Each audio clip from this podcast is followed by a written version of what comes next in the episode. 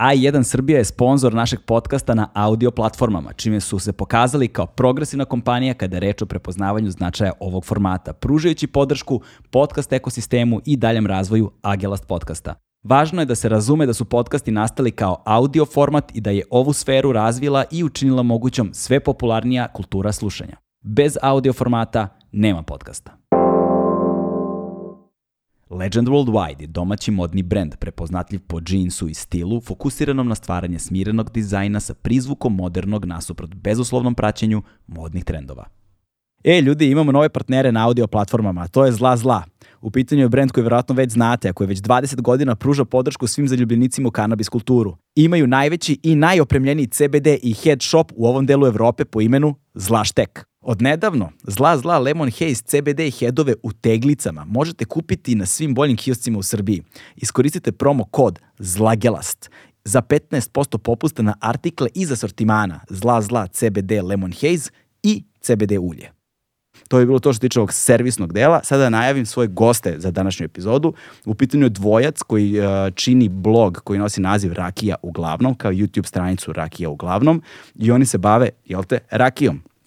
Uh, rakija je nešto o čemu sam želeo dugo da razgovaram, ali je vrlo teško bilo naći adekvatne, adekvatne, adekvatne sagovornike, prosto zbog toga što veliki broj njih koji se dobro razume su sami proizvođači i onda ne možete nekako da računate sa objektivnošću, ali s druge strane nije bila ni prava prilika, naš, nije bilo pravog povoda kako i na koji način da dovedeš takve sagovornike i evo povod se sad desio. S jedne strane imamo prazničnu atmosferu, dakle sa svim slavama koje su bile uoči nove godine, pa katolički božić, pa nova godina, pa pravoslavni božić i tako dalje, a s druge strane a, rakija Rakija je uvrštena kao nematerijalno kulturno nasledđe, odnosno šljivovica srpska je uvrštena kao nematerijalno kulturno nasledđe pod zaštitom UNESCO i onda je ovo prava prilika da razgovaramo o rakiji, o njenoj etimologiji, o njenom poreklu, dakle o a, njenom razvoju, njenom društvenom aspektu, o njenoj proizvodnji, o standardima, o problemima sa rakijom, o mitovima ove i sa rakije, jer rakija je nešto što svi znaju, ali kada se malo zagreba ispod površine, malo ko zapravo zaista zna šta znači dobra, kvalitetna i standardizovana rakija, što će biti velika tema ovog podcasta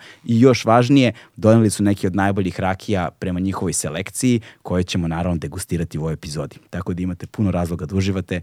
Ilija i Zoran, rakija uglavnom, su moji sledeći gosti. Uživajte.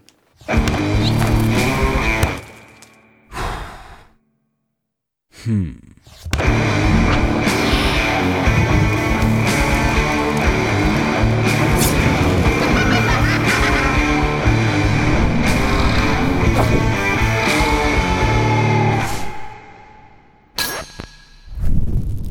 Ne znam, e, industrijski čini mi se da se to desilo. Znaš, zato što Da, da.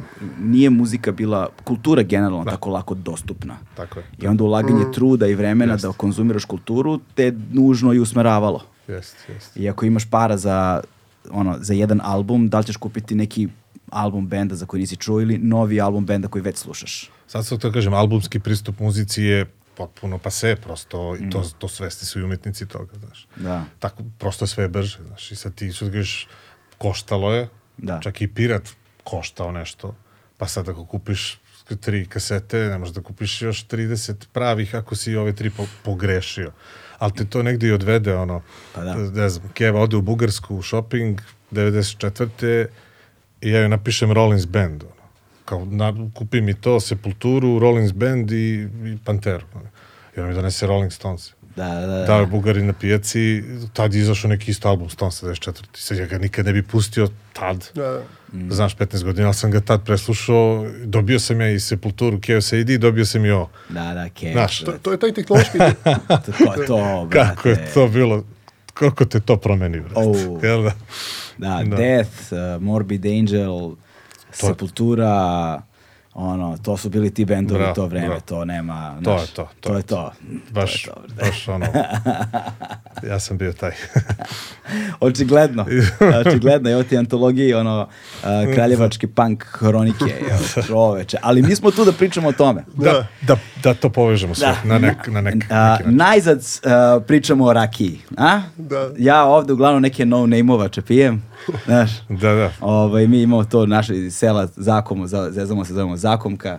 Nele Karalić kada je bio, kaže on pravi, kako je rekao, nadrealnu Je li tako? Ako nadre, U, nadre, dobro mu je da, to, da. dobro mu je, dobro. Mi, mi smo došli dobro, to da promenimo. Tako je. E, I da je- pričamo o rakiji uglavnom. E, rakija uglavnom, tako je. A jedina koja je, da kažeš, sad kad smo prošli put razgovarali, ja sam bio fotno čekaj, ja u stvari u životu nisam probao ono, kao zaista pravu kvalitetnu rakiju, pričat ćemo o tom problemu, i koja je ono brand name, znaš da, Da, kažeš, da, kao da. brandiranu pravu rakiju i onda se kad sam razmišljao koju sam probao, verovatno je Bilova bila, govorim sad o podcastu pre svega. Da, da, da, da. Naravno, Ovaj, pratio Bilova, sam. ja mislim, bila jedina. U, pa super. Možemo pričamo i o tome kasnije. I, mislim i u tom fenomenu i u tom brendu i kako to sve nastaje i zašto Mm. baš se desilo da si ti zapravo prvu brendiranu rakiju, probao rakiju koja je namenjena za izvoz, odnosno koja se još uvek ne prodaje u Srbiji. Da, da. Znaš, to, je, to, je, to je bilo super objasnio, kaže, ranije kada bi bio u Srbiji, ponese po 15 flaša uh, rakija odavde u dva kofera i odnese ih tamo, znaš, kao, kao krijumčari ih u Ameriku. E sad mora svoju da krijumčari iz Amerike u Srbiju gde nastaje. Da, da, da, jer, da, da, da. Jer zapravo još uvijek je ono... A čekaj, je on nju puni ovdje ili puni tamo? Ona se ovdje i puni proizvodi Mm. na Goču. I šta više, imat ćemo prilike da pričamo malo kasnije i o, i o toj destileriji gde se e, proizvodi rakija jebiga Mhm. i da probamo jednu drugu rakiju iz te destilerije. A, okej, odlično. Koja- Ro, mislim- rođaku jebi ga. Da, da. Da, da, to tako kažemo. Sa goč. Ali pre nego što počnemo bilo šta od svega toga, dakle vas predstavimo, uh, vi ste uh, dvojica, dvojac iza bloga koji se zove uh, Rakija uglavnom. Tako je. To je zato što vam je 99% sadržaja Rakija, ali bude tu i po nešto još. Bude tu i ponešto glavno, drugo. da. Neki, bude tu neki, ko, neki konjak ili tako nešto. Da, ili bude neki scotch, single malt, uh, bourbon, bude malo priče o kulturi ili nešto što, ajde da kažemo, svakako ima veze sa, sa kulturom ispijanja jakih pića. Da. Ali, pravo si, 99% je to rakija, pa možda da kažemo od toga 90% šljiva, ali razgovarat ćemo o tome, I nije to slučajno. da, da. Tako je, zašto Ovaj, a, Ilija i Zoran. a, Zdravo. Zdravo, zdravo. A, da se zahvalim ovom prilikom Ivanu Miniću koji nas je upoznao. Ovaj, a i saznao sam za vas preko njegovog podcasta, tako da ukoliko zanima da slušate još uh, za, ugla- zapravo Iliju, samo pošto ti nisi bio, on je bio solo, možete poslati kod Ivana Minića. Um, Pojačalo čuveno. tako je, pojačalo, jeste. Um, uh, ajde prvo da saznamo o vama. Znaš. Uh, evo, ajde Ilija, počnemo od tebe. Uh, ko si ti, odakle si, čime se baviš? Evo, priču si malo pre si nastavnik u školi. Da, da. Ovaj, i otkud uh, rakija u tvom životu? E, Pa ja sam, mi- Zoran i ja smo sociolozi i mi smo drugari sa, sa studija koji su nekako onako e, e, tragali za idealnim pićem za druženje uz muziku, jel tako, uz književnost i tako dalje. E, Poznajemo se od prvih godina studija i onda kako je vreme prolazilo, sve više smo i putovali i, i donosili sa raznih strana sveta razna pića, upoređivali, malo e, razvijali naše iskustvo kada je u pitanju jako alkoholno piće, ali u jednom trenutku smo shvatili da čekaj malo, možda ima nekakav e, jeftiniji hobi od kupovine skupih single malt viskija, skupih burbona, konjaka, možda u Srbiji ima nešto zanimljivo što može da jel tako, zadovolji tu neku našu e, e, e, jel tako, glad za, za kvalitetnim, za suštinski e, zanimljivim i tako dalje. E, Nešto što može da e, upregne sva naša čula i mirisa i ukusa i kada je u pitanju boje i kada je u pitanju proučavanje istorije i tradicije i tako dalje. Onda smo krenuli sa rakijama i oduševili se. Da, Šta sve postoji oko nas, a ignorisali smo ga sve ove godine. Tako da, e, da, ja sam sociolog, e, jedan od, od urednika e, Rakije uglavnom, e, jedan od autora e, knjige Rakija, e, koja je evo tu pred nama, e, koja je, koja je, koja je prva knjiga mi. koja se na sociološki, antropološki, istorijski način bavi rakijom, koja je onako, e, e, nije, ne, ne ulazi u stereotipe o rakiji, a nije ni hemija, neka dosadna, onako, ne- ne svodimo rakiju na jedinjenja, formule, hemiju i tako dalje. Ne kažem da je hemija dosadna nauka, ali ovaj, kažem da se do ove knjige o njoj, o rakiji samo tako i pisalo. Aha. Na, znači, onako, kad, kad god želite nešto da naučite, uzmete neku knjigu koja vas odmah prvih 5-6 strana koja vam na prvih 5-6 strana objasni da vi nemate dovoljno znanja da biste nastavili čitanje sa, Jasno, o, o, o raki. Ova knjiga je, ovaj, ohrabruje da, da čitate do kraja. Ok, a, ova knjiga može se poručiti online. Uh, može da se poruči izdavač je Mladinska knjiga uh, Beograd. E, što je isto zanimljivo, to je znači jedna kuća koja, koja radi u čitavom ovom XU regionu. To je već drugo izdanje. Mm.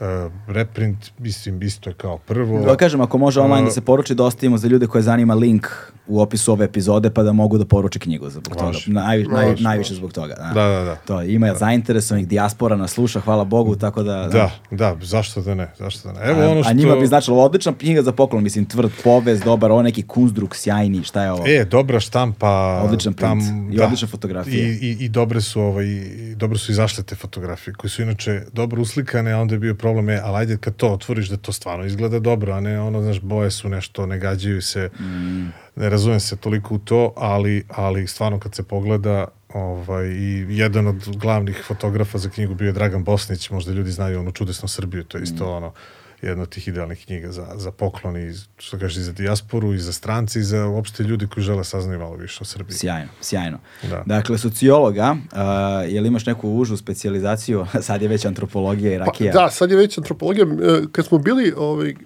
studenti, volili smo da se šalimo sa našom Čekaj, naukom. koje ste godište vas dvojice? 79. 79. 79, Znači, to je ono, Da. na studijama smo bili krajem 90-ih, početkom 2000-ih i onako, sećam se tih šala, u stvari da primetili smo sociologija, e, nje- njena, nau- njena, njena disciplina i njen predmet poč- počinje da se usitnjava. Sve, sve više više sociologija muzike, e, kaže ja sam sociolog filma ili ja sam sociolog serije ili tako nešto.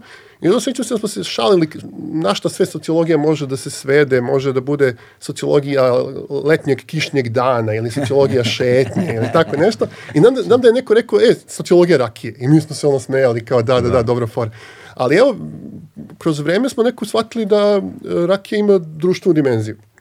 I ta društvena dimenzija nas ovaj, e, jako zanima, da ona ima i klasnu dimenziju, da ona može da se posmatra kroz tu vremensku dimenziju, istorijsku dimenziju društvene strukture, da postoji neka društvena grupa koja, kojom možemo da se obratimo, da je deo i jako bitan element nacionalnog identiteta, da sve velike, da sve veliki narodi imaju neko piće koje simbolizuje taj narod, jel tako? Ono, ne znam, bourbon, to je Amerika, single malt whisky, to je škotska, konjak, to je francuska i tako dalje, tekila, sve, sve, sve možemo da, e, eto, i rakija je između ostalog neki jedan kvalitetan proizvod koji je između ostalog i simbol ovaj, e, trajanja, istorijskog trajanja, e, istorijskog kontinuiteta srpskog naroda i na, nas je to onako baš zanimalo i baš nas je oduševilo što postoji ta dimenzija i evo pretvorili smo je u blog koji se zove Rakija uglavnom. Inače, blog Rakija uglavnom je nastao zato što smo mi počeli da istražujemo uh, rakiju i rekao, ajmo da vidimo šta sve ima na, na internetu, ajmo da se mi malo edukujemo. Da, da. Da. I onda kad smo seli i kad smo počeli da tražimo sadržaj i kad smo počeli da tražimo neke motivišuće fotografije ili nešto što, što može da nam pomogne, shvatili smo te 2013. 14. da bukvalno ne postoji ništa. Stvarno. Što nije najgori stereotip. Onako, kad ukucaš rakija, images, izlaze ti neki ljudi bez zuba i neke životinje nab- nabijene na kolje ili tako nešto. Da, da, ražanj neki, to. Da. I mi smo u stvari krenuli da pravimo blog onako kako bismo mi volili da smo ga našli, kako da, da, da smo ga otkrili 2014. godine. Znači, blog koji će rakiju ovaj, posmatrati i predstaviti kao urban, motivišući proizvod koji će vezivati za podkulture, i za kulturu, književnost, sociologiju, umetnost i tako dalje. I evo, uh, uh, čini mi se da smo uspeli u tome. Znači, da. uh, Koliko vam je posjećan uopšte taj blog? Pa, pazi, taj blog ima negde, ajde kažeš, možda 800.000 pregleda. E, zašto smo mi ponosni eto na taj blog? Zato što je, u principu to je sve e, ono, rađeno od ozdo, što bi rekli sociolozi. Znači, tu nema, to je jedna ona obična zastarela bloger, bl Googlova platforma, gde to sve radimo mi, manje više te, da kažemo, tek stvari radim ja. E, uz- mislimo da je to dobro, znaš, da ne mora sve da današnje vreme da izgleda onako ispolirano, ultra profesionalno, za nešto je dobro, recimo fotke za knjigu treba da izgledaju dobro? I, ili fotografije za blog, ako ti hoćeš da predstaviš nešto, treba da izgledaju to jako dobro. Međutim, e, blog, da se vratim u suštini bilo kog bloga je, je tako neki dnevnik koji ti javno objavljuješ, mislim, tekst, odnosno sadržaj je bitan. I sad taj sadržaj kakav je kakav god bio, to ćemo ono prepustiti ono sudu kritike čita, čitocima, uh, je svakako sadržaj. To je ono što je glavno. Zašto ljudi posećuju blog i zašto jedan dobar broj oko dve trećine ljudi vraća. Mm. Drugo, ono Ilija što sve priča, ovaj, što je sve rekao, naravno, uh, sve to stoji, ali nekako opet ne spominjemo rakiju. Sve to dobro, kulturološki, istorijski, ali ljudi, rakija je, je jako dobro piće. Mm. Da to nije, ova čitava priča, bi zaista palo u vodu posle nekog vremena. Mm. Dakle, rakija nije jedinstvena e, ni kao piće, kao vrsta pića za Srbiju, pa nije čak ni za Balkan. Ali kada to krenemo objektivno da proučavamo, ne samo mi ili potrošači, nego i ljudi profesionalni univerziteta, tehnolozi, ljudi koji su diplomirali, doktorirali na prehrambenim tehnologijama, vrenju, e, jakim pićima, se slažu oko toga. Mm. Sad ima tu dosta faktora zašto se baš pokazalo da u ovoj našoj zemlji to piće voćna rakija baš bude možda i najbolje što ja kažem u ovom delu kosmosa. Šta kažeš voćna, ima, ima i koji nisu da. voćne. Pa daš kako, kad, kad uslov rečeno možemo da kažemo da je konjak rakija od vina, a, a recimo viski rakija od žitarice. A, u tom smislu. Da, možemo da, da. A ako ćemo da idemo sad u neke Kad govorimo detalje, o fermentaciji, mislim. Tako je, može da bude i, mislim, može da bude rakija od povrća.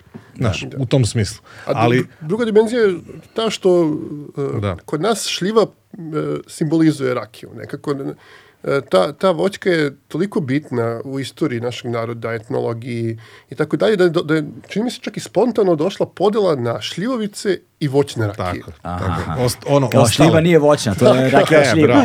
to je. To, to sam sad hteo da kažem, zašto u toj nekoj, ako hoćemo da idemo sad malo još više uh, ovaj, da definišemo žanr, uh, Uh, mi, mislim, između nas i uopšte kad pričamo sa ljubiteljima, mi kažemo uh, voćna, mislim u stvari na nešljiv. Da, Ostale da, da, voćne da, da rakije. Da, da, da, a, a ovo čisto kada bismo pozicionirali rakiju u svetu, što je isto posao koji je počeo da se radi i gde naše malenkosti sigurno imaju neku ulogu, uh, da se pozicionira uh, uh, srpska rakija voćna kao kategorija mm. pića. E, u tom smislu je važno isticati tu razliku, jer taj uh, alkoholni deo etanol i voćnog porekla isključivo i samo tako, takav može biti po zakonu. Da, da. Ne može sad da bude, pomešali smo, ne znam, rafinisani alkohol, malo, pola, a pola je nešto od šljive ili kajsije, pa to bude kao neki brend. Ajde, pre nego što Znaš, pričat, ćemo, priča, priča, pričat ćemo o tome, ali odmah da bacimo ono prvog rovca, pošto a, rakija spada u onaj domen kulturnog nasleđa o kojem mi se čini da kao politika svi znaju sve o tome. Da. Dakle, ne postoji osoba s kojom ćeš da sedneš, ako se pojave rakija na stolu da ne počne neka priča o rakiji. Imam da. ja, znaš kakva je moja, ima kod mog starog, ovog, Just. onog, znaš kako smo mi tamo ili to u kafani, znaš, yes, to smo yes. pričali isto. Sve su pića brendirana, samo kad dođeš do rakije, šljiva, dunja, kajsija. I da, to je da. to, ništa no name. Kad pitaš konobara odakle, o, gazda nabavlja, znaš, šta god, šta god to značilo. Jeste. Ono, ono što nas uh, priča o srpskoj rakiji, na što nas ona podsjeća, podsjeća me na uh, jednu listu koju sam video čini mi se u Guardianu ili negde, kaže e, deset uh, knjiga koji ljudi najčešće lažu da su čitali, a nisu. Da, da, da. da, da, da to, je, to je nakon srpske rakije. Znači, ono, kad ti pogledaš tu listu, vidiš da se ljudi stvarno stalno pozivaju ili na Bibliju, ili na Orwellovu 1984. ili govore nešto o Dostojevskom i tako dalje, ali kad se stvarno napravi ko je to čitao od, od početka do kraja,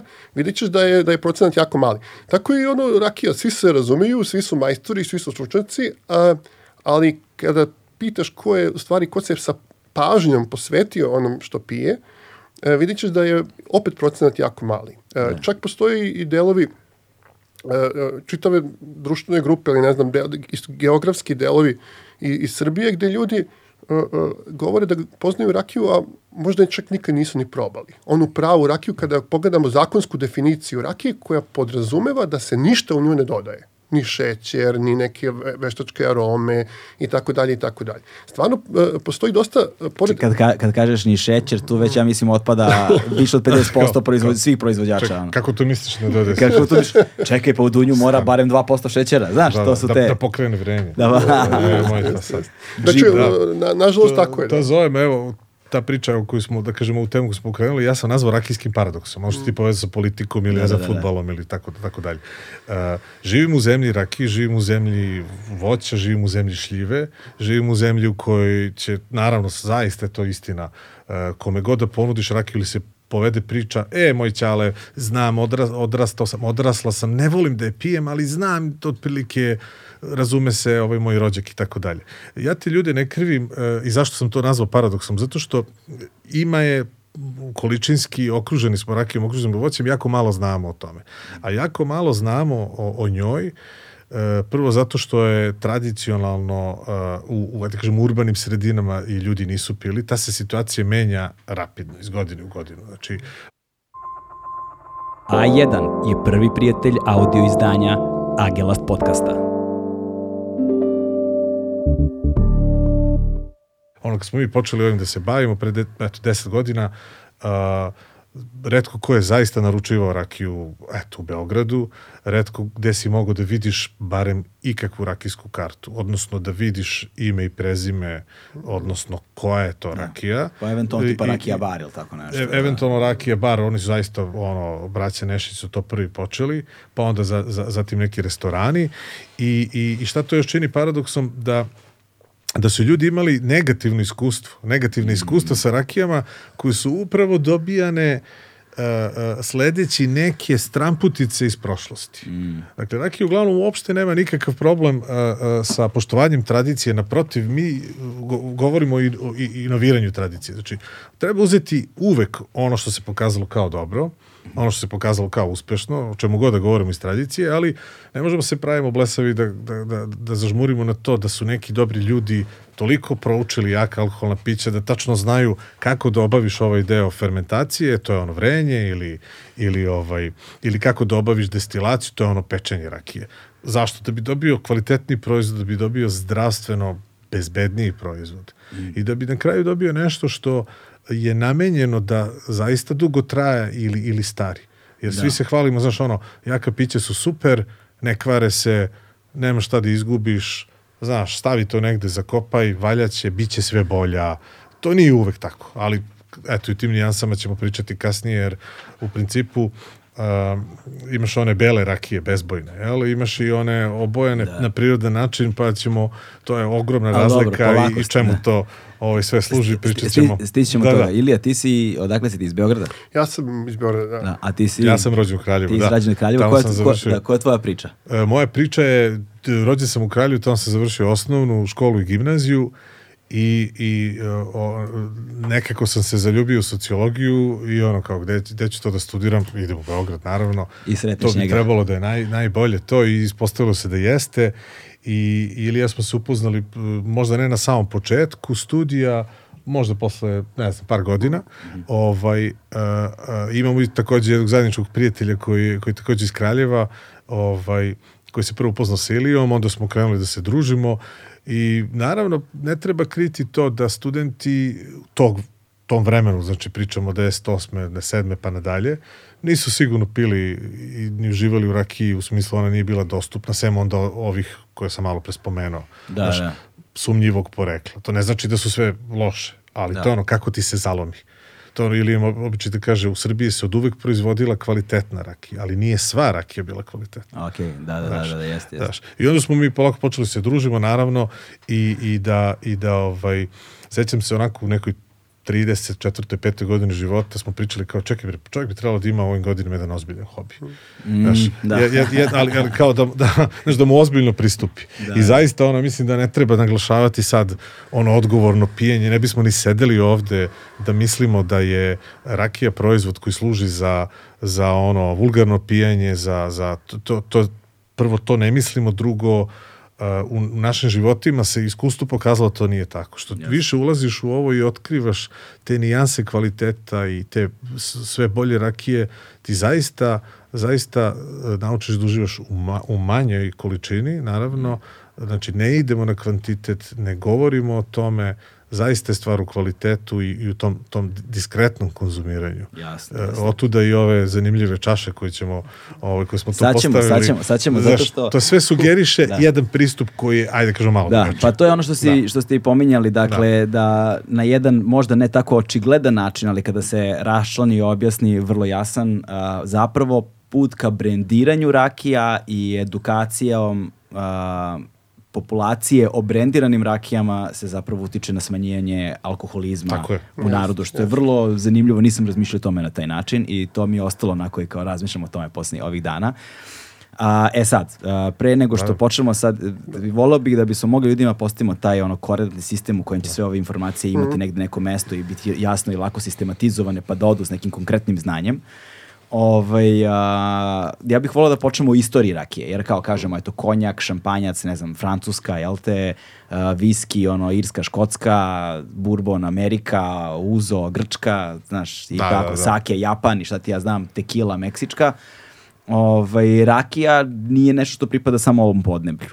Ovaj, I rakija se u kojim se sve zemljama a, konzumira, gde je sve to nacionalno piće, kako je nastala, koja je neka istorija. Ajde pričamo malo o istoriji rakije, da, da, da je kontekstualizujemo, pa ćemo onda posle lako. Tako. Pre nego što počnemo, ajde da probamo prvo, pošto ste i doneli neke rakije. Jesmo, da, da, da. Spremili smo ovdje i E, čaše i te- sve. te- Ne, teško je- neprirodno izgledaju ove čaše ovako Da, da, prazne. prazne, da. da. I, I teško je zaista govoriti ovaj, uh, prosuđujući, ne uživajući. Jeste, kao, kao i...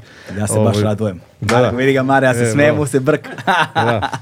Marku se, E, pa ono, se brk. Sipat ćemo i Maretu. Naravno, evo je Ovaj, čaša za Mareta. Ovaj, šta je da. to? E, o, ovo je, ovo je, vidiš, akciza. To je isto bitno. Jako bitna Ovaj, stvar. govorimo o legalnom proizvodu, govorimo ovaj, i, i, i, ovaj, proizvodu koji je kvalitetan. E, ovo je šljiva prepečenica koja je e, bezbojna, često kažemo bela, mi smo to usvojili, to je ok izraz, e, koja je međutim kaže odležala 12 meseci. Sad kao šta i to znači? To znači da je ona stabilizovana znači da se odmorila i da kažemo smirila neko vreme pošto je to obavljena, to pričat ćemo naravno o destilaciji kada prođemo kroz ovaj istorijski deo. E, ovo je rakija koju proizvodi, proizvodi destilerija Tok sa Goča kod Kraljeva E, i zanimljivo je to što e, sve ređe na tržištu možemo da vidimo ovakve rakije, svi su nešto posegli za nekim tamnim, e, retko se pije šljiva pogotovo koja je koja je Da, e, šljiva je uglavnom- koja je bezbojna. Jeste. Da. je- Ima- ima tu boju drveta Je stara, uglavnom. tako je, tako je. Generalno, možemo u Da. Srbiji možemo da podelimo rakijsku tradiciju na uslovno dva, dva dominantna dela, to jest na dve dominantne kategorije. Jedno možemo uslovno da nazovemo francuska škola, to su ove tamnije rakije koje podrazumevaju Čekaj, starenje. samo, jel može, se čuje onaj, ja volim taj zvuk na mikrofonu kad se otvara pampur. A, da je ovaj, da, da, da, ovo je malo... To, Wow. Šta obožavam taj zvuk, brate, obožavam Da, taj da, zvuk. i dobar je, i, i opet je ono, prirodan materijal, Da. vezujemo ga isto za detinjstvo, neka dobra vina i dobra pića, da. Da, e, E, okej. e, pre nego što, pre nego što Mhm. nastaviš priču, Da, ja, molim te, da. ajde, ti si mi tražio da donesem ove, kako ih vi zovete, zglobovače, E, da, da, daš ono. ovaj, Ovaj, i da pokažemo ovo. I za, zbog Da. čega se rakija pije iz ovakvih čaša, a rakija se ne pije iz ovakvih Da, čaša. da, da. Nije, Okej. se, nije se svaka rakija, jel tako, pila iz ovakvih čaša. Evo, kad smo go- govorili A, o pa istoriji, ovaj, e, u istoriji narod je pio potpuno različitu rakiju nego koju pijemo mi sada evo ovde u, u studiju. Znači, e, najpopularnija rakija koja se pila je bila takozvana meka rakija. Mhm. E, ona je bila karakteristična da je bila rakija od nižih društvenih slojeva. Je- Jednostavno, ljudi su je pili maltene mesto Samo vode. jedna stvar, jed- jedno je pravilo da ustanovimo kad govorimo, kad budemo pričali ovde. Nijedan pojam nam se ne podrazumeva. Mhm. Šta znači meka rakija? Aha, e, pa da, znači ra, meka rakija znači rakija jedne destilacije. Ovo, ovo sada e, što pijemo to su rakije takozvane prepečenice ili rakije dve destilacije. Prvo od koma napravimo ono prvu destilaciju, e to je ta meka rakija, ona ima niži procenat alkohola, ali ima i dosta jedinjenja koje nisu baš za piće.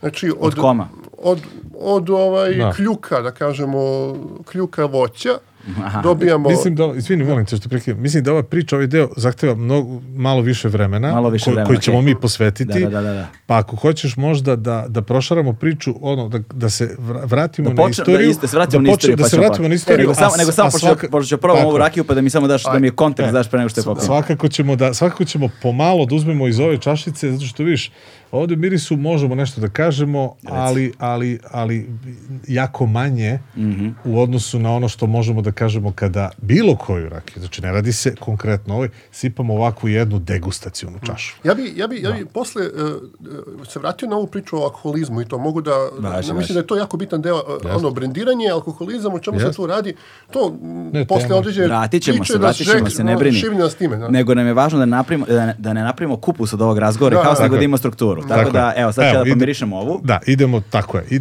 idemo da, da vidimo, kad dobijemo, čak i ova čašica, ok, malo je šira, pa i možemo da, da, da, kažemo, u, ovo ima nekog alkohola, e, mi znamo u principu e, kako treba da mirišu šljivove prepečenice. dru- drugačije I- miriše. Jel već razlika? Da, E, razlika ajmo je. da, ajmo da probamo. Ne, O, ne moramo, o, ove čaše i destilate ne moramo da vrtimo ono besomučno kao vino. Zašto? E, e, ta aeracija je poželjna da malo vazduha uđe, znaš ono, Uh, sad će fizičari i hemičari da, da polude, ono, ono površinski napon, svaka tečnost, znaš, zahvaljujući tom naponu, onaj pauk može da ide po vodi. Sad mora to da se razbije malo. I onda se nekad malo, ja volim da kažem da se malo prošeta, da znači obložimo što više površine zidova čaše rakijom koju probamo, onda će ta ispa- isparavanje da bude još jače, iskoncentrisanije. E sad, naravno što ti rekao, skroz je skroz je drugačije i Jeste, nadam se i nadam se prijatnije. Ne, ali moraš, Mare, probaš prvo miris iz ove, Tako a je. onda miris iz te. Da, ajde Evo- da ono podelimo tu tehniku koju mi koristimo, pa ćemo uz to Evo da pričamo i o... saveta, da kažemo, ono, ne, ne nabijemo nos baš kroz u čašu, ili tako, nego je. onako nekoliko blago santimetara. otvori usta. I blago se otvori usta. Ako se zatvore usta i povuču se, ono, Tako je. alkohol se Slobodno, osjeća jako- previše, Da, ne ostavi da, da, se da. aroma. Mislim, mi to radimo jako dugo i onda to već je postao jedan refleks, ali uh, usta blago otvorena baš to do, dozvoljavaju da sav alkohol ne ude u nos, Mhm. uh, i, jer uh, pogotovo neko ko to ne radi često, on će gaži, u pa čekaj, ovde, ovde ima alkohola. Znaš, nije suština da osjećamo alkohol. Alkohol je ovde nosilac aroma.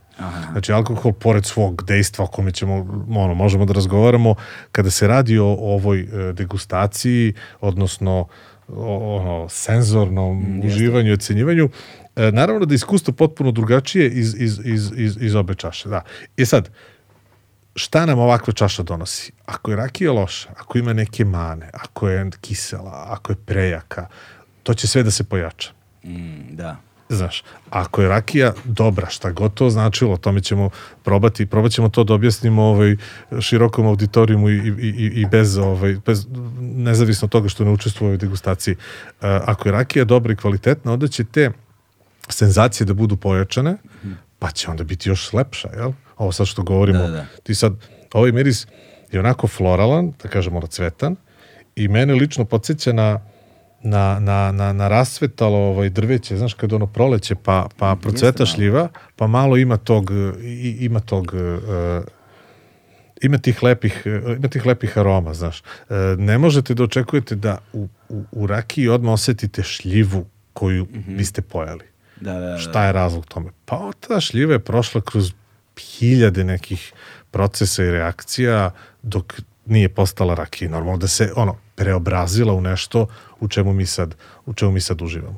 E sad, znači, ovdje imamo e, 43% alkohola, konkretno ove rakije, znači nije malo, nije ni previše.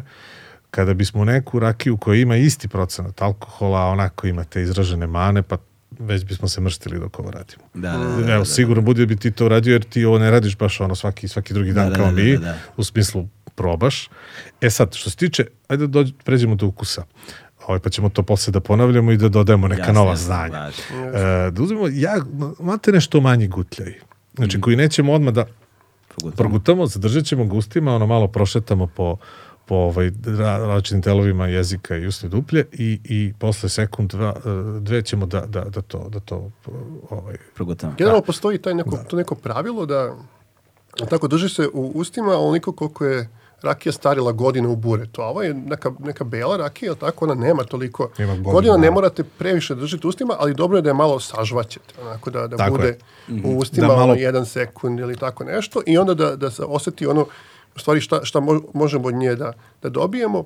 E, vidjet ćete, čo- čovjek ne treba da se plaši da osjeti stvari koje su iz prirode, od kojih rakija i nije pravljena.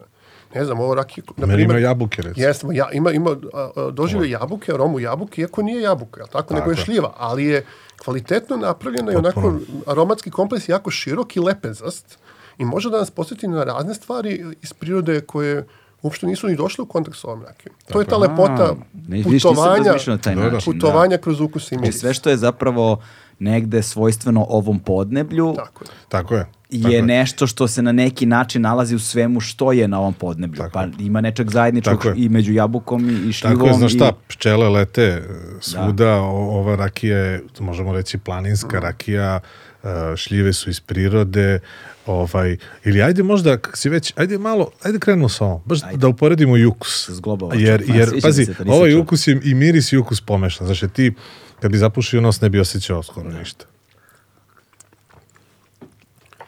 I polako to, e da, znači nemoj da ga samo ono spustiš, Da, okay. se voće baš. Tako je. Ona će sad malo pecka, Jasno. ugreli smo se ovde, suvi vazduh, zima je, ovo ti je, pretpostavljam, prva rakija danas i meni je.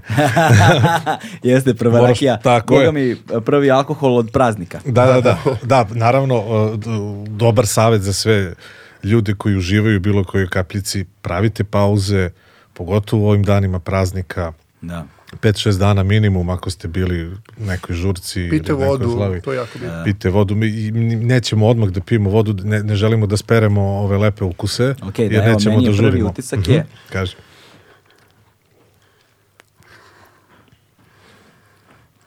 Ne možeš da odrediš, Da. a znaš da je voće. Ne, pazi, osjećam voće, a osjećam, mislim, osjeća se Neki voćna ne, kiselina. sn- snažno voćno, da, i da, kiselo je malo.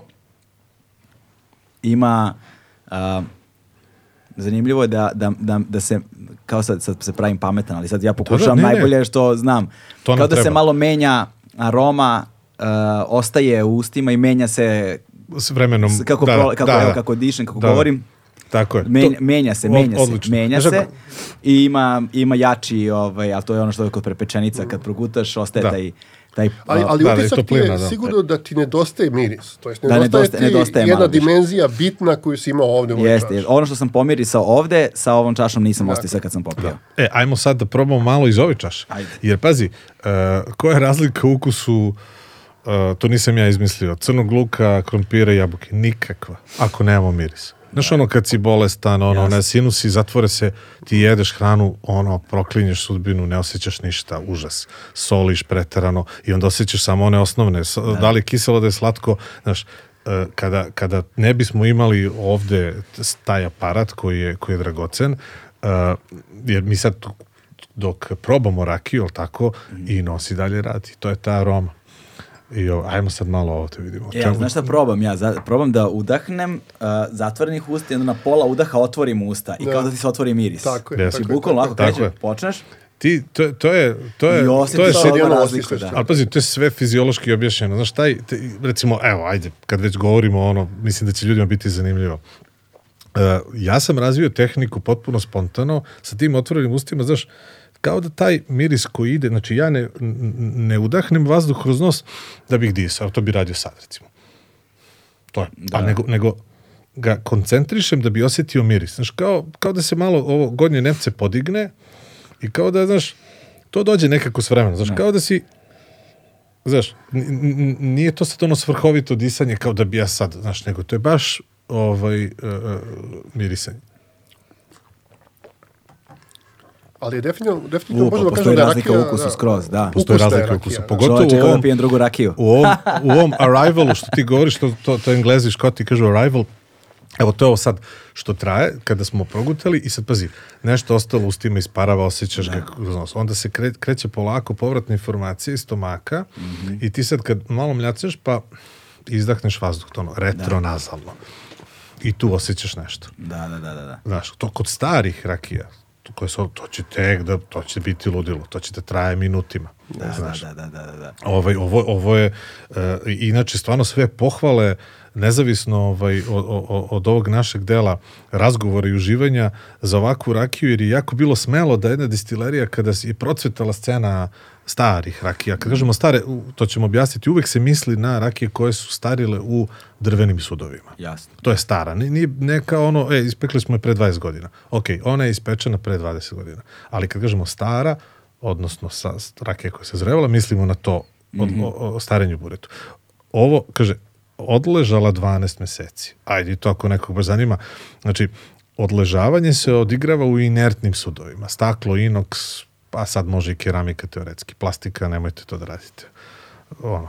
Tako da odležavanje se dešava u tim znači, sudovima koji ne daju boju neke nove arome. E, mi baš uživamo e, e, sada u, u ovoj rakiji zato što je ona upravo odležavala 12 meseci i ovo je takozvani monodestilat. Monodestilat, znači jedna jedina sorta koja se zove čačanska lepotica, od te šljive je isključivo nastala, nastala ova rakija. To isto zanimljivo jer obično se na tržištu nalaze neke mešavine, blendovi ili kako se to kaže u struci kupaže. Aha. To ćemo kasnije malo jasne, da probamo. Znači. Jasne, jasne, Tako da, evo vidiš, drago mi je da si, da si stvarno, ono, da nije sugestija u pitanju da, i da, da, da si stvarno osetio Vaš šta god da si osetio, a tu razliku, to, to je jako važno. Znaš, a fascinantno mi je, nisam nikada razmišljao zaista na taj način no. Da. i ovaj, sad je, znaš, ono, vidiš da imam, imam kez, jer kao naučio sam nešto novo, da. što deluje toliko banalno Da. U suštini, znaš, delo je banalno, kao zašto banalno, bi sada jest. ovo bila neka razlika majke ti, jest. ali evo te razlika da, je. Da, da, razlika, razlika je, čoveče, stvarno je razlika, jako i ne znam ništa, pa razlika je, ono osetiš. Tako i ako neko hoće da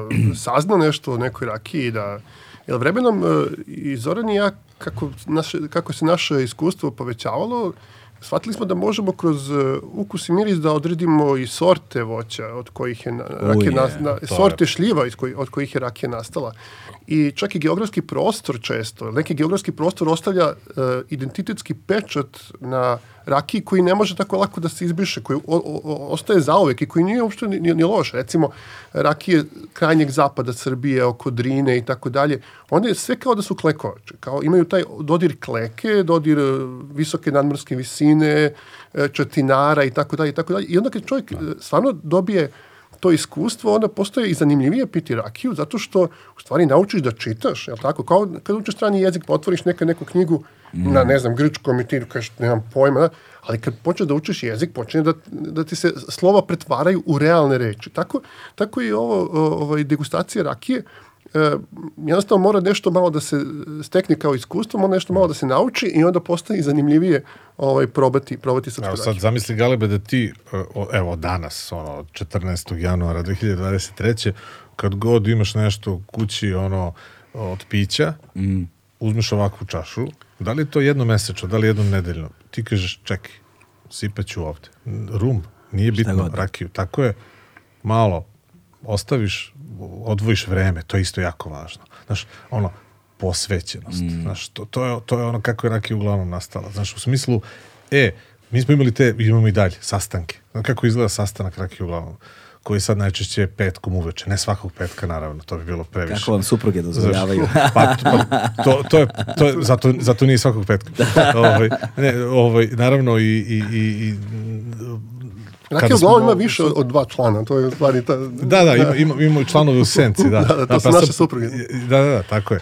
I ovaj, uh, hoću da kažem da, da suština u tome da, da mi posvetimo u početku, smo možda malo više vremena, sigurno 3-4 sata po tom jednom sastanku, mm. gde pored naravno neizbežnog razgovora, uh, šta mi radimo? Znači, bukvalno nekoliko uzoraka, ajde da kažeš, degustiramo, analiziramo, podvrgavamo toj analizi koja, koja nije odzaš s tehničke strane, kao, e, sad ćemo to da probamo, pa kao, e, pa ćemo da ispljunemo, i ako se to radi, kad se ocenjuju rakije, to, to, to je normalno nužno kad treba da oceniš 50 uzoraka.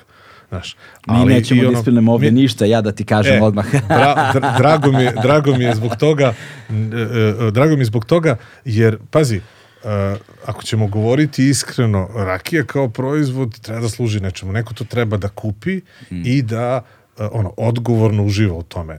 Kako će da uživa ako ne zna što bi mladi rekli kakav je rad ove rakije. Možemo da. sad da pričamo, e, miris vidi raskošan, ukus zaokružen, top, da. super je, ne pali grlo, nema tih mana, prijati i to je sve okej. Okay. Jasno. Ali kao, da li ti želiš da popiješ ponovo mm, znaš, to je da ili ne, da. i kada, i kako, znaš, i, i kakav je efekt, pazi, ono, nema ono, znaš, za nekih neželjenih, naravno govorimo ovaj, o, o ljudima koji, pre, koji, koji su pre svega razvili barem nekakav aparat za jaka pića. Ne, da. Znaš, ne možeš sad... I to je god, Da, tako, da. evo, da si ti sad rekao, e, super, momci, dođite, dođite u podcast, zanima me ova tema, ali ja stvarno nikad ne pijem ništa jako, odnosno žestoko i, i sad prosto mi ne ide. Da. Ne, znaš, ne bi, ne bi jasno, ova, jasno. ovako išlo, znaš, jer, jer bi ti bio uskraćen, nažalost, za taj deo za taj deo ovaj, iskustva, Iskustva, da. tako je, jer bi se rekao kao, e, da, ali ja ovde osjećam samo, znaš, Jasno, jasno, jasno. samo, jasno. samo alkohol, a, a normalno da ne osjećaš, opet kažem, kroz ovaj alat koji pojačava to sve. Ne, počeli smo pričamo malo pre, samo da, da objasnimo Mhm. ljudima ovaj, od te dve rakijske škole u Srbiji. Znači, E, da. postoje dve rakijske škole u Srbiji koje jednu uslovno možemo nazvati francuskom školom, kasnije ćemo probati rakije iz te škole, znači ona, ona podrazumeva starenje u drvenim sudovima, e, kupažiranje i tako dalje, a jedna je uslovno rečeno nemačka škola ovaj, pravljenja jakih alkoholnih pića i ona je u nekim delovima naše zemlje jako popularna, recimo u Vojvodini ljudi vole da piju ovakve rakije bele, to jest providne. O- Crnoj Gori. Crnoj Gori, Da. Hercegovini i tako dalje. Znači ljudi ovaj, cene kvalitet ove rakije po tome koliko nas ona podsjeća na originalno voće od kojih je napravljena. Aha, okej. Ja, on- ono, da li ona u stvari, da li možemo odmah da kažemo da je to šljiva, da li on možemo da kažemo da, da je destilacija kvalitetno odrađena, da nije bilo nekih grešaka i tako dalje i tako dalje. Tako da je uh, ova rakija koju mi sada pijemo ima jako bitnu društvenu grupu koja, koja se o njoj obraća, to jest koja, koja uh, vidi kvalitet jednog, jednog uh, vrhunskog destilata koji nije proveo ni u jednom drvenom sudu ni jedan jedini dan, ali evo vidimo da može mnogo toga da nam da. Tre- Tako. Treba reći da je to još možda karakterističnije za neke druge voće vrste čuvena dunja, čuvena po svojoj neizbežnoj, ono, ono, ne znam šta ćeš dobiti, uh, ali i neki drugi, sad uzmeš recimo kajsiju ili tako dalje. Mislim, mi smo mogli to da obezbedimo, ali onda bi...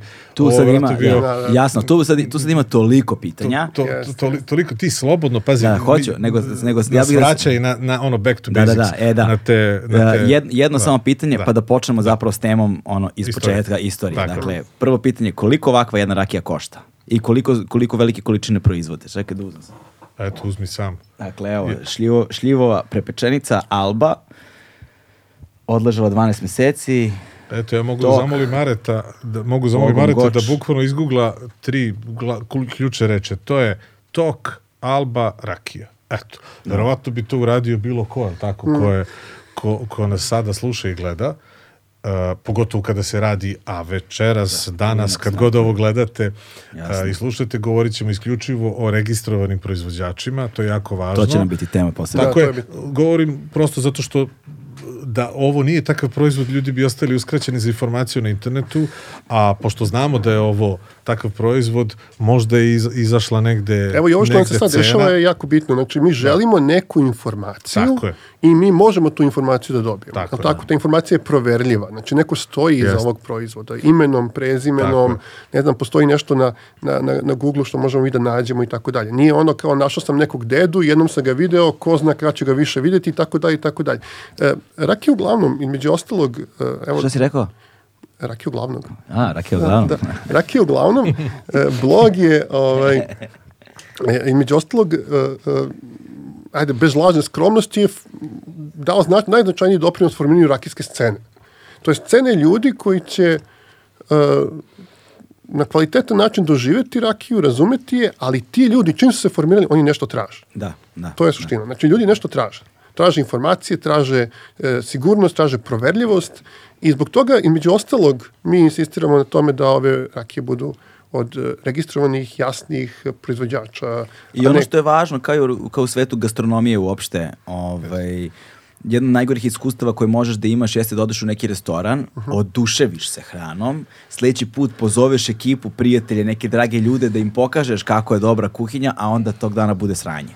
Da. Jeste. Znaš, znači, Znam. znači uh, mora da ima nek, znači mora svaki Neki put standard. standard Da, kontinuitet, ukusa, da. kontinuitet, konzistentnost da je svaki put isto. Da, da. To je da svaki put kada odradiš proces da li destilacije i svega, kada završi, kada dobiješ finalni proizvod, taj proizvod možda garantuje taj ukus i taj kvalitet. jeste. Znaš. To, to, to, jeste, to, je- to si dobro primetio. Ovaj. To važi i za rakiju, a to važi pogotovo za rakiju koja može da bude i riskantna, znaš, Mm. ovaj, koja je akcizna roba itd. itd. Dakle, uh, u nekom trenutku si rekao, pomenuši opšte brendiranje, uh, i, i kako nisi na taj način razmišljao ranije kada bi otišao negde u kafić, da ti neko to kontroliše. Znaš, sad kad znamo da je to tu i na tržištu i da mi možemo da govorimo o tome Da, i da. da to postoji, da postoje neke analize, onda prosto legitimno možemo da govorimo i o kvalitetu Pa da. i, i da li je on pao i da li je porastao i da li se promenio.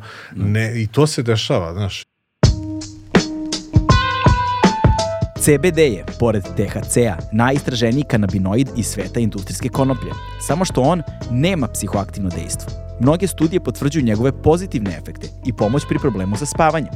CBD ne uspavljuje niti omamljuje, ali je san čvršći i kvalitetniji. Tako reći, budimo se odmorniji. I, Pa da, ja sam tako ta recimo promena. počeo da pijem određene rakije, Da. samo zato što, ne samo zato što nego kao, ok, dobre su mi, bile su mi dobre i dobre su mi dalje, ali i zato što e, kada odem u neki restoran koji, ne znam, drži do sebe, onda kad pomenu koje rakije imaju, kada pomenu ime, ja onda znam šta sam pio. Pre, imam, imam ono asocijativnu vezu Tako sa time. Tako je, tako. I onda recimo kad kaže imam ovo, ona kaže ne znam imamo, jere, ne, na primjer, jelički dukat. I onda kažem, e, super, kao daj mi dukat. Znaš. Znam šta je, pio sam, Znam šta mi je, se. pije, pio Tako je, sam, svidelo mi se, znam šta da očekujem kada, Tako je. kada uzem gutlja. Ili- Ali to govori i o poštovanju koje taj, taj restoran ima prema tebi. Da. Znači, na, na, jedan od bitnih elemenata je to nepoštovanje kada mi na meniju stavi šljiva, kajsija, dunja, bez imena, bez, bez porekla i tako dalje. Imam jednu za- zanimljivu stvar, evo kratko ću, ovaj, u jednom poznatom restoranu ovde u Beogradu sam doživio jako, ono, ozbiljnu neprijatnost. U smislu, e, postoji jedna zakonitost, a to je što je e, e, restoran moderniji, što je fancy, što ga drže mlađi ljudi, e, rakijska karta je bolja i, i f- poštenije. A najgore rakija je u onim starim kafanama koje su poznate po svojoj dobroj klopi, po, po ne znam nija, kvalitetnoj kuhinji i tako dalje. Tu kroz rakiju uvaljuju sve i svašta. Jednom sam tražio Klekovaču, znači poznatog uh, proizvođača bebe kleke.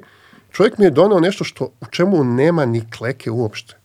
Znači nešto žuto što nema ni kleka, nije, nije lažna kleka, nego lažno je sve. Da, da, da. I, I kune mi se i ne znam, dolazi šef i svi, svi pokušavaju da me ubede da sam ja potpuna budala koja ne može jedan tako prepoznatljiv, jedan, jedan tako prepoznatljivu biljku da oseti u raki. da.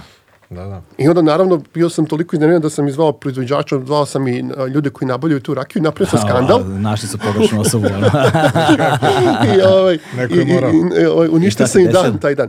Pa e, ne, ono, e, ljudi su došli, ne znam, nija, pokušali su da, da, da, da isprave, isprave problem, međutim, e, primetio sam još jednu stvar koja je bitna, a to je da su proizvođači malo umorni od borbe sa horeka sektorom, borbe sa sivim tržištem. Horeka, za ljude koji ne znaju, a verovatno većina Da, ne zna, da. znači hotels, restorans Jeste, i da. kafe. Da, Tako, to, I onda to je tako, da. distribucija pića kroz ugostiteljski biznis. Ugostiteljski. Tako, ugostiteljski Jeste, objekti jeste. i ugostiteljski biznis.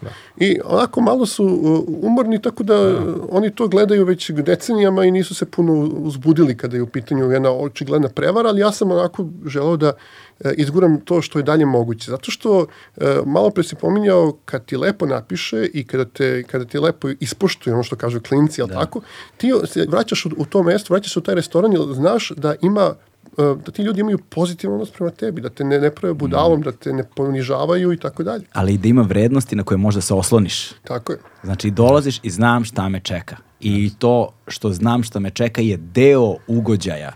Zato što je to neko vreme koje posvećuješ sebi, ima ritualnu vrednost Naravno. i onda očekuješ da ta ritualna vrednost, kao i svaki ritual, ima svoje sastavne elemente koji svi treba da se dese svojim redosledom i ti se zapravo oslanjaš na tu strukturu. Ta struktura je ono što te opušta, između ostalog.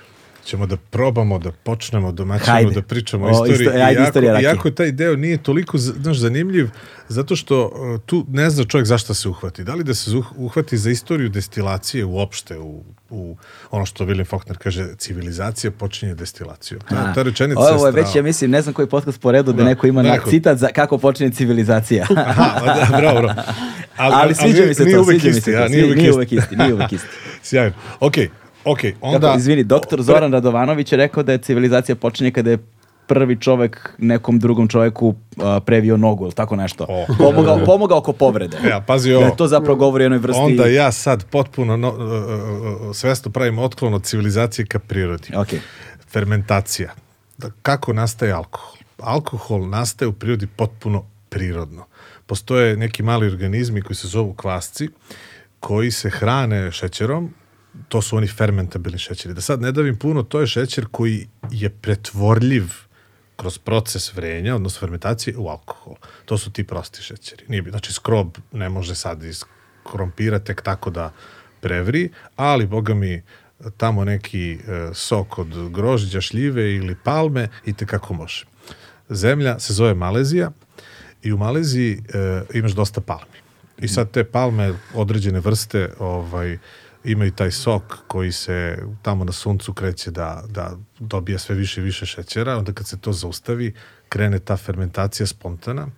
Ima jedna životinka koja se zove, e, to je neka vrsta voluharice, tankore pa ne znam, voluharica, ludilo. Ona se skoro isključivo hrani tim prevrelim sokom iz tih palmi koji sadrži do, između 3 do 4% alkohola. Pazi, to u prevodu znači kao neki ono pilsner već. Da, da, Pivo. da, da, da. Znači, to nije, sasvim zrela, prezrela banana može da sadrži do 1% alkohola.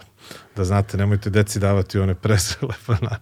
ovaj, dakle, ta, e, međutim, ta, e, ži- živo, ta životinjica koja se time hrani, ona se zapravo nikad ne napije. Znači, evolucija je odradila posao na taj način da dok ona uživa u tom voćnom soku zapravo kalorijama jel? i šećeru, e, naravno, ovaj, e, e, uradi uživa, pravu da. stvar. Da. Dok ona uživa u tim e, voćnim e, šećerima koji se pretvorili u alkohol, ona to konzumira zbog energije. Znaš.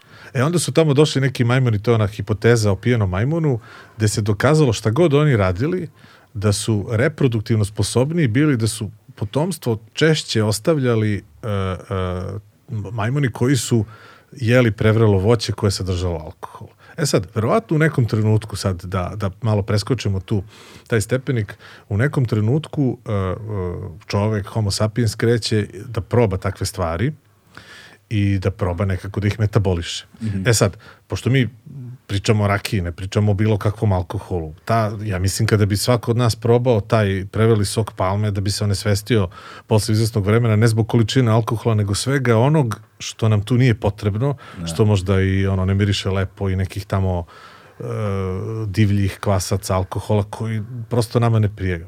I zašto, zašto sam spomenuo civilizaciju? Znači, kroz vekove ljudi počinju da na taj prirodan način izdvajaju bitno od nebitnog. Ono što će na kraju prijati, što će imati možda i lep ukus, jel tako, a ne biti samo neka kaša koja, je, u kojoj ima nešto alkohola, pa sad šta se desi, desi se. E, neki kažu da, da je destilacija nastala u arapskom svetu, što nije nelogično, jer se ne radi o pijenju, to se radi se o destilaciji za medicinske svrhe. Znači, alkohol je bitan u životu, da. tako, za, za, za ono, farmaciju. A što se naših prostora tiče, ne, e, neka saznanja govore o tome da su neki od prvih rakija u tom nekom klasnom smislu bile rakije od grožđa, odnosno komovica, jer se vino, vino uvek bilo piće vlastele i, i viših slojeva, mm -hmm. dok je za onaj običan narod to bila rakija od kruške i to nekih divljih krušaka koje su tu rasle spontano i bile dostupne. Ko zna na što je to ličilo. Da. Ali suština je da to sigurno neki... Bilo bi, izvini, bilo bi da. dobro pro, o, o, oprobati se u tome da se reprodukuje taj originalni ukus. Da, da. Ali ko zna kako se to radi. Da. Tako je, bilo bi zanimljivo, to je ono, znaš, mm. onim restoranima koji su hit u svetu, kao je kako izgleda srednjevekovna kuhinja da, kralja da, da, tog i tog, pa pitanje koliko bi se nama svidelo sve to. Zanimljivo da je da. ta rakija od Kruške i ostala i do dan danas u nekim nepristupačnim delovima Srbije, na nekim visokim, da. divlja, divlja yes. kruška, visokim planinama i tako dalje. Ljudi koji žive na visokim planinama nisu mogli sebi da dozvole luksus da to nisu imali mogućnost da prave rakiju od šljive svake godine, jer šljiva nije rađala svake godine, rađala je svake treće, četvrte i tako dalje i ostale u narodu ono, da kažemo, ne znam, rodio se, sećam se, ka, tad je šljiva rodila te godine, ili ne Jasne. znam, nija, i tako dalje, a ono, imali su potrebu za alkoholom, potrebu za rakijom, i onda se pravili od te divlje kruške, i tačno se vidi da, da kažemo, divlja kruška ima ima, da kažemo, duže istorijsko trajanje nego mm. čak i šljivovica koja tako je tako dominantna. Jeste, jer, jer, pazi, ona je rasla spontano, a grožđe moraš da gajiš, znaš, mm. moraš da se, grožđe je ozbiljna kultura. Dobro. E onda dolazi filoksera tamo krajem 19. veka, O, to je vaš, ali tako beš? Filoksera, tako, ne, ili bo, zaboravio sam. Ovo nije važno. E, filoksera krene, kreće da uništava vinograde širom Evrope i sveta I sad verovatno se i tu negde ljudi okreću nekom drugom piću koje je do tada bilo u zapećku i bilo je malo više za, za ovaj za, za običnog čoveka uh, i, a šljiva kreće da se gaji masovno. Znači šljiva, to, to nije nikakav mit. Mislim, uh, Srbija je bila najveći svetski proizvođač i šljive, i šljivovice, i suvih šljiva. I to je trajalo sve do kraja 19. veka. Znači to Nisam nije, pojma, tako je, da. to je ozbiljna ono, roba na berzi čak. Da, da, znači to nije šala ono kod, uh, dobro, bilo je tu i svinja, naravno svinjogojstvo, ali kada govorimo o ovom delu uh, priče, uh, suve šljive su bile uh, znači ono vrhunski proizvod. Naravno da se da se sa, sa samim tim i rakija dobija na popularnosti znaš. I istorijske to je- okolnosti dovode do toga da, rakija po, do, dobija na popularnosti. e, sa jel tako, turskim osvajanjima, tursko osvajanje su u stvari dovelo do toga da ne samo nestala država, nego je nestala i lastela koja je, čiji je drink of choice, jel tako, bilo vino, ovaj, koja, koja je imala i e, znanje i tehnologiju da to vino održi, napravi, e, da održi vo, ovaj vinograd i tako dalje, pošto je mnogo komplikovanije bilo e, praviti vino nego rakiju. Narod je počeo da se pomera iz dolina, iz uh, plodnog područja ka brdima, tamo je bolje uspevalo voće, uh, pa pravili su jači alkohol, uh, odjednom počinje rakija da, da ovaj, postaje dominantno piće odnosu na vino. Da, da. I tako biva uh, kroz vekove do 18. veka koji je prvi rakijski vek gde se počinje, da kažemo, masovno, evo, Zoran je malo pre pomenuo i da se prodaje i da se uh, pravi ovaj, razni, razni drugi proizvodi od, od šljive, da se prodaje suva šljiva i tako dalje i da voćarstvo postaje dominantno kao, kao neka, neka grana ovaj, poljoprivrede. Da. Dobro, i ovaj i kako dolazimo do ovih uh, naših prvo za otkud ime rakija? Da, to je sad ona priča e, koju takođe svi mogu da, da, da pronađu na internetu, da li je to al, rak, al, arak, da li to beš se znači znoj, tečnost. Ja, ja volim da kažem da to na kraju i više nije važno, jer a, neka druga pića koja ima i slično ime, imate taj turski raki, to mislim veze nema sa ovom rakijom. Znači to je kombinacija rakije i od žitarica i od, i od, i od grožđa, koja je često i aromatizovana posle anisom i tako dalje. Znači to je taj, taj naziv koji potiče negde iz arapskog jezika, mislim, od njega ne treba bežati. Jasno. Znači, mi se lično za- zalažemo za to, ako je već rakija kao reč toliko dugo prisutna, zašto bismo sad izmišljali nešto novo? Jasno. Naravno, pogotovo zbog tog proboja na svetsko, svetsku scenu, e, ali svakako bolje reći rakija nego, ne znam, brendi, što će prosječan stranac, da kažemo, probati da, da, da tako da kategoriše rakiju, pa sad kaže plum brandy, znaš, a brandy je opet nešto što podsjeća na konjak i vinjak. I onda, znaš, e, bilo bi dobro da se ta reč rakija veže za voćne rakije, naravno ne samo, ne samo srpske, ali pogotovo za, za rakiju koju mi govorimo, a to je srpska rakija. E, Ta reč se koristi i u, i u, i u nekim drugim zemljama, onda šljivovica, imaš ono slivovic, slivovice u Češkoj, e, imate u, u, u jevrejskoj tradiciji, jel tako, i u obredima takozvanu košar šljivovicu koja se već dugo pije. To je baš ovakva bezbojna, bezbojna šljivovica koja se... Je, samo sekund, se koliko košta rakija? E, jesi našao nekom, nekom ovaj... Uh, Jesam, da, Sa- sa- 2200 je šljivovica. E sad, šta to znači? Pazi, 2200 znači da ste vi, kada ste to platili, platili od onog uh, uh, zasada šljive i, i, i, desetine ruku koji su je brale, pa onda podvrgle tom celom mukotrpnom procesu, pa onda ide to, to ovaj, fermentacija, pečenje, redestilacija itd., Pa onda ide odabir neke flaše koja eto, nije baš neka boca koju možete da vidite svaki dan, jel tako? Nije ona. Hoćeš još jedan sleng špajzara, nije špajzara. Špajza. da, kako je ovo zglobovača, onda ovo, daš, nije zaš ona za, za, za, za najobičnija litarska flaša najjeftinija, što neki kažu nije važno, ja ipak mislim da je važno, jer ako opet odeš u neki bilo kakav market, robna estetika je važna. Mislim, šta god želiš da kupiš, nešto govori. Pa imamo taj plutani čep, onaj zvuk koji ti se dopao. Pa imamo tu neke etikete. Pa imaš neki PDV. Pa imaš akcizu, to je poseban, samo ta akciza je preko 100 dinara za ovu bocu. Pa onda imaš ovaj, uh, neko želi da zaradi u toj firmi, a neko želi da zaradi ko je ovo prodao u nekom marketu. Dakle, kada kažemo, eto, bilo x dinara, sigurno, ajde sad, zavisi normalno, ako taj x baš visok, onda ne može rakija da košta polovinu od toga, ali, ali uh, uh, kada sve platimo, ali tako svima, što pripada, naravno da ta cena nekim ljudima može da izgleda kao, u, kao, pa moguće da to košta toliko. Da, ja da. nabavljam. Sad opet ide ona priča koju ćemo, koju izbegavamo, ali naravno da je nećemo izbeći i volimo da pričamo o to, to ono kao mračnoj strani da, Ima onda računica kod nas na blogu, jest, čovjek da sipa vodu, da upakuješ vodu, ona mora 600-700 dinara, ali tako da kaže, voda. na primjer. Znači sad da je unutra virtualno besplatna tečnost, Da. a ovako upakovana i da plaćamo sve dažbine koje treba da platimo za jaka pića i da, opet kažem, neko zaradi, transportuje i neka Sve marža, treba, da. tako da se ugradi tad da bi ti otišao, ne znam, na, nemam pojma. Sve što je ovaj, nužni trošak. Da. Tako je, što je nužni trošak za, za, za bilo koji proizvod ove vrste, ona, ona mora da ima neku cenu koja je mnogo, mnogo, mnogo skuplja od vode. A gde su onda neki ekskluziviteti, starije rakije, uh, uh, zanimljivije flaše, Jasno, pakovanja i, i to Tu, tu mislim da je veoma Da. važno pomenuti uh, i to je jedan od razloga zapravo zašto sam vas zvao. Ne Da. samo zbog toga što sam ja zainteresovan za rakiju kao rakiju i zbog toga što sam posljednjih nekoliko godina zainteresovan i za proces pečenja rakije, jel te, i uh, ono, nabavljanja kazana i sad sve, svega toga. A Ovaj, pa onda ono što ste vi nazvali hobisti, jel te? Pa Mhm. kad ste mi rekli informaciju uh, koji je najprodavaniji kazan u Srbiji uopšte, dakle Da, da. ne među industrijama, nego kao Da, da, nego najprodavaniji kazan, tačka, kao bilo koji Da. ti sad s ulice odeš i kupiš kazan, da je najprodavaniji kazan 500 litara. Mm. Je tako? Da, da. Mislim kakav crni hobi od 500 litara, znaš?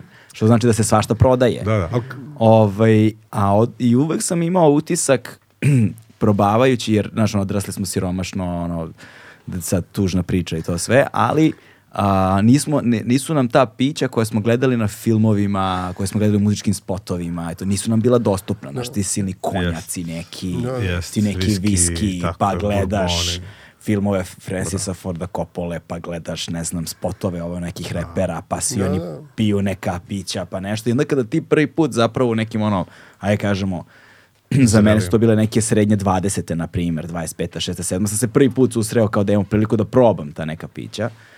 Neki ljudima se to desi ranije, neki pozni tine, tinejdžerske godine, što ti ja znam. Kada ih probaš, imaš efekat takozvanog izneverenog očekivanja.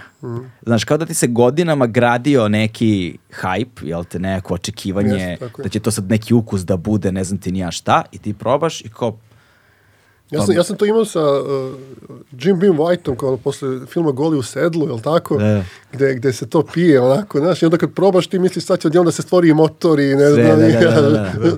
sve živo, a u stvari kao, wow. Ja, vidiš šta se sad dešava? Sad se dešava suprotan proces. Imaš iskustvo neko vreme sa nekim rakijama i onda kažeš, hopa, neka nova čaša, neki nov pristup, ovo je bolje nego što sam očekivao. Tako To, to, se, to se nama desilo sa rakijama. Negde uporedo sa istraživanjem ostalih Mm. jakih pića, tih svetski popularnih, protiv kojih apsolutno nemamo ništa, niti mi mislimo da mogu i treba da budu jedni drugima konkurencija. Da, da. Nije to isto. Često ćeš čuti nekim na, krugovima ljubitelja, entuzijasta, uh, uh, blogera, poznavalaca, kao pa rakija može da stane u, ra, u rame uz rame sa, sa viskijem, sa konjakom. Mislim, to je donekle tačno, ali nije to suština. Znači, nije suština da ti se kažeš, e, voćni proizvod, voćni destilat treba da podsjeća na destilat, ne znam, od E ne, ali ne slada. treba, ne, hoću da kažem, ne treba da podsjeća. Tako, ili ali, da- ali mislim da nije bez smisla to da može da stane rame uz rame. Nije, jer nije, ja, ne. jer kada kažem Po rame uz kvalitetu. rame, po kvalitetu, i ne samo po kvalitetu, nego i pre, po prepoznatljivosti Tako je. i po nekom brendu koji može da ima veliku internacionalnu vrednost. Tako je. Tako je, a pa da bi se to desilo, malo pre si rekao, znači, e, ta pića se piju i u serijama i u filmovima i svi kao da imaju neku, e, kao da je to pitanje op- opšte kulture da pre, prezentuje svoje piće na kvalitetan način. Da, da, da. da. Ove, kod nas je potpuno suprotno nažalost bilo, jel tako? I mediji, i filmovi, i serije su želeli što više tih e, stereotipa da nabace, nabace na rakiju. Negativnih. Negativnih stereotipa, e, pa smo onda počeli da živimo auto stereotip o tome da proizvodimo piće za siromašne, za one koji ne znaju za bolje, za nasilnike i tako dalje. Ovde volim da pomenem jedno zanimljivo istraživanje na, na katedri za psihologiju kad su studentima puštali jedan film od 2-3 minuta. E, film je izgledao tako da se čovjek onako sedi u nekoj nekoj sobi, loše osvetljenje, znoji se, nervira se i jel tako počnu da vas uh, ovaj, ni- jel tako počnu da dobijate žmarce zato što uh, vidite da se nešto loše desilo u tom filmu. Da je. E, da je bilo neko nasilje, da je možda neko i ubijen i tako dalje. Na kraju filma do, vidite i rotaciju. Dolazi rotacija, ovaj, soba se ispunjava plavim svetlom, da čovjek e, sedi u toj sobi, niti pravi karakteristične pokrete za, ne, za neko pijenje, niti se vidi šta pije, niti bilo šta drugo. A kada su e, anketirali ljude koji su gledali taj film posle, 80% njih je reklo da je bilo sigurno da je čovjek pio rakiju u tom filmu Da, da, da, da, da je sigurno da je on pio rakiju i da, je, i da su videli bocu i da su videli pokret za pijenje rakije. da, da. Zato što nekako kroz tu medijsku sliku smo mi sebi stvorili to da je rakija a, piće koje se uvijek povezuje za nasilje ili tako nešto slično. Imamo jako dobru priču za to. Ja i Zoran, kada smo, Zoran i ja, kada smo krenuli e, sa blogom, e, za jedan restoran smo radili neke konsultatske usluge, pomogli smo im da, da, naprave, e, da naprave svoj rakijski meni i oni su nam to platili tako što su nam dali usluge svoje marketiške agencije. Evo, momci, da vam oni naprave logo ili da vas malo provuku kroz internet ili da vam objasne kako se vodi blog i tako dalje. I mi odemo kod, u tu marketičku agenciju, oni nas super prime i direktor se oduševi nama i našom pričom. I on kaže, momci, baš divno što ste došli. Kaže, ja sam tri godine radio za uvoznike jakih alkohola u Srbiji, tako što sam proturao negativne vesti kroz medije o rakiji. Ja sam bio plaćen da uništim, uh, da kažemo, dobro ime rakije ili da negativni stereotipi tu ostanu zauvek. A, to znači, vidiš, nisi imao pojma, čekaj, dakle... Borba. da- dakle, to nije samo ono o, da je reputacija rakije i način na koji je i Neko pravimo i konzumiramo zapravo samo posledica jedne zapuštenosti, recimo da kažemo, Tako je počelo. kulturne zapuštenosti, Tako možda je tako počelo zaista, Tako je. ali nisam znao da, da je postalo Ali, tendenciozno znaš, zapravo u srozavanje Tako je. onoga kao, šta...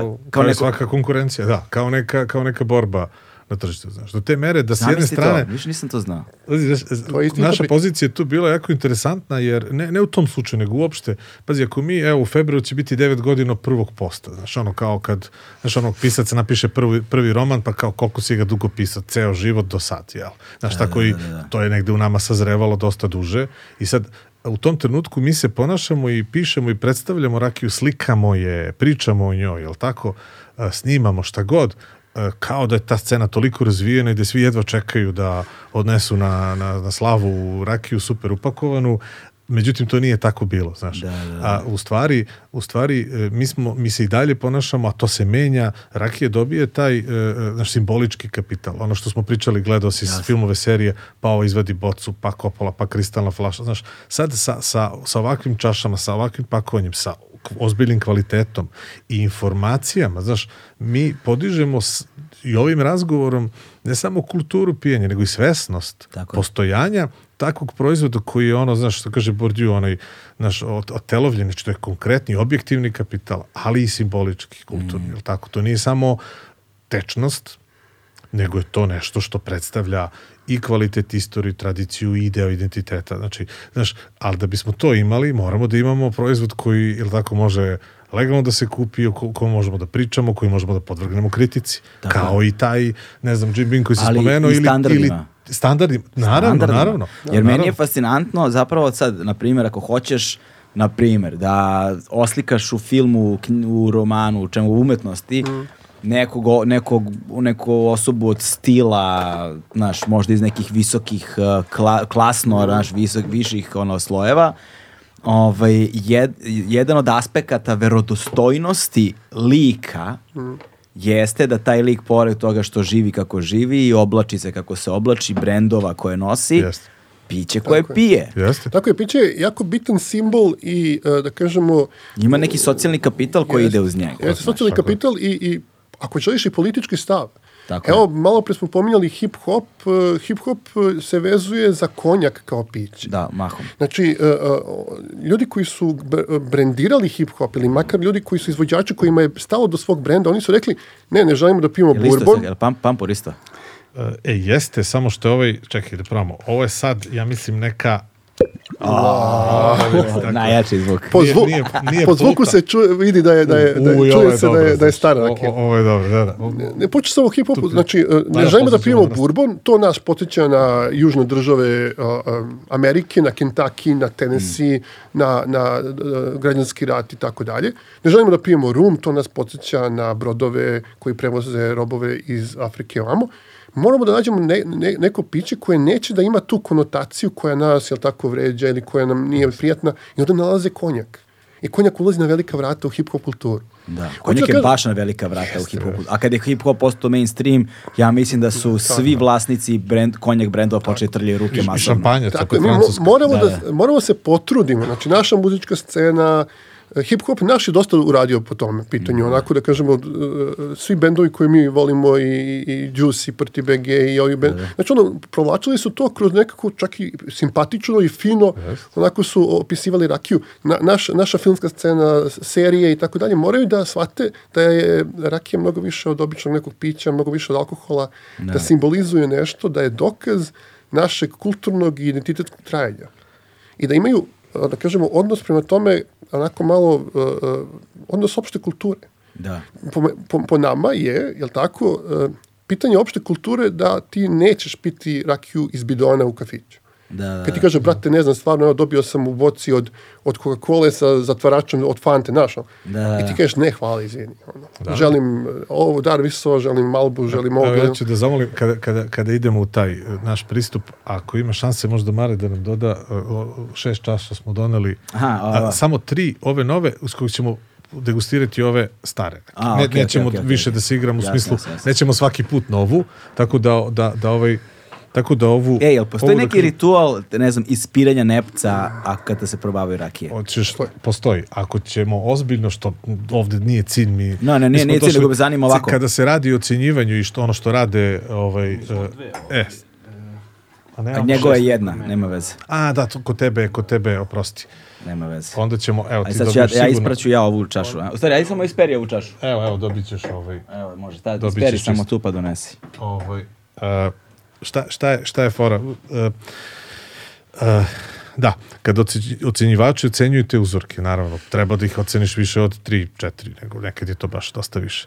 E, posle ocenjenog uzorka popije se malo mineralne vode, znači imaš tri stvari. E, to se malo spere, malo mehurići, znaš ono, ali ti dalje nisi zaboravio šta si pio, tu ostaje Jasno, negde u ovoj olfaktornoj regiji. Onda se popije malo mleka, gutli mleka Da, jako malo, Jasno. I onda gutli obične vode. Znaš, da. i mleko. I ti, i ti, i ti si, i ti si ovaj, evo, i ti si, Hvala, i ti si, e, hvala, hvala. I ti si u stvari, uh, ajde kažemo, zaboravio, naravno ti, si, ti imaš sećanje, ova malo pre bila sjajna, kvalitetna, ovakva, onakva, ali nemaš više u ustima, mame, dovoljno popijemo gutlje i vode, ono svi. Ja ću sad ovo da nam sipam, Aj sad što kažu, i naravno, o, nećemo ja, odmah jako piti... efikasan način za, za neutralisanje ukusa u čaši je kocka leda i samo se onda vrti, on nekako sastruže taj, Da, da, da. i onda se baci i onda Ima čaša bude malte neka ono. Evo, fora, nemate sad sto čaša, ne znam, nije vam tu neka česma. Pili ste belu rakiju, popili ste, sipamo malo ove, pa kroz celu čašu, ajde kažem, malo ako promućkamo Može da, to, da. da ova nova rakija Preuzme. Ajde, preuzme, tako je, tako je.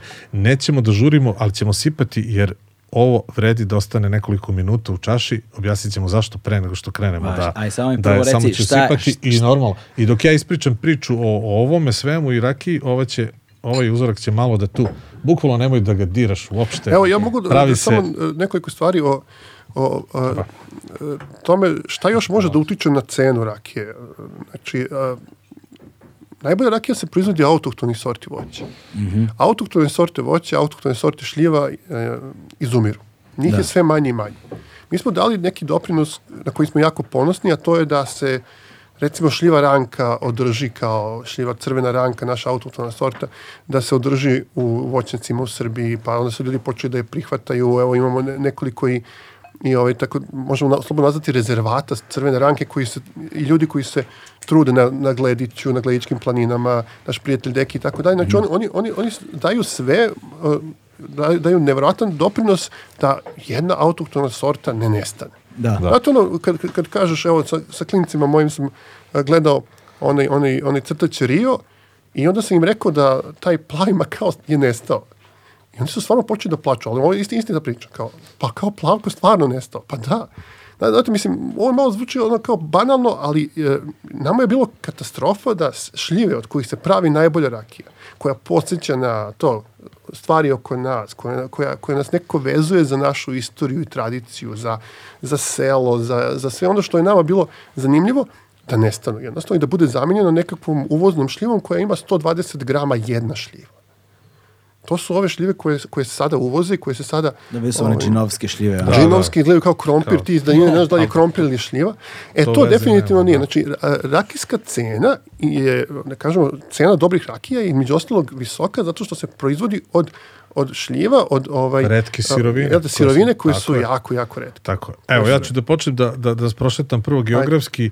Ako je ono bio Goč kod Kraljeva, idemo malo ka Beogradu, u srcu smo Šumadije, u jednom smo zaseoku koji, koji, koji spada u Kra- Kragujevačku opštinu, ovaj, e, blizu je rudnika. Vidi kako je srećan čovjek. Da, da, tek ćeš, kao, to, Vidi ti taj osmeh je... to, to, to, to, to, Znači, Kao, šljiva ranka 15 pazi, godina stara, krenemo, znači, evo kad, sad kad ću- budemo probali ovo, odmah ćete se setiti, ne znam, nekog starog de- filma de- ili detinjstva, tako, ili detinjstva kak- ko- kako god, u selu, kako kod god babe. ovaj, iskustva koje, koje, koje ima veze s prirodom. Mhm. ovaj, e, ok, par minuta pa ćemo da krenemo sa, sa, sa degustacijom. Sa tradicijom dugom skoro tri decenije, Legend Worldwide je prepoznatljiv domaći brend sa akcentom na jeans, pre svega, koji odlikuju bezvremenski, klasični modeli. Dakle, e, Dar Visova je, je takođe brend, e, selo se zove Ramački Visovi, znači to je jedan kraj blizu Topole. Uh, inače, šta je zanimljivo i ko prati ili će početi da prati naš blog, e, gde god da ukuca rakiju, uglavnom nešto će mu izaći u, s nama u vezi ili na društvenim mrežama. Mi smo o ovoj istoj rakiji pisali pre 8 godina, kada je ova Dar Visova 15 izašla, ona je bila 2000. godište. Uh, I to je tada bila ta čista uh, crvena ranka, ono što se kaže monodestilat. Naravno, te zalihe od, ne znam, nebitno, par hiljada litara su se potrošile, prodale su se, bile sjajna rakija. I sad šta je uradio domaćin uh, Nikola Tanasijević? Znači, on nije odustao i sad, e, sad ću da nešto drugo proizvedem, što će biti staro, ali sastav neće biti možda toko dobar. Uh, ova rakija je kupaža uh, čačanske rodne i crvene ranke, dakle dve sorte. Ta crvena ranka, malo prije spomenuo, spada u te autohtone rakijske sorte šljiva, jedna od najboljih. Čačanska rodna je jedna dostojna zamena to je jedna hibridna sorta nastala u našem institutu za voćarstvo u Čačku, e, sjajna šljiva i za konzum i za rakiju. Uglavnom, znači, to je otprilike nekom promenljivom odnosu 50-50, imamo stepenažu malo ja, 44, imamo starost, znači da najmlađa rakija, kada kažemo 15 godina, a to je recimo blend, ta kupaža, najmlađi udeo, znači bilo koliki udeo, najmlađe rakije ne sme biti mlađi od 15 godina. Da, da, da. Ja znam da je... Da, to je kao, i to isto važi i za viski i za sve, je. da, sve ja, važi isto, da. Ja to znam, znači, da. tako je kao insider da je ovo Unutra zapravo... može da bude i nešto što je recimo 20 godina staro. E, bravo, ovo, ovo je rak iz 2003. godine, znači eto i to znamo kao, ko- kao sad ovo, jednu zanimljivost i ovaj i, i ova rakija je, kažem, e, št- kao ono što ćemo, vratno ćemo pisati kao re-review, je li tako? Znači, ovo je jedan od redkih, vraćamo se na isto ime, isti brend posle 8 godina, 8 i po godina, šta se desilo, da li je bolje, da li je lošija, ja tvrdim da je ovo jako za- zanimljiv nastavak života Darvisova 15-ice, e, baš zbog tog izbora sorti, ali to pošteno starenje je tu i ovaj i sad evo tu par minuta možemo krenuti sa mir, Mirisom. ovaj mirisom da da vidimo šta je ovo ovo e tako možeš malo da da prosto malo se ubrza priča jel Wow, koji miris. pazi. Da. ono kao ajmo da da da uzmemo Evo par sad ti sekundi. imaš osmeh na da, licu. Da, da, da, da, da, jeste, vazi ja sam koji to htio da mu kažem, to ćeš ti isto da, radiš samo za dva minuta. A sad pazi Wow, ovo, koji miris ovo je ovo, miris sada. I za, Ali znaš šta je najluđe svega? Što si bio potpuno u pravu. Dakle, ovaj miris tako miriše na selo, čovječe. Yes, da. Miriše na selo. Znaš, ne, možda zvu- sad ja zvučim kao budala neka, Ne, verovatno. ne, to je to. Ali stvarno, Pazi ovaj, pazi ovaj, pazi ove visoke note koje su, koje su ovako lepo herbalne. Znači sad nemamo one one cvetiće o kojima smo pričali. Nije ovdje malo, imamo ovdje drugačije. imamo nešto dublje. Da, da, da, da, da. Ovdje imamo nešto, sloje- slojevitije. nešto Te- slojevitije, da, tako je. I, te, trave su se osušile i Jeste. sada su te, te ta, su, Ja, suve vidiš, travke. jeste, ima nešto, neću da kažem livacko, ali ima Jeste. nešto to. Ima, da, kako ima. nema livac? Da, da, Im- da, im- da. im- to je to selo koje osjećaš. Nas, pro, pročitajte prvi tekst o ovoj rakiji, taj iz 2000, Mm. s 2015. pa ćete vidjeti da je ta, ta, ta rakija i dalje ima taj pečat i ovaj, pa hoćemo da... hm? Ajde, hoćemo. Ja, mislim, mislio sam da sam te čuo kako... Ne, to ono. Ne, mislim da, A, da ti imaš, jel, jel ti imaš neki nazalni problem, ono, sve vreme? E, možda mali problem, da. Da, da, da, da, da, da. E, da. Sve vreme- Jer sve vreme, mislim, da li to Jeste, meni da, kr, krc... I- Ilija malo ima, ovaj, za disanjem prosto malo glasnije. Da, da, da, imaš neku devijaciju, hoćeš nešto. da- da- Ne, ne, ne, Ne, ne, ne, ne, ne, ne, to je tako Ne, prosto. ne, ja sam se zagledao, zagledao, e da, možemo da par reći o tome. E, ti neki se- segmenti, osjeća se e, drvo e, ovde. elementi, naravno, elementi kvaliteta. Rakija treba da bude bistra, znači je jako je bela, bistra. potpuno bistra, odlično. Bojan može svašta da nam kaže, može i svašta da nam slaže. Pričat ćemo o tome. Ovo je jedna zdrava boja rakije koja je provela dosta vremena u hrastovom buretu. Šta znači može dosta da nam kaže, može dosta da nam može, slaže? Može dosta da nam kaže o starosti, a može i da, da, da, da, da slaže tako što neki nepošteni domaćini pribegavaju takozvanom ubrzanom starenju, a to je ono farbanje. Znaš, ljudi misle, e, vidi boja, boja je sve. Pa, mislim, mi uživamo u, ovo- u ovoj boji, ali taj hrast nije dao samo boju. To je čitava nauka iza tog starenja koje smo spomenuli. Ukratko, rakija kroz godine ek, reaguje, ne samo što ekstrahuje, nego i reaguje sa nekim uh, uh, uh, uh, hemijskim ovaj substancama koje postoje u hrastovoj u hrastovim dugama, to su one, jel tako, da kažemo, savijene letvice. E, I ja imam običaj da kažem e, zašto ovako dugo pričamo o jednoj ovakvoj rakiji ili bilo koje sličnoj. Naš izbor je praktično bio random, evo, čisto da ljudi znaju ne radi se ni o kakvom, ni o kakvom reklamiranju, tako je. Mi smo se vodili time, ok, znamo ove proizvođače, a u narednim mesecima ćemo pisati o, o, ovim rakijama, a nismo do sad, o, o, jesmo, kao što sam rekao, tu prvu verziju. E, e, ta ćeš na kraju vanila, e, ti neki prijatni tanini, neke arome koje nisu postojale ni u voću, ni u procesu tog vrenja destilacije, je donelo hrastovo bure. E sad, pazi, ako znamo da pićima kao što je bourbon, i viski škotski, koji mi takođe neobično cenimo. Kada ti njih ispečeš, da se tako kaže, dobiješ taj beli providni proizvod koji ono niko ne pije. To nema neke posebne aromatske kvalitete. Ima i čak i pogrdna imena, ono, Tako je, White Dog ili kao nešto tako jeste. da. O, o, ta, ta, to, White to, Mule. to, piće, to piće bez, bez ikakvog ovaj, to nije nikakva tajna zapravo, uh, dobija svoj karakter i duguje ga zapravo dugogodišnjem starenju hrastovim buretim. E sad, zamislite samo da ništa ne znate o ovom i da nemate to iskustvo, ako je jednom bezbojnom destilatu, žitnom destilatu hrast dao tu raskošnost koju stvarno može da ima single malt ili bourbon, šta će dati šljivi koju, eto, malo pre smo probali uh, bezbojnu šljivu, šta može da da u toj sinergiji ili tako efekata i trajanju. To ćemo sada malo da sa tobom Da, da, da, da, da, malo popričamo o tome. Kada, Tako kada da je u ono- pitanju boje još nekoliko da stvari, znači ona, ona bi trebala da nam uh, s- da neku, neku naznaku koliko je rakija stara, ali često se dešava to, da kažemo, bojenje rakije koje je čak Jeste. i zakonski Kako doz- se boji, to mi objasnite. Pa recimo boji se karamelom koja je ono E E100, 150, jel tako? Znači ubaci se topljena karamela u, u, u To rakiju. je industrijska, mislim, Industrijska. boja koja se dobija karamelizovanjem šećera. Tako je, može, mislim, mo- može hrastovim daščicama, jel tako, hrastovim čipsom, može na različite načine ljudi kroz naše Koji iskustvo... procenat rakija, ono, ko, vaša proizvoljna, pro, pro, proizvoljna procena vaša rakija Ima koja to. se pije ovako je tako nešto... E, znaš šta, i, i, ja mislim da je procent, nažalost, čak sve veći, e, zato što uh, uh, ne radi se možda o kompletnom uh, lažiranju starenja. Radi se o, o doterivanju. Znaš ono, znaš šta, kad ti staviš bure, ne znam, 200, 300, 500 litara, rakiju koja je e, 60 stepeni i bile 5, 6, 7, 8 godina, ti kad je svedeš, to je sad taj deo tehnologije, ako te bude zanimljivo, pričat ćemo. Ali ajde da uzmemo taj gutlječić, ja sam to hteo, pa si ti sad opet oboji, malo ga to zadrži.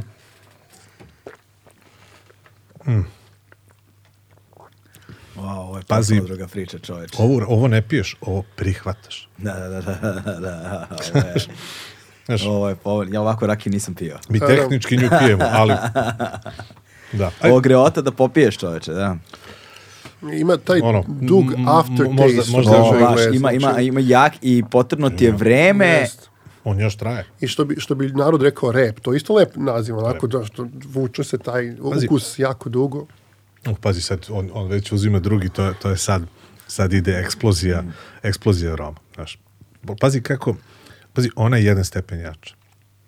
Ti, ti uopšte ne, ti sad ne razmišljaš o jačini. Ne, ne. Ti uopšte nemaš ono osjećaj kao, u, kao, ovo je nešto jako, ovo je nešto lepo, ovo je nešto, ovo je nešto rasko. Kao da si zavirio u neki bunar duboki. Da. Meni je ono, znaš, kao, otvorili smo neka vrata, neke, neke ono, uh, te drvene kućice, znaš, neke pomoćne prostorije se, na selu gde sve podsjeća ono što smo pričali. Da. Stvarno, potpuno legitimno. Suva trava, uh, drvo, hrast, uh, med, uh, lekovito bilje. Sve to Štala. imaš ovde. Da, štala, jeste. Ja apsolutno. se sad razmišljam o čemu i osjećam Tako je. štalu. Priroda, jer pazi, e, kada nešto provede 15 godina, ovo je isto deo i nauke i iskustva, e, onaj buke, jel, Da, da, da. pričao buke, e, kod vina i nekih jakih pića, ovaj, on ne može da nastane za, za 4, 5, 6 godina. Znaš, Da. To 8, 9 pa nadalje.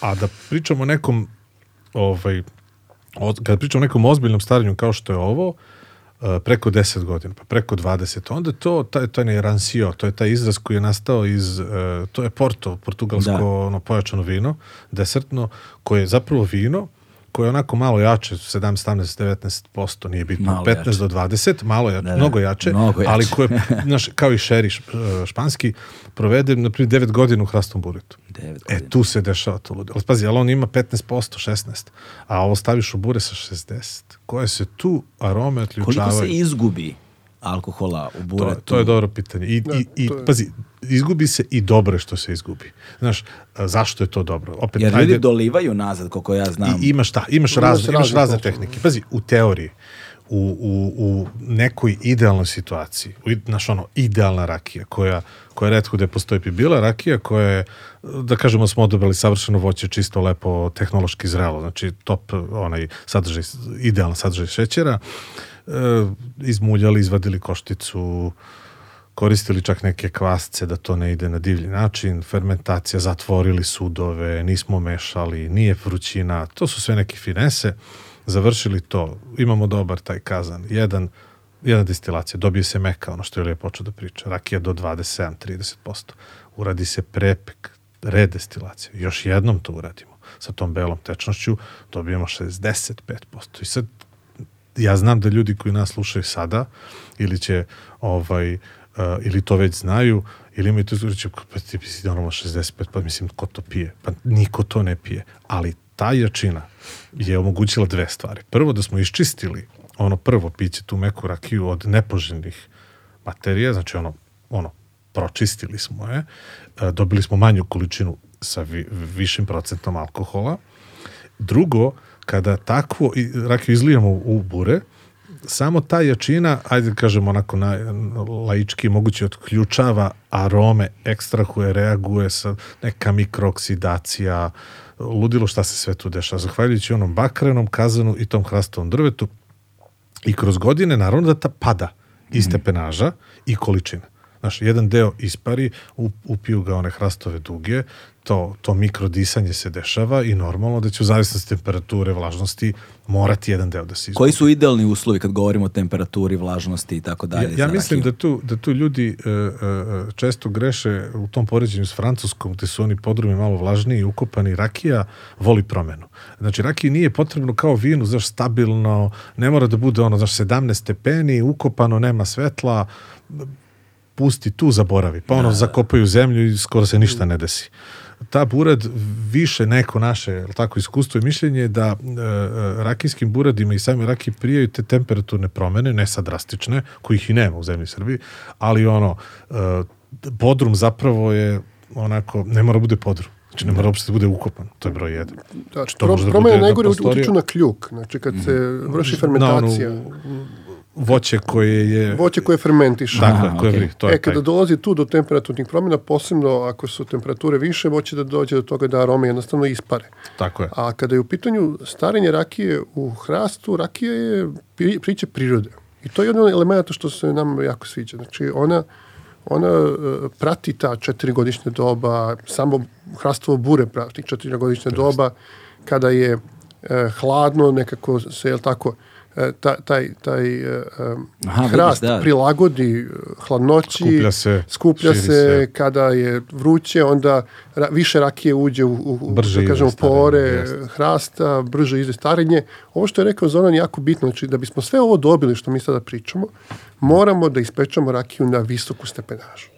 To je jedna od glavnih, glavnih grešaka naše tradicije, da kažemo, ili ne znam ja, tradicije nekih ljudi koji su se bavili rakijama, što su pekli na mnogo niže stepenaže i onda razbloživali rakiju patučnim uljima, da patokom. objasnimo, jel te zanima? i tako Zanima, da, da, to da, sve me objasnimo, zanima. Da to objasnimo, zato što to, to, naravno, sve je potpuno tačno, ali e, ako pretrčimo preko toga, znači ono, vidim već par puta kljuk, kljuk ili neko Kažem, kaže nijedan čak pojam se ne podrazumeva, E, da, samo što on Možda- uvijek nije skapirao možda- možda- Evo, ajmo, ajmo možda, je nešto. deo, možda, je, možda je dobar način da sad pričamo deo, da pričamo o tome jer, jer o- ova, ovo Da, sad hajde- hajde će pričamo biti onda- sve bolje i bolje. Evo Da, e. sad da uzmemo jedan miris, vidjet ćeš da... Ne, ne, znaš što je meni fascinantno, što ja još Pa, uvek pa. osjećam ukus u ustima. Tako je, tako je. Ajmo, ajmo Tako nekoliko da- stvari, evo možemo, Pa evo, što, šta- krećemo. kako se rakija pravi. Eto, počnemo od toga, pa ćemo onda Evo, ove možemo. rukavce Jer da odlazimo. Krenuli smo naš od nazad od ovog starenja, Da. treba da prođemo kroz ovo. Znači, ono što sam ja brzo, brzo rekao, sad ću malo sporije i naravno ili, ili će upadati e, po slobodi.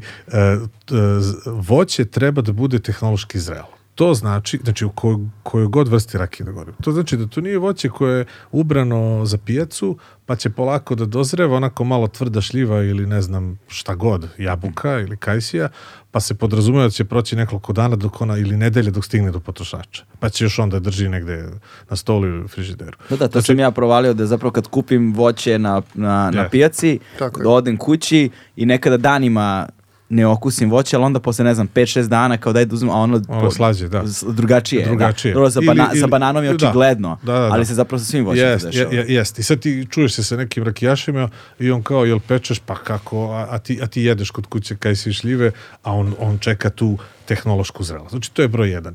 Ono, druga klasa, trulo, natrulo, plesnjivo, buđavo, oštećeno, neće nam dati željeni kvalitet. Znači, Aha, voće- znači, ni oštećena neće. to je, ta, pa, pazi, to je, to, je, to je ono što kažu, što kažu lepo u našem narodu, ono što ne bi stavio usta ne treba ni, ni za rakiju. Znači ono što ti nema mi da ti pojedeš, ovaj, ili ti izgleda onako čudno, ok, ono možda malo udareno, neka tačkica, ne mislim na to, ne, ne mislim Da, na jasno, estetiku, nego prosto neka je bolest krenula nešto, Aha, to, da, razumiješ, da, da, nešto, ili već je to prezrelo, pa je sad već krenulo nešto drugo. Znači, to je, to je, to je neki nivo kada je voće savršeno slatko, a nije još krenulo da truli. Znači, Mm. nije krenula u, u, u- u spontano ta fermentacija, odnosno vrenje. E sad, jedno, jedno potpitanje pre nego što nastavimo Samo. dalje, a, pošto se rakija pravi od razno raznog voća. Sad, a, sad, očigledno pitanje je bilo zašto je baš šljiva ta koja je najbolja kod nas, a ne neko drugo voće? I koje zapravo su glavna svojstva voća koje, koje svojstva voća zapravo treba da imaju da bi bila pogodna za rakiju? Da. Malo E. Rakija uglavnom se bavi... e, Izvini, uh, znaš zbog čega? Zašto paralelu bih napravio, na primjer, sa dunjom. da. Da, da, uh, to je Eto, tema, ne, to- moramo da pričamo i o to. dunju. Da, Pa da, znam, e. da, da, E. Rakija uglavnom se bavi srpskim rakijama. E, To nekako volimo da, da kažemo, a ne zato što smo, ne znam, zbog nekog nacionalizma, nego stvarno smo probali mnogo rakija iz susednih zemalja, mnogo rakija sa raznih geografskih prostora. Znači rakija od, e, na našem blogu možda pročitate i recenziju francuske šljivovice ili, ne znam, e, probali smo rakije iz Rumunije, Bugarske tako dalje. Ali ispostavilo se da stvarno taj teroar ili ti podneblje koje ima Srbija je idealno za voće od kojih mi tradicionalno pravimo rakiju. Znači šljiva obožava ova, da kažemo, naša brda, talasasta, e, tu neku nadmorsku visinu od 400, 500, 600, 700 metara. Tu daje najbolje rezultate. Tu čak i neke, da kažemo, uvozne šljive kroz vreme e, dobijaju mnogo, karakter, mnogo bolje karakteristike nego što ih u originalu imaju. Recimo šljiva Stanley ili Stanley, što, e, kako, kako na, naš narod voli da je zove. Ona je mnogo bolja, ako je, to jest mnogo bolje rakije smo probali od nje od šljiva koje su zas- zasađene tamo negde 70-ih, početkom 80-ih A, i tako dalje. sorta je. A to je inače američka sorta koja je onako dobra za konzum, za konzu- konzumaciju, dobra je za transport, e, za, za pijacu i tako dalje, nije dala najbolje rezultate odmah za rakiju, ali nekako se srodila sa podnebljem u, u, kome, u kome je počela da raste i dobila te neke karakteristike podneblja i vi možete malo pre si pomenuo recimo Jelički dukat i tako dalje. Znači možete da dobijete stvarno dobru rakiju od Stanleya. Od To je recimo primjer tog Jelički brenda koji Dukat. spomenuo Jeste. je je ta priča. Jedna Aha, oni najboljih koriste tu izdanja, rakiju. jedno, tu sortu, tu jedno od sortu najboljih- tu sortu, pardon, da, da. Tako je. Ali se, ne znam, đubri, prirodnim đubrivom, voda stiže sa planine Jelice, izvorska. Znaš, sve neki faktori kako je orijentisan voćnjak prema vetru i stranama sveta. To, mislim, pazi, mi jesmo tu malo štreberi, pa smo Ne, ne, ali to, ušli- to treba da ušli- pričate ovde, to me tako, zanima, ušli, nemoj to ali- da preskačeš. ali- ali- da, to mi je da, najvažnije. To, to, to, ne, to je strava, znaš, evo, kao, kao pa malo da se umešam, ovaj, i, i vreme je jako bitno, znaš, t- trajanje tih sorti. Znači, ta e, požegača čuvena mađarka, plavka, bistrica, čitlovka, ima milion sinonima, ona nije nastala u Srbiji, ona je nastala najvjerojatnije, kažu, negde u Turkmenistanu. Ali kada su Sloveni doneli ovde, pa deo Vojvodine, prvo ono Srem, Slavonija, zato i po toj slavonskoj po, požegi nosi ime, a, a zapravo je najviše ima u Srbiji i najviše se gajilo u Srbiji, znači nije ova naša Valjevska, nije ova zapadna Srbija požega, nije važno. Ta, to je vrhunska bila sorta i dalje, samo je sve manje ima. Što nije otporna prema jednoj zloj bolesti koja se zove virus šarki šljive, virus. Ovaj, nije važno. E, e, hoću da kažem da ona je toliko dugo tu i ta crvena ranka koja je najverovatnije spontano nastala spontanom hibridizacijom. Znači to su stvari koje su prirodno uh, uh, neopisive. Znači, nije to ono, e, mi smo odabrali u Srbiji da, da pravimo najbolje automobile ili da imamo najbolji sir na svetu. To je malo opitna stvar. Znači, Ali se nekako desilo da su u ovom arealu, u, ovim, u ovom basenu, nekoliko tih sorti zaista pokazalo kao jako, jako, kao jako dobre za preradu u ovo piće. Pa onda kad tu dodaš uh, istoriju konzumacije i tradiciju, pa kad onda kažeš, pa evo i ta hrastovina o kojoj ćemo govoriti ima je i dobar je hrast, nije loš. Nije kao, ne znam, američki, francuski, ali to su hrastovi za neka druga pića. Pa onda imamo istorija, tako da kažemo, korišćenja kazana tih Da, da. tradicionalnih oblika, tu se radi o obliku i, i čistoći bakra, takođe postoji. Znaš, nije, ne znam, čelični. Sa to da te čelični kazan ne Dobro, bi čekaj samo, da, ali da, da, stigo si već do kazana, nego Da, mene da, da. zanima... Vra- vraćamo da, se da, na- vraćamo, na- se, vraćamo se na, recimo... na, na, na, ferment, na zrelost voća i fermentaciju. Da, da, ne samo zrelost voća, nego i samo pri, uh, svojstvo voća. Dakle, uh, primjer, radi, sad ono, to su ono kolokvijalna znanja. Da. Um, kad ideš po Srbiji, bilo gde, i uđeš u nepoznat lokal, ovaj, upitnog ono, ovaj, Reputacije. Ne, upitne reputacije, upitnih higijenskih uslova, Da. a, negde na nekom magistralnom putu ili tako Da, nešto, da. znaš. A, I pitaju te šta ćeš da popiješ, šljiva je nekako sigurica. Da, da. Znaš, znači, a, u najgorem lokalu najgora šljiva i dalje je daleko pristojnija od bilo koje druge rakije koje možda probaš. Pitanje je zašto. Zato što ima. Zato što, zato što imamo 40 do 50 miliona stabala šljiva u ovoj zemlji. Zato što smo sad treći u svetu po broju stabala, bili smo prvi. Sad su ispred Amerike i Kina, ako se ne varam. Znači, pr- prvo imaš kvantitet, pa sad mora da se desi, jel tako da iz kvantiteta nastane neki kvalitet. To je broj jedan. Broj dva, iskustvo sa proizvodnjom.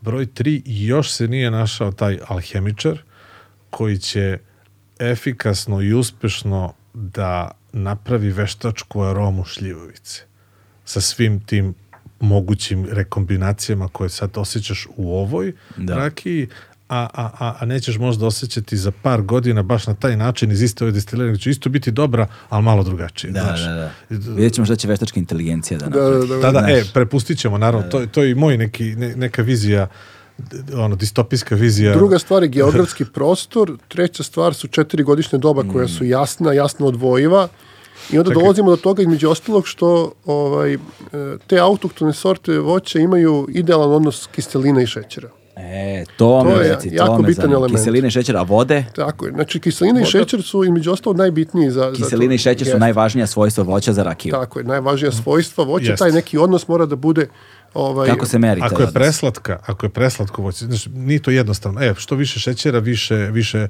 više alkohola, to je tačno. Ajmo onda dodajemo šećer. Pa to je ona to je ona glavna greška i ne samo greška, nego zločin, je tako prema prema tom piću koje ne sme da se zove rakija, niti bilo kako drugačije. Dakle, Da, pravilo broj dođe- 1, da ako ne možete da nazivate rakijom ništa što u sebi ima ikakav šećer. Tako je. E, koji je dodat prilikom Da, proizvodnje. do- dodati Tako je, šećer, dodati tako šećer, da. Tako je. To, ne bi trebalo da dodaš ni, ni, ni, ni, ono, ni pehmez koji je prirodan, ako ga do- lupam sad dodaš, nije rakija.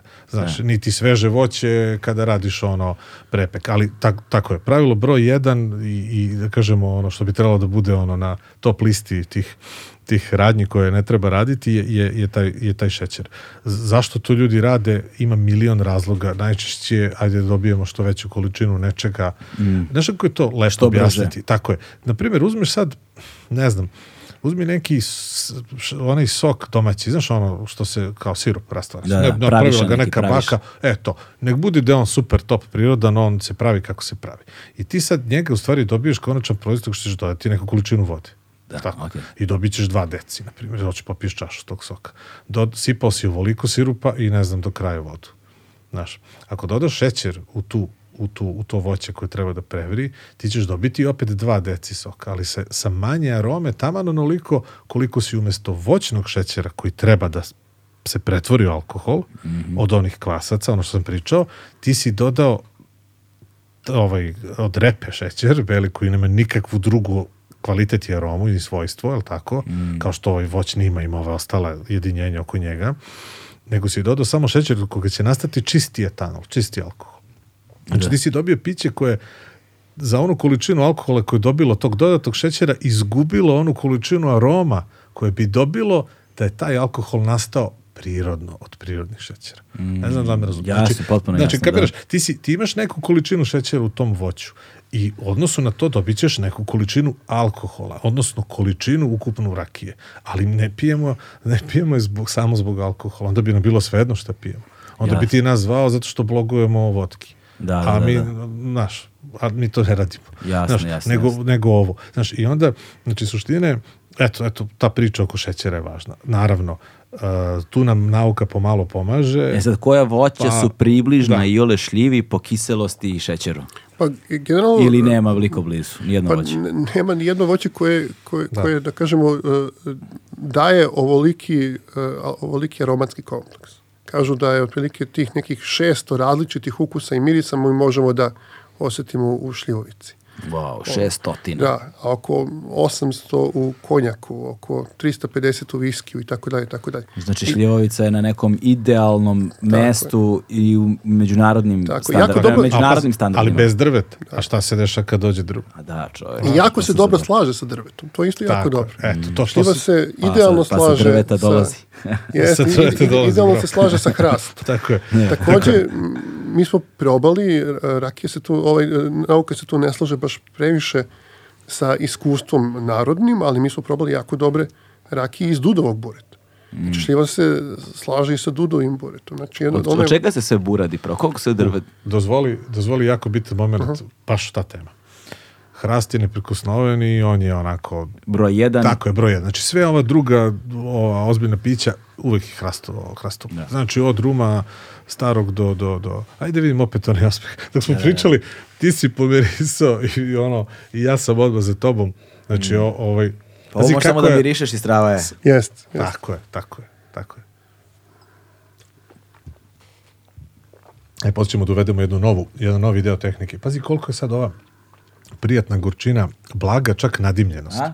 Jel osjećaš ovaj smoky, Da, da. ovaj deo, čim progutaš koliko je blago, podsjeća malo na suvu šljivu, malo podsjeća na neki prijatan dim, drvo, A ima i neku I dimenziju, sad ne bih opet, sve se stalno se plašim da ne zvučim pretenciozno i nešto smarački, ali E. kao da ima neku dimenziju, ne bih rekao kao da je masnija, kao da je, ne, ne znam kako to ima da telo, objasnim. tako je, Gušća. viskoznija. Da, viskoz, e, to, kao da, Da, da, kao da- drugačije ima, je, ima, ima telo, ima... tekstura mi je Tako drugačija od ove jest. malo pre koju sam pio. Jeste, Dakle, eks, da. ekstraktivnije. Znaš, Da, ima, da, da. ima, ona, ona jeste... Ima, ima više, sad ću da lup- lupim sad onako u nedostatku boljeg izraza, ali kao više ima efekat sirupa dok piješ nego ova prethodna rakija sirupa, koju sam sve da, da, je da. legitimno, pa ne. Tako je, Ono, tako da, da. Ti si, ono, you're natural. Ti si, znaš, ono, Pio pa sam puno rakija, da. Da, da, da, da. I Puno pio- pio loših.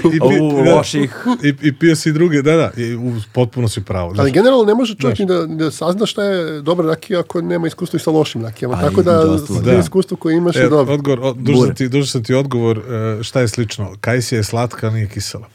Znaš, šljiva zna da često bude slađe od kajsija. Kad pojedeš kajsiju imaš utisak da je, da je mnogo slađe, zato što nema kiselina da, iz- da izbalansiraju. Te kiseline su važne upravo kod fermentacije da ti kvasci ne podivljaju. Zato se kod proizvodnje dosta voćih rakija dodaje legitimno kao sredstvo bukvalno kiselina, no, bukvalno sumporna kiselina ili fosfor. E, sad, jedno pitanje koje kaži. znam da ljude zanima.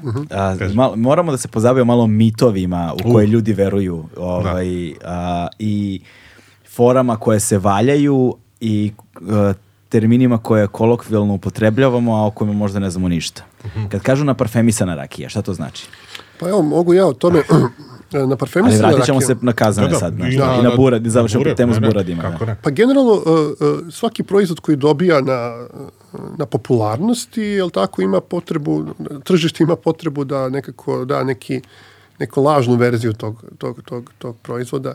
Tako i rakija. Uh, Mi, mi smo počeli naš blog u najbolje moguće vreme kad su ljudi krenuli sa suvim kvalitetom da se probijaju na tržište. Pre nego što je rakija bila tako toliko popularna, onda smo probali stvarno suvi kvalitet, ali e, postoji još jedna stvar, a to je da ljudi žele da nekako zarade na rakiji i među ostalog proizvođe, pro, proizvođe, proizvodeći, proizvodeći, izvinjam se, proizvodeći ovaj, lažnu rakiju ili rakiju koja, koja ima lažne arome. Te na parfemisane rakije su najčešće rakije sa aromama. To najčešće znači da nije to a, lažna rakija u osnovi, već je to rakija od najčešćeg i najjeftinijeg voća, u našem slučaju to godinama jabuka. to je, ra- To, je ba, rakija- to kad kažu baza, ta, Jeste, a baza onda je, se doda. Baza je obično jabuka i onda vi odete i postoji na internetu ovaj, ljudi koji to prodaju, koji imaju biznise, koji su razvili prodajući te bonifikate i prodajući te a, a, lažne arome i onda dodate u rakiju od jabuke a, razne vrste aroma koje bi trebale da vas podsjećaju na ovo ili ono voće. Znaš šta smo uradili? Znači, moram, isti Mm. tema. E, Mi smo jedno, jedno 2017. pokrenuli nešto što zove Brk, Beogradski rakijski klub. Neformalno viđenje ljudi koje zanima ova priča, recimo kao sad tebe, i kao bilo je veče dunje. Tad smo recimo i bila upoznali, ali da, to ćemo isto pričati ovaj, e, 2017.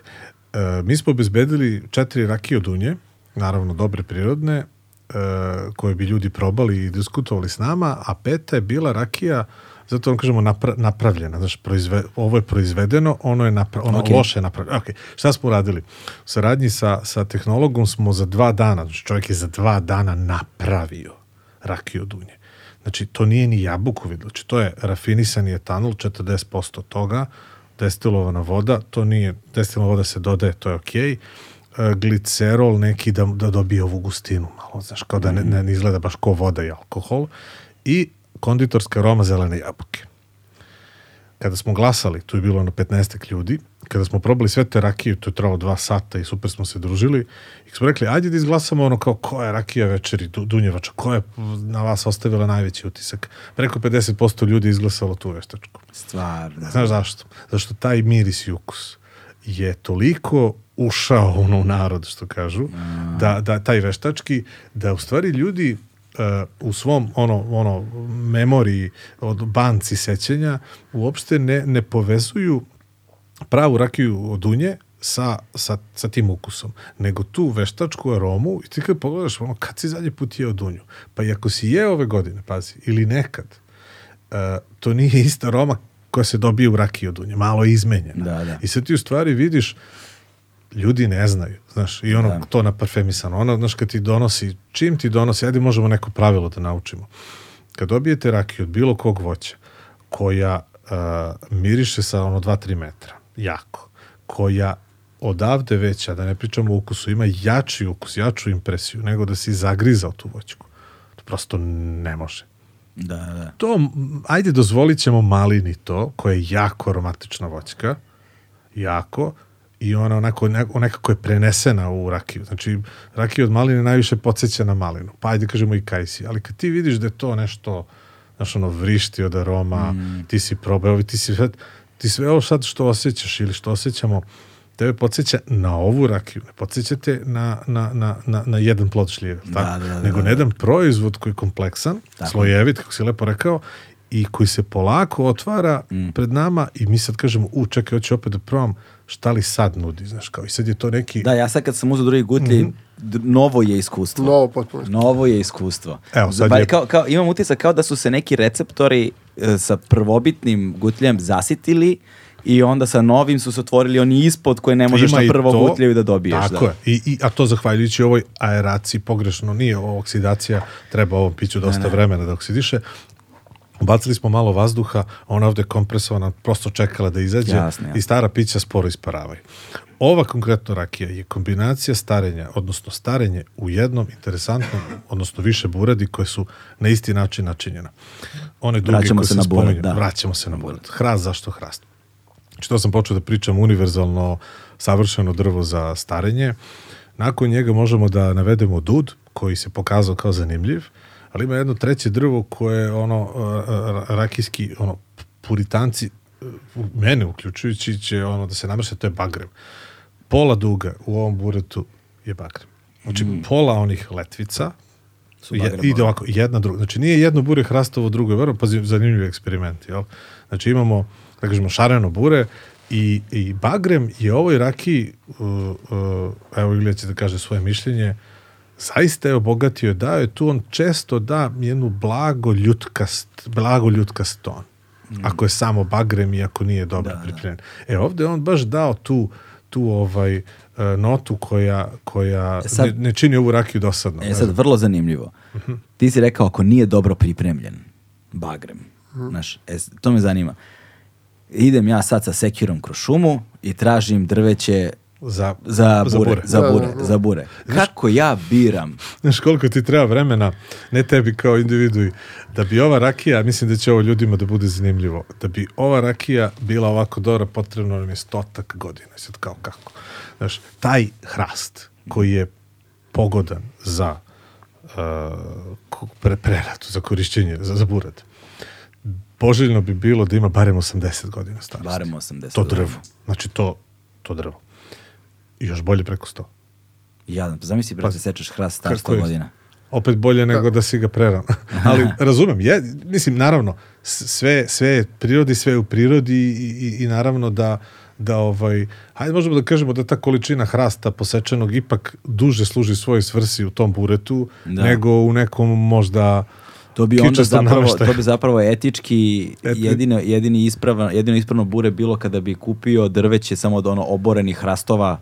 Pa kao s- da, znaš. da, da, r- pazi, zanimljiva tema, verovatno, verovatno se u, nekoj, u nekom segmentu vodi računa, znam da Amerikanci imaju ozbiljan problem u, u, u, u, prognozi eksploatacije tog američkog belog hrasta za njihove burbone, da je to ono masovno... Da, to je baš masovno, pošto po njihovom zakonu oni mogu da sipaju bourbon samo u novi, novo burme, nekorišćeno bure od belog armeničkog hrasta. Tako je. A njihova industrija je, tako što kažu, booming business, ali tako, znači bourbon industrija je neverovatno napredovala poslednjih 20 godina, a svaki bourbon mora u novi američki hrast i, i moraju stalno da proizvode nova i nova bura do američkog hrasta i to je eksploatacija koja je neverovatna. Najmanje tri godine, da. Da, da i ovaj i, i, i sam se pitam uh, dok, dok je to može da traje, Tako je. o- Da, odakle im to toliki hrast. Znači on, on, on ako, ako je namenio, većina, većina burbona nisu stari nego, nego su mlađi, znači najmanje tri godine tu, oko tri, četiri godine, ako je završio starenje, on to ne može da, Da, da, koristi. da, da, da. Kod, kod, kod rakije je to malo drugačije,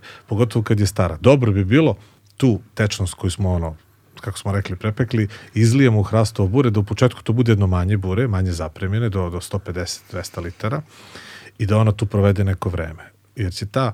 Izvini a, samo sekund. ta- a, kaži, kad se pravi to bure, a, da li je dovoljno sad da ja, evo, našao sam hrast koji je star 150 godina, isekao drvo i sipao u njega? A ne, ne, to te pitam. ide, da. ide, ide, ide, bravo, što si me podsjetio. Uh, te hrastove duge, uh, kada se taj hrast seče, uh, one treba da se, da se osuše. Neka jednostavna računica je da je debljina, a debljina te letvice, sva, za svaki centimetar treba godinu dana sušenja. Pa sad to. pošto smo posekli. Znači, ako je bure onako ozbiljno malo veće, ide do 5 santima, jel? Tako je. Znači, trebalo bi Debljine. 5, da, da. Ali kažemo, znači 4-5 godina, ako ćemo, sad, o, vratimo se onu priču o idealnoj rakiji, Da, da. koja, koja možda ne postoji. Pa ajde, kao da damo zadatak svim rakijašima. Znači, hrast, bar od 80 godina, najčešće kitnjak, to je jedna vrsta, a, a, ima i neki lužnjak, a, dobri su, ok su za rakiju, a, kažu, stručnjaci daju prednost tom kitnjaku, tom belom hrastu. Elem, kada se to poseče i naprave se te duge, a, i pre sušenja ima još jedna caka. Ranije, u, u, mislim, pre razvitka industrije, te su se duge cepale. Sada se seku. Kada se ta cepa na dugo je na većoj ceni. Pazi sad to, dokle to ide. Znači, zavisnosti kako sečeš, odnosno cepaš hrast, to utiče na kvalitet staranja rakije. Uje. Najverovatnije zbog toga, znači nije, to, nije, to baš nije mit, znači najverovatnije zbog toga što kad ona ili mašina ili neka sekira, šta već to ide, mislim, ovaj, kako se to radi, a, ona prati neki prirodan put onih godova, linija, sad će ovaj, Aha, inženjeri šumarstva ono, da, da, da, me, da me psuju, vjerojatno nisam u pravu kad to objašnjavam, ali e, ima neke veze, znaš, Da. opet neka praći, pratiš prirodu od onog rezanja, znaš, ono, na, ne znam, neko, nekoj testeri cirkularu. E sad, većina, naravno, sad buradi se radi uh, o nekom minimum mladost, starosti hrasta, verovatno sušenju koje ne traje toliko dugo i te duge nisu toliko debele. E sad, šta se, šta se dalje radi? To još nije priprema. Zavr, napravio je majstor to bure, sve to ne curi, napravljeno je strava, E, radi se takozvano ovinjavanje. Ovinjavanje je oslobađanje od suvišnih tanina, gorkih materija, svega onoga što bi, kada bismo odmah stavili rakiju da stari u novo, novo, novo, novo bure, uh, bi, bi, bi ekstrahovalo ono, Jasno, ono što posle ne možemo da, ne možemo da se rešimo od tih Čućete nekih gorkih stvari. od, od običnog naroda koji je krenuo da, da pravi rakiju, kaže, ma, bure je bez veze, hrastovina posebno bez veze, kaže, sipo sam rakiju, hrastovo bure pocrnela mi. Mnogo se osjeća. Da, da, da, ide da, pocrnela. da, da. To je zato što nije, ovini, o, nije uređeno ovinjavanje, sipo je u novo bure, Malo on je bure, malo bure, povukao tanine i tako dalje. Znači, ovinjavanje nam pomaže da ti vulgarni tanjeni koji nam ne trebaju u rakiji izađu iz bureta. Tako je. Tako je. To, to, to, to je ovinjavanje. To ovinjavanje se radi sad, eto, da ne bude ovo sad kurs za proizvođače, radi se i nekim zaparivanjem i korišćenjem kaustične sode, ali narod to tradicionalno najjednostavnije radi tako što ubaci onu, onu meku rakiju, onu prvu koju je prepekao, koja još nije gotova, drži je par meseci, jer će on nju svakako ponovo da vrati u kazan, a sve ono što je crno, Će da neće da, is- tako, to će da ostane u onom što se prospe, a novi destilat je opet providan, znaš. Tako da, razumeš, nije ništa izgubio, a rešio je su problem. ono, kako, a? kako to zovu ovi... Narodna upotreba. how, Hekovi, hekovi, hek. E, kao life hack, life sve, hack, life hack za bure, eto. Tako. Evo, evo i ovo što je Zoran do sad ovaj, ispričao, to je tek otprilike stotina godina, ali tako? Da. Ovo vezano za bure. Da, rekao sam, znači, gra, tak, tako je. Autohtona sorta šljive je e, idealna Idemo za rakiju, dalje. što smo rekli e, nekoliko puta, međutim, njena karakteristika je da često selektivno rađa ili ne, ne kreće odmah da, radi, da rađa čim ste je posadili. Da, da. Treba da prođe 4, 5, nekad 6 godina do prvog i ole ozbiljnijeg roda. I onda vi čekate da, da vam ta šljiva da neki rod od koga možete da pravite e, šljivovicu, onda vi uberete tu tu voćku, napravite rakiju, sipate u bure, pa evo, ne možete odmah i da je pijete, jel tako? Ili, ili možete, ali evo, ako želite ovakav neki proizvod od 15 godina, treba da čekate 15 godina da biste dobili jedan ovakav kvalitet. Malo pre smo pričali, rakija isparava, to se zove, jel tako, angel share, jel tako, na engleskom. zoveš kod te, Znači ono, ono što uh, anđeli popiju, Da, što da, da, moramo da. njima da platimo da bismo dobili kvalitet. Mora. Akciza, za, akciza s neba. Akciza s neba, da. Nebeska akciza. Tako Da, je. da. I onda uh, uh, sačekamo jedno 15 godina, može da bude i do 20. Te autohtone sorte voća jako dobro podnose starenje, to je još jedan njihov kvalitet. Da, da. Jeste. Znači možemo, on- one mogu da stare dugo, starenje dobiju, uh, dobiju na ukusu, mirisu, postaju sve bolje i bolje. I onda posle tih 15 godina vi sipate u flašu, u čašu i jel tako, možete da pijete ovaj, tu rakiju i da uživate ovo kao što mi sad uživamo, a prošlo je 120, 130 Tako, godina. Tako je. Pa evo, ajde kažemo 115 godina kada Tako bi se kada bi se osadnji voća i tog i tog i tog hrasta Da. ovaj tog stožera ovog starenja e, radilo. Znaš, ti, ti kaže I Ilija onda, za, I onda mi je najgore kad, kad mi dođu tako neki stranci, sipaš im rakiju i on je popio Nex. Da, drne. To- drne I i- nešto što je Šta, nekoga je naučio, 115 godina. nekoga je pogrešno naučio da se to tako pije. Ko znaš, tekila da se to cepa, znaš, ko šot. Ka- kažu da, da stranci, pogotovo tu u Ameri, ovaj, nemaju razvijeno nepce, ne, ne vole zapravo jak alkohol, znaš. Ne, ne vole... A oni- oni- to je- znaš, to sam sa i Billom ta pričao. kultura, eto, pa to da. sam sa Billom pričao, jer njemu je jedna od velikih prepreka koje on ima. Kad kažemo Bill, mi mislimo na Billa Goulda, jel te, basistu uh, grupe i osnivača i tekstopisca i sve grupe Faith No More. Jeste. Ova majica je, je, jel te, njegova uh, Rakija jebiga. rakija jebiga, koji on uh, valja po Americi, prevashodno u San Francisku. I ovaj, sad ćete vidjeti da kažete šta je zapravo problem sa tom rakijom zbog američkih zakona, što je vrlo zanimljivo. naravno.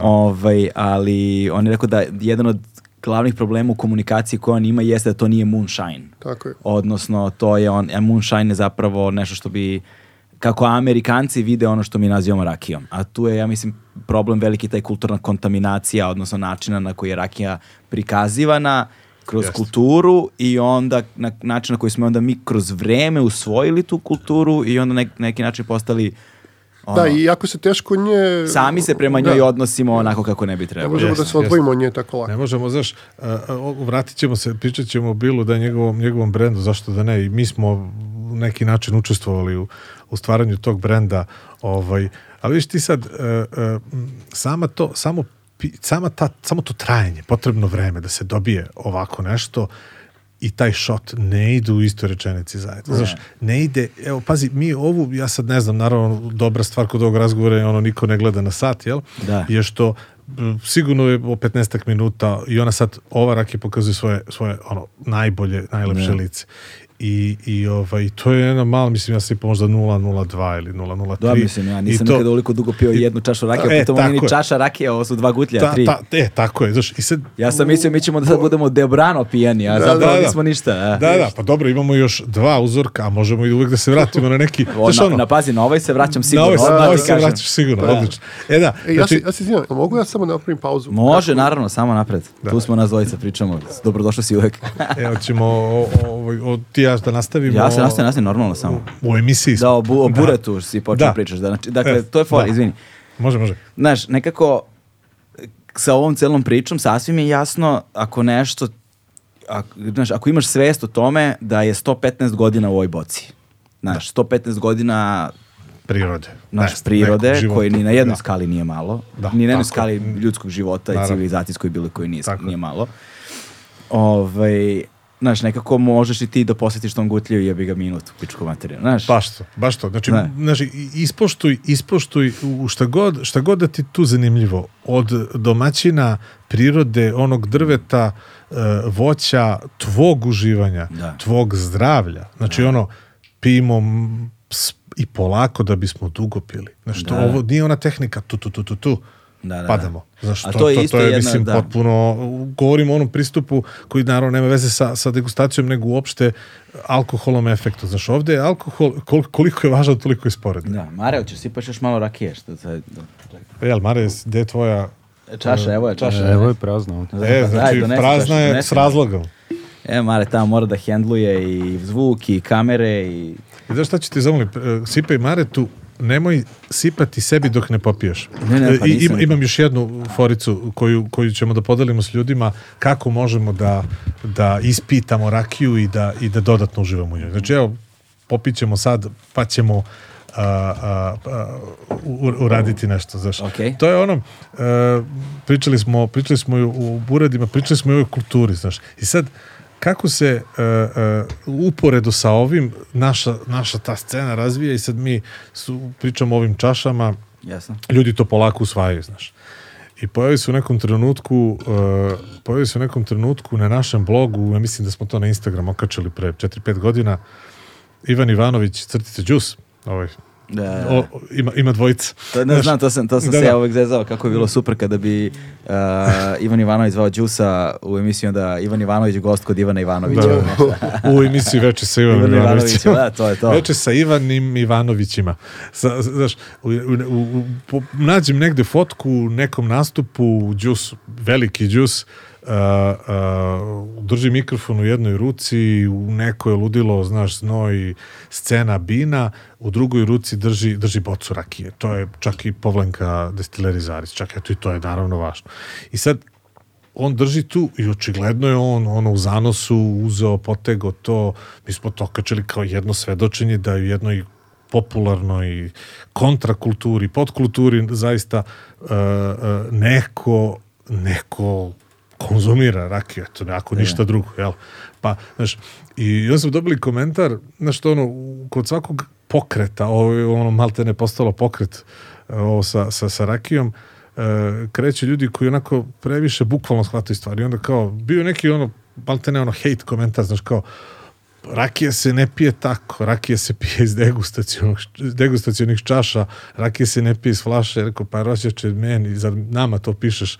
Da. Znaš, ovde nije stvar samo u tom, ovde je stvar uopšte o promociji jednog proizvoda, ono, daj šta daš. Mm. Znaš, šta ste vi drugi uradili? E, još Za, jedno- rakiju, još- vi, vi, vi, niste, vi se ne biste ni slikali pored Da. boce s rakijom. Da se znaš. vratimo na voće. Tako da pozdrav. Pitanje, da, pitanje, pitanje je jedno. Ovaj, uđeš u kafić, uh, piše ono jelovni, je- pićovnik, jel te? Pićovnik, da. I stoji ovako vina imaju sve svoje odrednice, ono Chardonnay, ovako, onako, poreklo ovo, ono, Radovanović, šta ti ja znam, Jeste.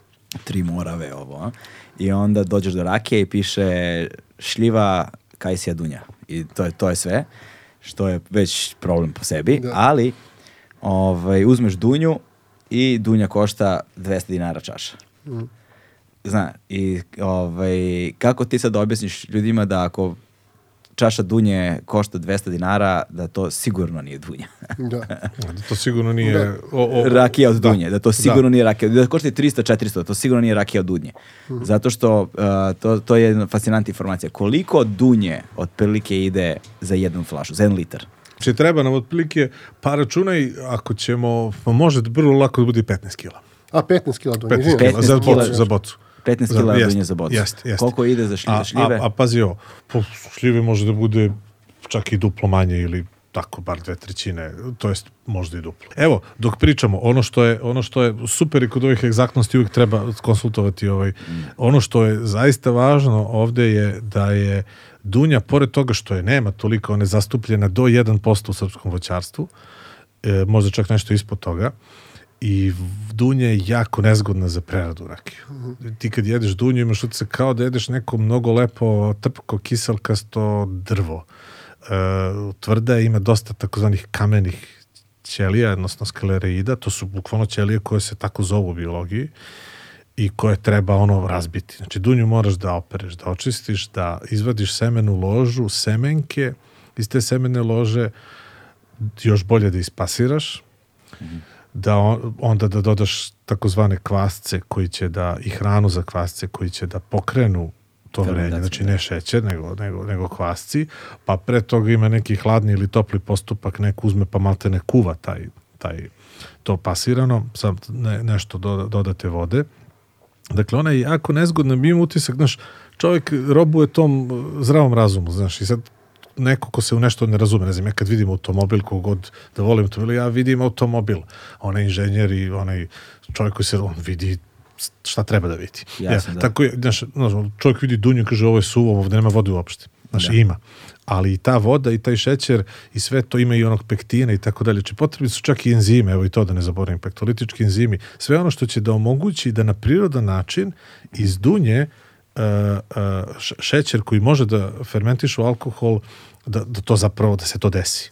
Znaš, A da se pritom ne dodaje ni aroma, ni onaj konzumni šećer, niti, niti bilo šta drugo što, da kažemo, je prečica za dobijanje veće količine rakije. Znači, to je, onda dunja stiže kasno. Dunji treba dozrevanje. Znači, ti dunja ne može da, sa, mi ne možemo da pustimo dunju da sazri na grani do te mere da bude po, pogodna za preradu rakiju kao što šljiva može dva dana, dan posle branja. Da, Samo malo da. da se prohladi, pošto se obično pere danju leti. Da. Pa ne, bude, ne valja bude vruće. Znaš, onda krene fermentacija burno. Nije fora da ti da bi e, taj e, kljuk, to voće, fermentiš za 5 dana. Nego je fora da to traje 3 nedelje. Da, da, da. A da, to ne možeš da postigneš u većini domaćinstava ako temperaturu nisi malo spustio. Jesi ovaj- saznao što, Mare? Pa evo, našao sam ovaj, da je 100 kg dunja za 10 litara rakije od 45. Pa, 20. Mm, ok, ok. Ok, znači ono 10, de, 100 kg 10 100 kg litara. 10 litara. Da, Da, da. da. Da, da, pa dobro. Može, može, ali pazi, to je ono, e, to je verovatno korišćenje e, svih ovih enoloških sredstava koje sam Aha, spomenuo. jasno, jasno, da. u, u, u, pošto smo malo pre spomenuli ovaj, e, ljudi su skloni tome da, da, da, da sami proizvode, što je okej, e, nije dozvoljeno da to prodaju.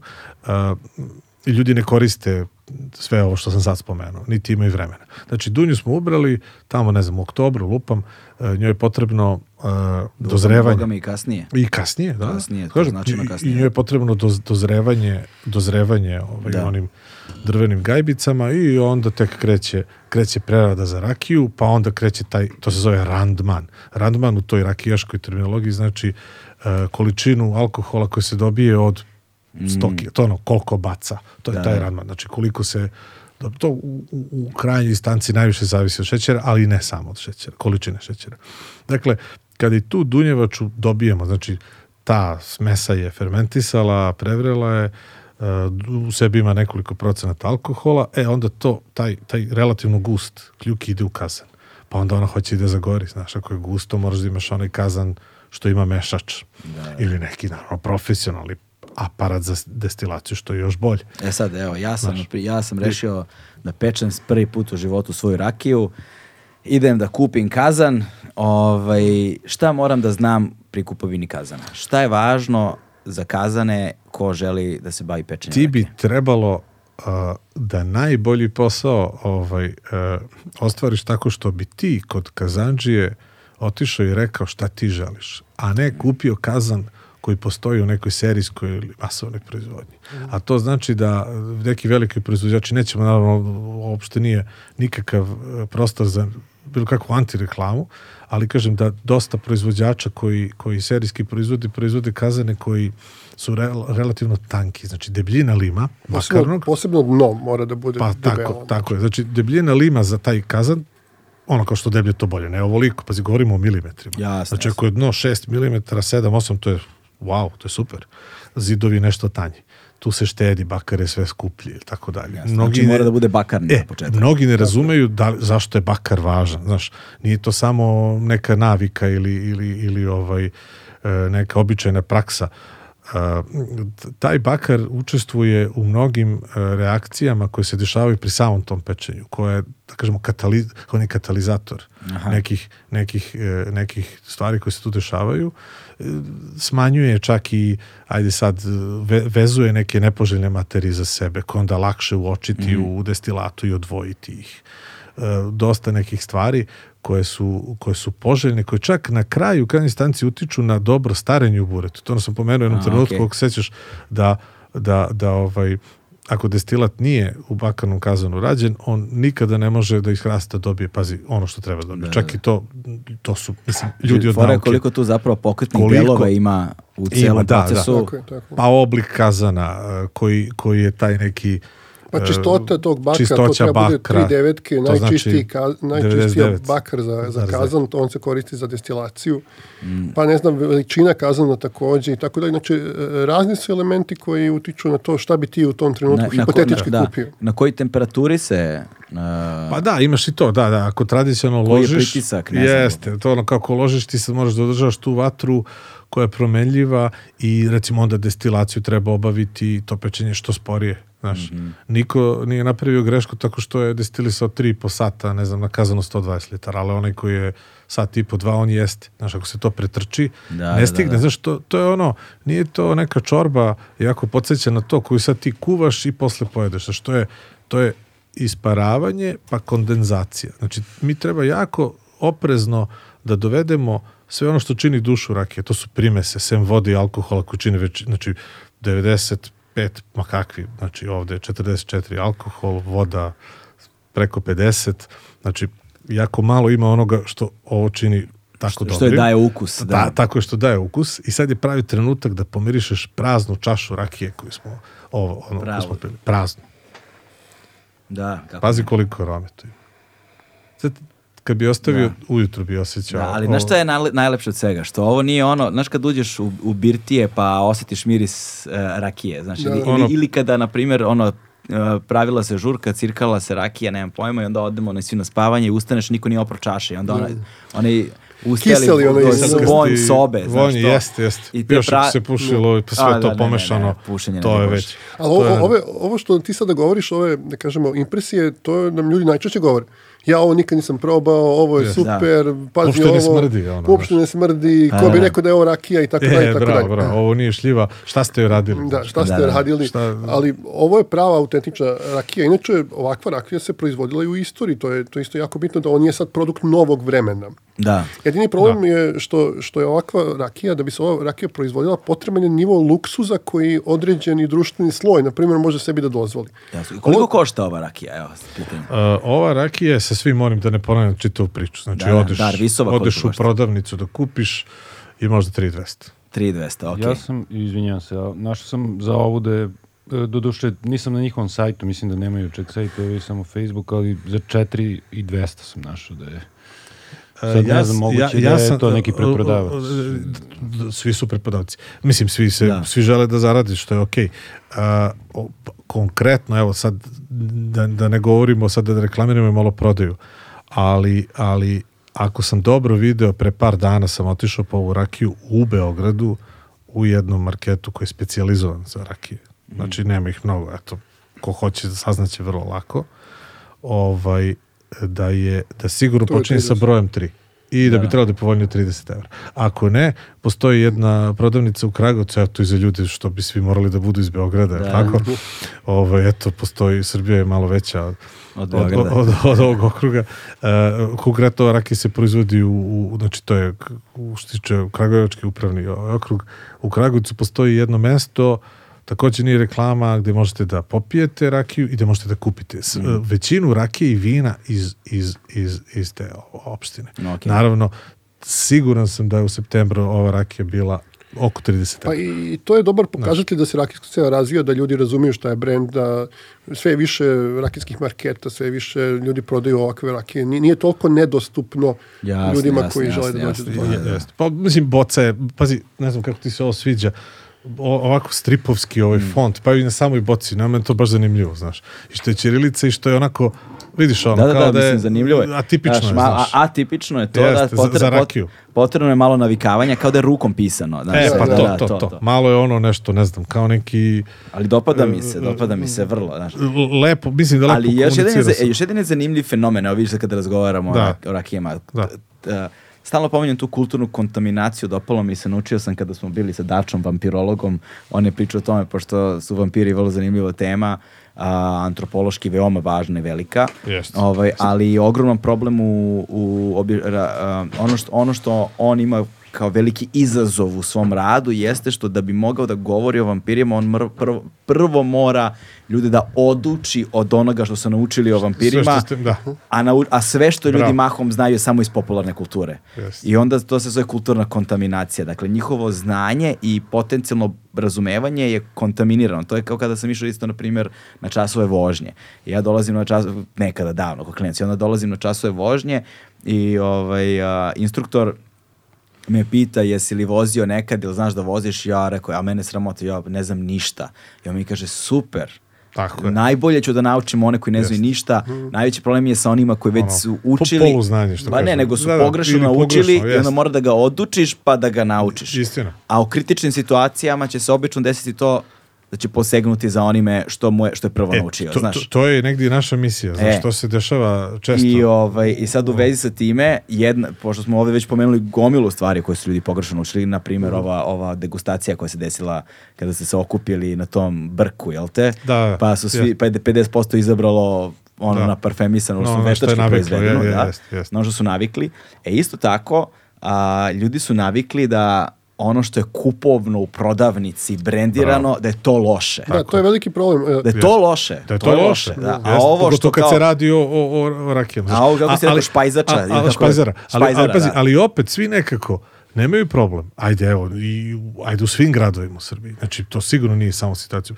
Nemamo problem da kupimo sir, paradajz, vino u, u, u marketu, tako? Bourbon, Nađi viski. mi, Tako je, ali evo... Njega zapravo želimo u marketu, ne želimo špajzaru, da. Tako, i to želimo da odnesemo na poklon. Znaš, on zaslužuje lepu kesu i kutiju, ovo ne, ovo nemoj da bi tu nešto filozofirao. Ovo se nosi onako sa nalepnicom, napisano rukom. Da. I to si srećan što nije plastika. O, o, Tako, da, da. E, to je taj otklon koji se sad ovdje dešava ove godine. Mi kažemo da je rakija proizvod koji je, da kažemo, delio sudbinu naroda, srpskog naroda, ono, kroz istoriju i da u stvari možemo na tim njegovim naslovima to jest na ukusu rakije i uh, pratići njen razvoj da prepoznamo različite istorijske slojeve ili ne znam nija ideološke čak slojeve. Čekaj, hoće da otvaraš pampur. Uh, ja nekako počnem da pričam baš kad krene pampur, da, to je da, ono, da, odjednom pa pampur ne, ne, ali nekako, da, da, da, svi pričamo, da, ali ti si baš kad, ti si pampur kao. Da, da. Pa da Najavljam sledeću temu.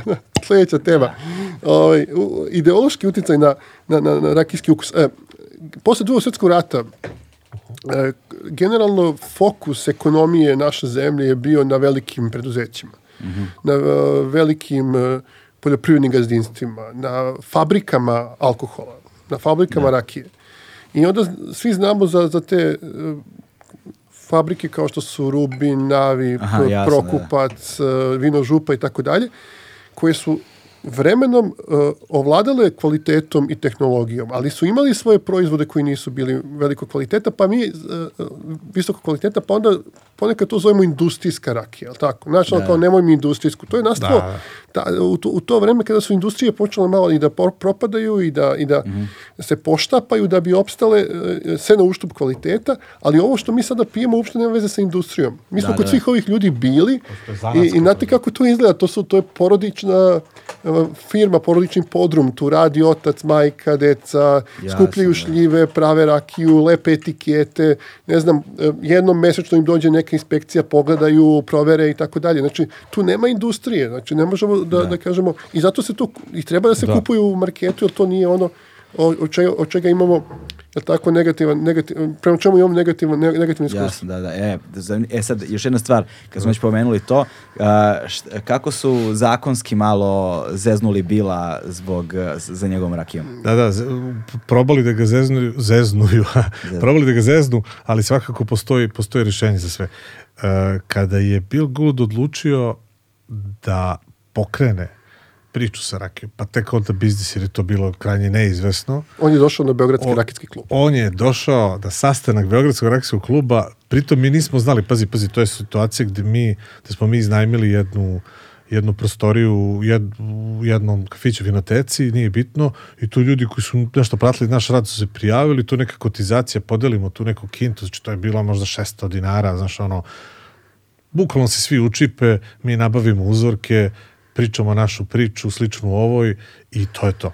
I u nekom trenutku pred kraj tog dešavanja uh, kaže Ilija, vidiš onog tamo, ono što su rekli, Amerikanac što je došao sa onim prijateljem, jel ti liči na onog iz Fate No More, znaš? Da, da, da. Ja kažem, čekaj, kako reče da se zove? Znaš, predstavio sam ti ono na početku da reče Bili ili Bili Harko, brate, pa to je stvarno on, znaš.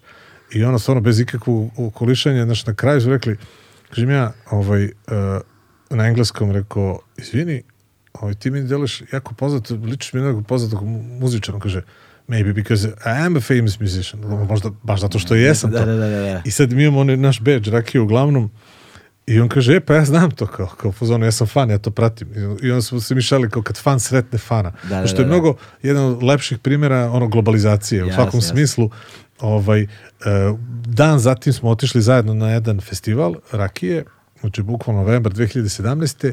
i oni samo podelio ideju, e, volo bi da pokrenem proizvodnju, naravno, rakije, srpske šljivovice u Srbiji i da to bude američki brend. Mm. I onda smo ga mi upoznali sa nekim uh, potencijalnim saradnicima, jer upravo zbog onog tvog pitanja uh, uh, šta to nije bilo ok sa bilo kojom prirodnom srpskom rakijom i zašto većina tih rakije ne bi uopšte mogla da se uveze u, u Ameriku. To je sadržaj tog čuvenog metanola. Metanol je jedna vrsta alkohola koji apsolutno nam ne treba u životu, jako je loš po zdravlje, ali... Je to uh, onaj što je bila ona neka rakija Zozovač. što... Zozovač. To je Jeste, taj. nažalost, to, da. da. A pazi, taj, taj, taj, taj čovjek i taj, to, to, to sve što se desilo nije moglo da se desi uh, prirodno, jer koliko god ti vodio računa ili ne vodio računa, ne možeš ti dobiješ toliko baš metanola. Oni su u stvari pakovali Da, da, industrijski da. metanol. Pa sad, da, sad, Da, to je- Samo, tako je. samo sekund, ajde samo Evo za ljude koji ne znaju, posebno za mlađu publiku koja vratno nema pojma, o čemu je. pričamo. Pričamo o jednom događaju, o, to želiš, Da, da. koji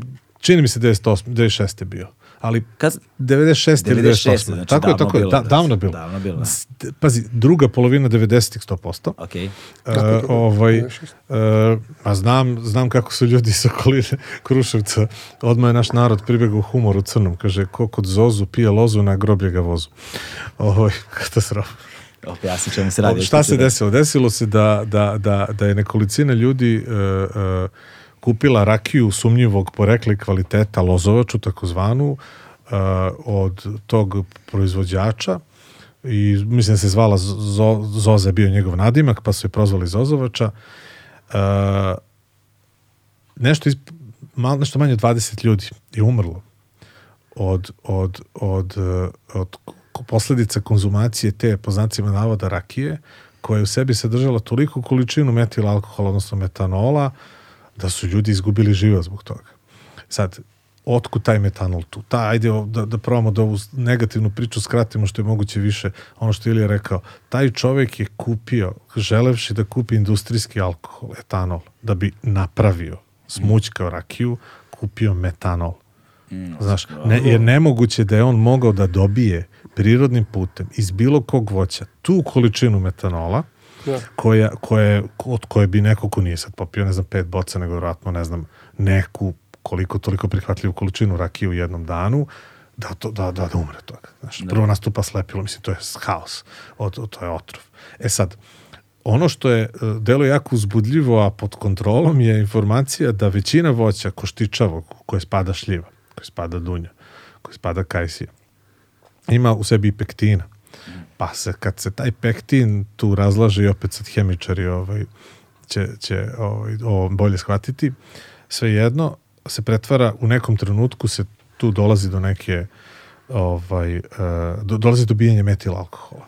E sad, kod nas u Srbiji e, donja granica, pardon, gornja granica sadržine metanola po, ne znam, litri apsolutnog alkohola je zapravo e, veća od najmanje donje dozvoljene, najveće dozvoljene u Americi. Znači šta hoću da kažem? Uzmemo broj. Ako je to broj četiri, na primjer, Da. u Srbiji, dotle, ne znam, kao može da ide, u Americi to dva, na primjer.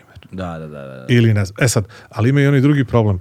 E, sadržaj metanola je indikator e, prirodnosti većine tih rakija. Znači, ako ga ima nula, to, to nisi, nisi prirodno dobio. Da, nisi prirodno. Jer nema šansi da baš ti sad od šljive i dunje dobiješ nulu. Da, da. Znaš, ali, to, kažem, to su količine koje su apsolutno i dozvoljene i podnošljive i šta je trebalo raditi? Trebalo je dobiti rakiju, sad da se vrat, vratimo u brendu Jebiga, uh, koji je dakle dobijen, proizveden potpuno prirodan način sa relativno niskim sadržajem metanola, što je svakako samo još dobro za ljudsko zdravlje. Znači nije ništa, to je i dalje šljiva, prva, eto na tvojoj majici piše Bela, to je bila ovaj, to je Bela, Bela, da. posle se pojavila ovaj, ova starija verzija koja je godinu i po dana ležala. E, ovde moramo da, da, idemo dalje, bez ikakve žurbe, nama je ovde super. Da, da. Ovaj, I što meni, kažeš, da. možemo i da se vratimo Da, da, na da. ne, neki uzrok i da pričamo i da Ali, upoređujemo. ali on je imao problem zato što u, da bi uvezao tu rakiju u Ameriku, on je morao da eliminiše metanol Tako na je, tu o- količinu, tako je. zbog čega se malo, je malo izgubio na ukusu. Pa izgubio je na nekoj, ono što mi kažemo, tip, tipičnosti. Jako malo. Znači, ti, tipičnost rakije Ali je, odlična je je rakija da mi Jeste, tu, da Ne, ne, ne. grešimo dušu. Boga mi, ja kad sam je probao, Apsolutno, apsolutno. Sećam se, da, da, gledali Super, smo proizvodi je destilerija Tok ovaj, sa, sa Goča. Da se podsjetimo, ona to je prva. ova Da, prva to je alba, ova tako prva. da, Tako ista je. destilerija proizvodi. Jeste i zanimljivo za tu destileriju da je vlasnik i, jel tako, čovjek koji je pokrenuo je tehnički direktor Prokupca. A, Nekada bio da i čovjek koji je Zna svoj ovaj, posao. na svoj posao stvorio je i stomakliju i manastirku i uz, iz onog vremena najboljih, najboljih, iz onih najboljih vremena kad su te rakije stvarno bile jako da, da. dobre i, i onako to je tako jedan jako zanimljiv e, zanimljiv tehnolog e, koga mi, mi jako cenimo, i, i, i, ali onako stari čovek, ozbiljan, već izgradio Da. karijeru i bi, bilo im jako teško da, e, da mu objasne da će da sada proizvodi rakiju koja se zove jebig. Da, da, da, da, da, ali sa Y-om, znaš. Da, da, E, ali znaš šta, taj Y je tu isto s razlogom. U, u, po američkom zakonu ti ne bi smeo da koristiš u brendu uvredljivu reč na makom jeziku. Ali se našem jeziku to tako ne piše. Da. I pazi, dobili su dvostruku, po mom mišljenju, ono, benefit, korist. E, Prvo, napisali su ga sa Y i prošlo je u zakonu. Drugo, e, izgovor je pravilan. Da su ga napisali sa J, sa J, bilo bi Džebiga ili, ili Hebiga. To je bila neka reklama za knjaz Miloša, tako nešto, ovaj, kad, kad, samo davali, kad su da. davali ljudima, neko random otišao u Ameriku i samo davao ljudima na ulici, uh, to je tad bila ono, konzerva, mislim da je bila, nisam siguran, i onda snimaju i oni samo izgovori kao Knđaz, Knđaz, Knđaz, jest, Knđaz, Knđaz. Miloš, Knđaz. Seci, seci, to, to je ta reklama, daš. E, tako da je do, do, do, super stvar. Drugo, ono što je kulturološki kod nas malo, za nas ovde, deluje malo ovaj, čudno, Da. da. kao šta to, da, znaš, ja, ja sam s nekim razgovarao, čak smo nešto i pisali o tome. kako lepo miriše ako ova ti, rakija, da, da, sad ćemo da, Da, i da. priču o njoj. Pazi, ništa bez priče. To, to je ono celokupno, ovaj, celokupni doživljaj. Uh, pitao je neko kao, pa znaš šta to liči, znaš. Ja sam rekao, zamislite jedan, jedan ono, ono, liquor store u Americi i, i pogotovo u Kaliforniji, reći nekim gradovima, u San Francisco, ne znam, u Chicago, u LA, u Njujorku. I sad ti imaš 200 kvadrata, pa imaš 200 tekila, pa imaš 40 konjaka, pa 100 burbona, pa sad ti, ti treba da uvedeš neku rakiju koji će možda biti dve, tri ili nijedna. Da. I ona treba da izgleda, treba da je prepoznaš, treba neko da, da, da poželi da, ka- u, ček da šta je ovo, znaš. I sad, ako izgleda kao ono, još jedna boca nečega, Da. a, a ne baš tako kako izgleda, znači za one koji ne znaju etiketa na, na, na, na rakije je zapravo ta tablica sa, sa, sa tom, znači sa dokumentarnom slikom Da. baka Ljubice, čini mi se, Da, da. koja je Slavonije, koja na su, na svojoj umrlici su ljudi odabrali fotografiju na kojoj ona pije rakiju. Mislim, ništa sporno. Da. Znaš, to je, to je tako. Znači, Iz nije- ove, nije kako je kažete, zglobovača. da, da, Globač. Da, ko, koji opet sugeriše brzo pijenje, ne krivim ljude zbog toga, naravno neka svako Da, vidiš, uživa kako razmišljao. god želi. Da, jeste, jedan mi od nudimo jedan Da, jedan od razloga zašto stranci kada se prvi put susretnu sa rakijom i eksiraju jeste zato što je dobiju ovakvim ili sličnim čašama.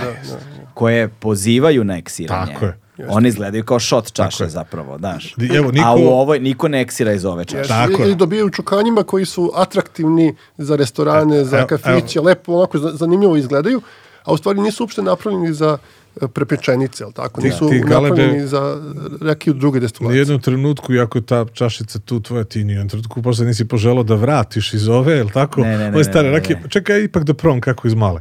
Ne. Vidiš, znači to ono... Pa nema potrebe. Nema potrebe. E, ovo, ovo jedan mali uvod, uh, uh, ovu rakiju smo odabrali uh, starost je ista, odnosno da pojasnimo 15 godina bi trebalo da bude najmlađi destilat u ovoj kupaži, mešavini, odnosno blendu. Uh, otišli smo malo, ajde da kažemo, jugozapadno, u okolinu Čačka, negde smo na pola puta između Kraljeva i Čačka, selo Premeća, planina Jelica, to neko pobrđe, uh, gde porodični podrum Plazinić, Plazinić prezime. Znači ono kao, čim staviš negde svoje prezime, trebalo bi da si ponosan na to i ne želiš baš da riskiraš Da, da. i, ili, ili želiš, ali onda je to sad jedna To je igranka, priča, da. to je druga priča, tako je. Da. U ovom slučaju uh, radi se o rakiji koja, koja je uh, već neko vreme na tržištu i ovo što piše premium šljivovica, rakija od šljive 15%, idemo za još, step, još jedan stepen, imamo 45%, znači idemo na, na mm, nešto veću jačinu koja apsolutno neće smetati i idemo na proizvod iz ove destilerije koji je njihov premium proizvod. Do skoro su imali samo tu 15 sa plavom etiketom, ovo je crna, ima i crvena, u jednom videu na našem YouTube kanalu uh, uh, Ilija degustiramo tri mm. 15 plavu, crvenu i crnu I uporedo. Pričamo o tome kome bude zanimljivo nek pogleda. Uh, mi smo za danas odobrali Kako vam se crnu zove YouTube stranica? rakiju glavu. Rakiju uglavnom. YouTube kanal, da. Rakija tako je. uglavnom. Tako je. Ovaj, odete i nebitno, u tom, u tom videu, kao što ćemo i sada eto, sa Galebom da popričamo o, o ovoj rakiji, prema našem mišljenju jedna od stvarno lepših, boljih, e, reprezentativnijih destilerija i proizvoda na tržištu. E, dugo su ljudi na sceni, nemate neki napad na marketing. Ali ono što je E, zanimljivo da je profesor Plazinić koji je ovaj, vlasnik ove destilerije, on je profesor na fakultetu u Čačku i nekoliko puta je bio prvak Srbije u proizvodnji alkohola, znači u proizvodnju rakije.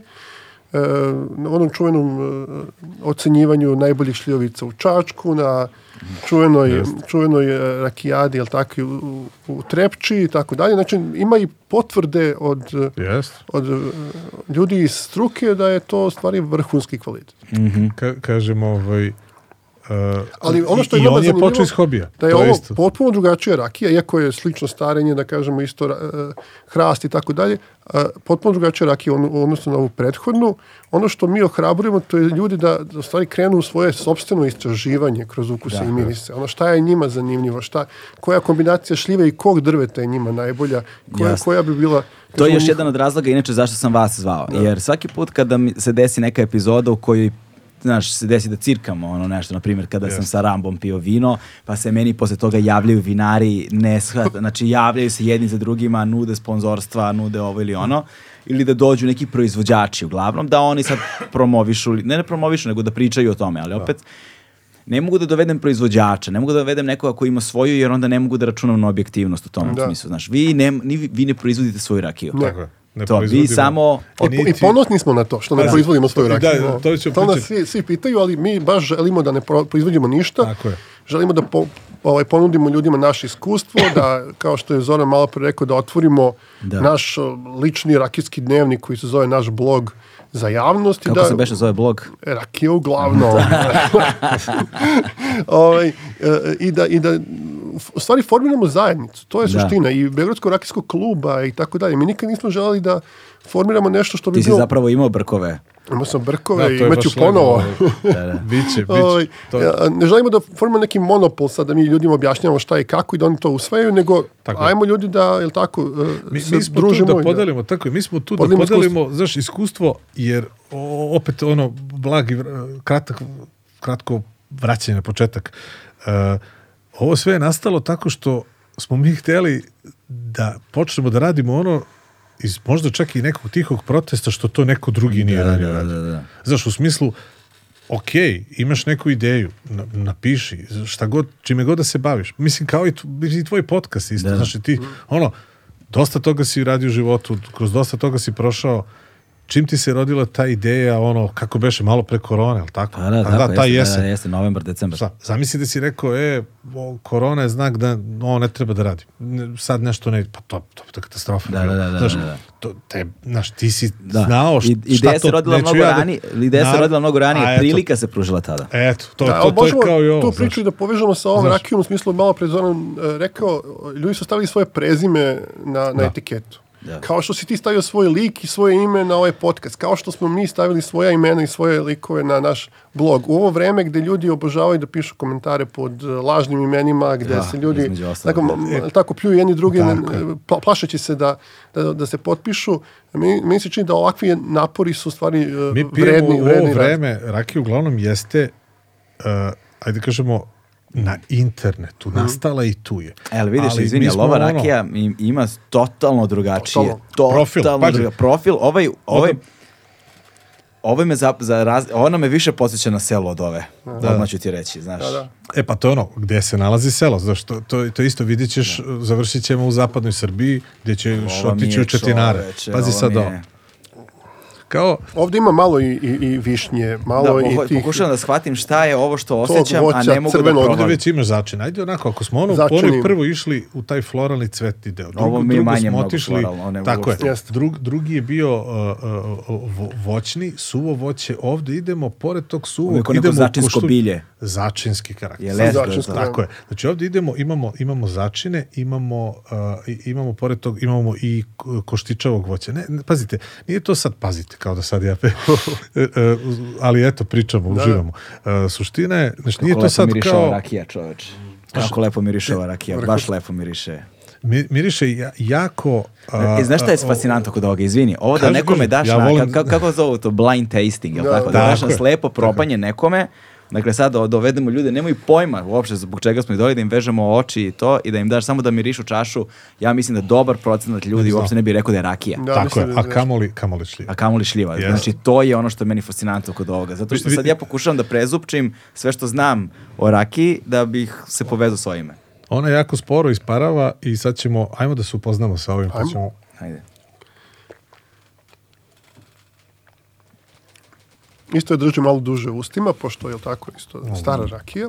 Malo je mljacka i slobodno, je tako? sam- To se, to se u Americi zove da Kentucky Chew, je tako? Da, Da, da, kao što, znaš kako, a, a, u- uvek ovaj pečat koji mene oduševlja, koji se me nazva ozonskim. Ovo je toliko, e, znaš, čisto, ali ne u, smi- ne u smislu pročišć, nego čisto, čist, čist, čiste arome koje podsjeća neku planinsku svežinu. Kako kasno dolazi Taj, to je taj arrival. a, tako. a, ta, kako kasno dolazi o, jačina rakije. Tako je. Baš kasno, jer zapravo kad staviš, ja sve vreme mutim i neki mljackam koč kao, da- mislim, kao- tako, uopšte nemaš utisak da imaš alkoholno piće u ustima, progutaš, kreću arome i onda ide taj znaš, udarite da je to zapravo rakija posle ono, koliko, ma, baš, Jest, baš, baš ono, Vratit sa zakašnjenjem se, debelim. Pa ćemo, ajde, ovdje ćemo uvesti još jednu tehniku koju ja volim da Mm. primenjujem posle one, one, one prazne čaše.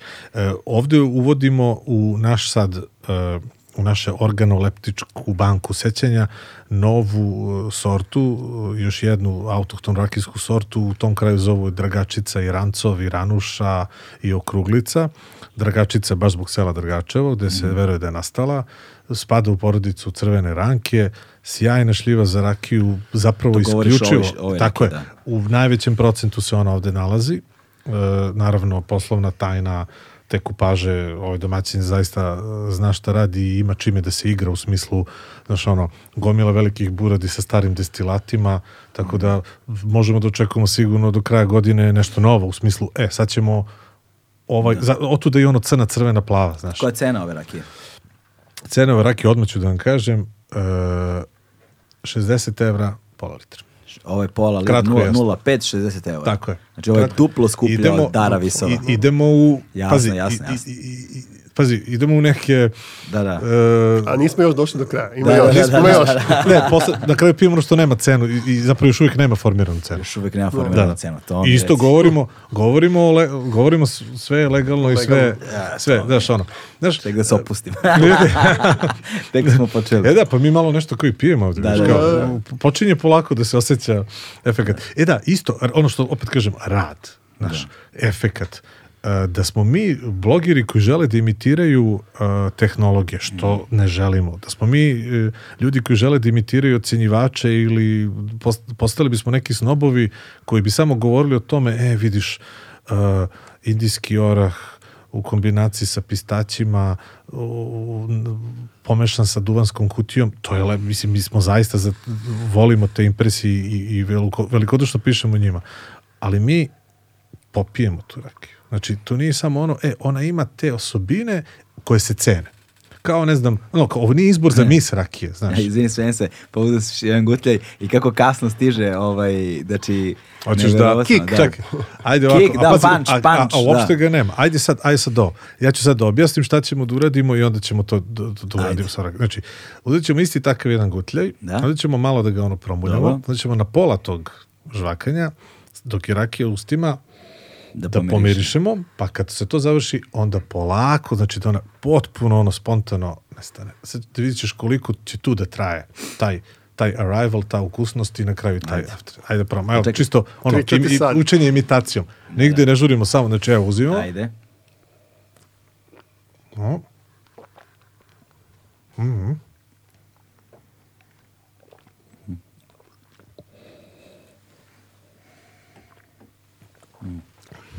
sad polako. Take your time. Pazi kako je sve sad presvučeno. Pazi koliko to traje. Da. Ovo je sada O, pazi, ti Traje. si uzeo isti u isti gutljaj. Ovo sad traje. Vatromet ukusa. Traje. I Traje. traje. I traje. I traje još uvek, traje. E, I ti svaki taj ce- talas- ce- celokupan Jeste. da sve je, sve je, sve u potpunosti Jezik gornje, nepce. ispunjeno je aromama, sve, sve, nepca, sve, cela usna, usta su ti skroz. Jeste. Ti se osjećaš ko... Kao da sam zaronio u rakiju. kao da si zaronio u rakiju, kao da si ušao bez, bez namere da poredim ili da, ili da, ili da banalizujem ovo, ali kao da si ušao u neki uh, uh, eto ono, hram, spomenik kultu, nešto što je staro Jeste. i što je opipljivo, znaš, što objektivno postoji. I ti, i ti, si, ti možda ne razumeš, ti ne znaš šta je to. Znaš, kao što si ti, ajde kažemo, ljubitelji, ali si ipak ono novo pridošlica u ovoj Da, da, sveti da, da, da. i verujem da, da verovatno nećeš ono izaći brzo, niti, Ne. niti svoje voljno i zašto bi to radio iz, to, iz ovog sveta, ali je to, znaš, e, stvarno ima tu dozu I, I mističnosti. postoji Znaš. termin koji ovo opisuje, kaže drevnost. Da. Da, da, Znači, da. rakija ima drevnost.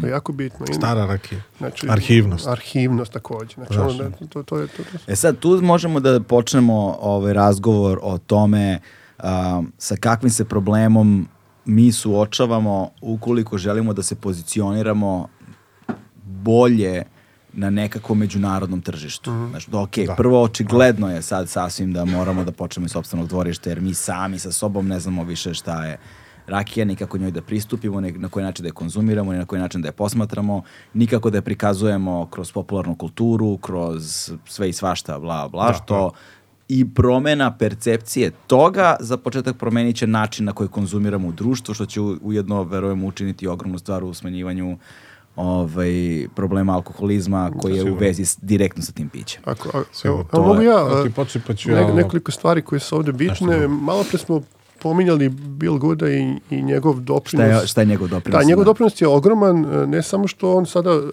promoviše srpsku rakiju u Americi, nego promoviše srpsku rakiju u Srbiji. Dakle, postoji jedan e, zanimljiv društveni sloj. Amerikanac nam prodaje Da. rakiju. Ja. Da ti kažem nešto.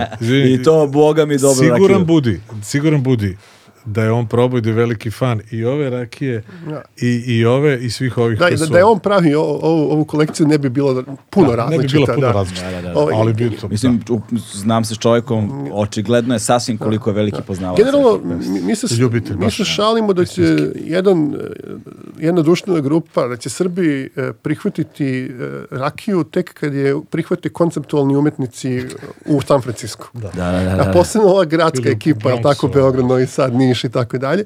Znači, mi e, konstantno imamo potrebu da nam neko potvrdi naš kvalitet i tek kad dobijemo e, makar jedan deo ljudi ima potrebu da e, konzumira tek ono što ima pečat kvaliteta koje je dobilo neke poznate ličnosti ili ne znam nija neke, neke, neke institucije međunarodne i tako dalje i tako dalje. Znači, Bill Good je on, dok mi pričamo, on promoviše srpsku rakiju. Između ostalog ima jedan zanimljiv projekat u kojem smo učestvovali Zoran i ja, a to je doveo je pet novinara najprestižnijih medija američkih, znači ljudi koji pišu za New York Times, Washington Post, uh, uh, Whisky magazin i tako dalje, koji piše o piću. koji, naravno, koji da. pišu o piću, dakle, dakle ne, ne, ne bave se nekim nečim drugim, ali su, da kažem, eksperti u svojoj, svojoj oblasti. E, doveo ih je ovde i onda je angažovao meni Zoran da ih provedemo tri dana, evo kao što ovaj, vodimo tebe kroz ove, ovu lepezu ukusa i mirisa, da ih vodimo malo i kroz Srbiju i kroz različite destilerije i tako dalje. I e, mi smo im pokazali ono što, što Srbija ima i ljudi koji su se napili svega i svačega, koji imaju iskustvo sa svim i svačim su bili oduševljeni i impresionirani. Ono što je, rekao si problem, e, ima tu jedan zanimljiv problem, a to je da, e, da me urednica Viski magazina u jednom trenutku pitala, o, mom, momci kao, znate mnogo o rakiji svake čast, ili ja znaš svašta o rakiji, jel proizvodiš ti neku svoju rakiju? A ja sam je pitao, uh, Lajza, jel proizvodiš ti neki svoj burban? Da. Ona je bila šokirana. Rekla je, pa čekaj, kako, to je, Kod nas. o, kod, kod nas ide u zatvor Da, za da, da. tako nešto. Pa Kazna, kako je to pitanje i tako dalje i tako dalje. Pa rekao, kako je pitanje da li ti proizvodiš neku svoju rakiju čovjeka koji nema ni destileriju, koji je tako nije registrovan i tako dalje i tako dalje. Znači, to je jedan od ozbiljnih problema.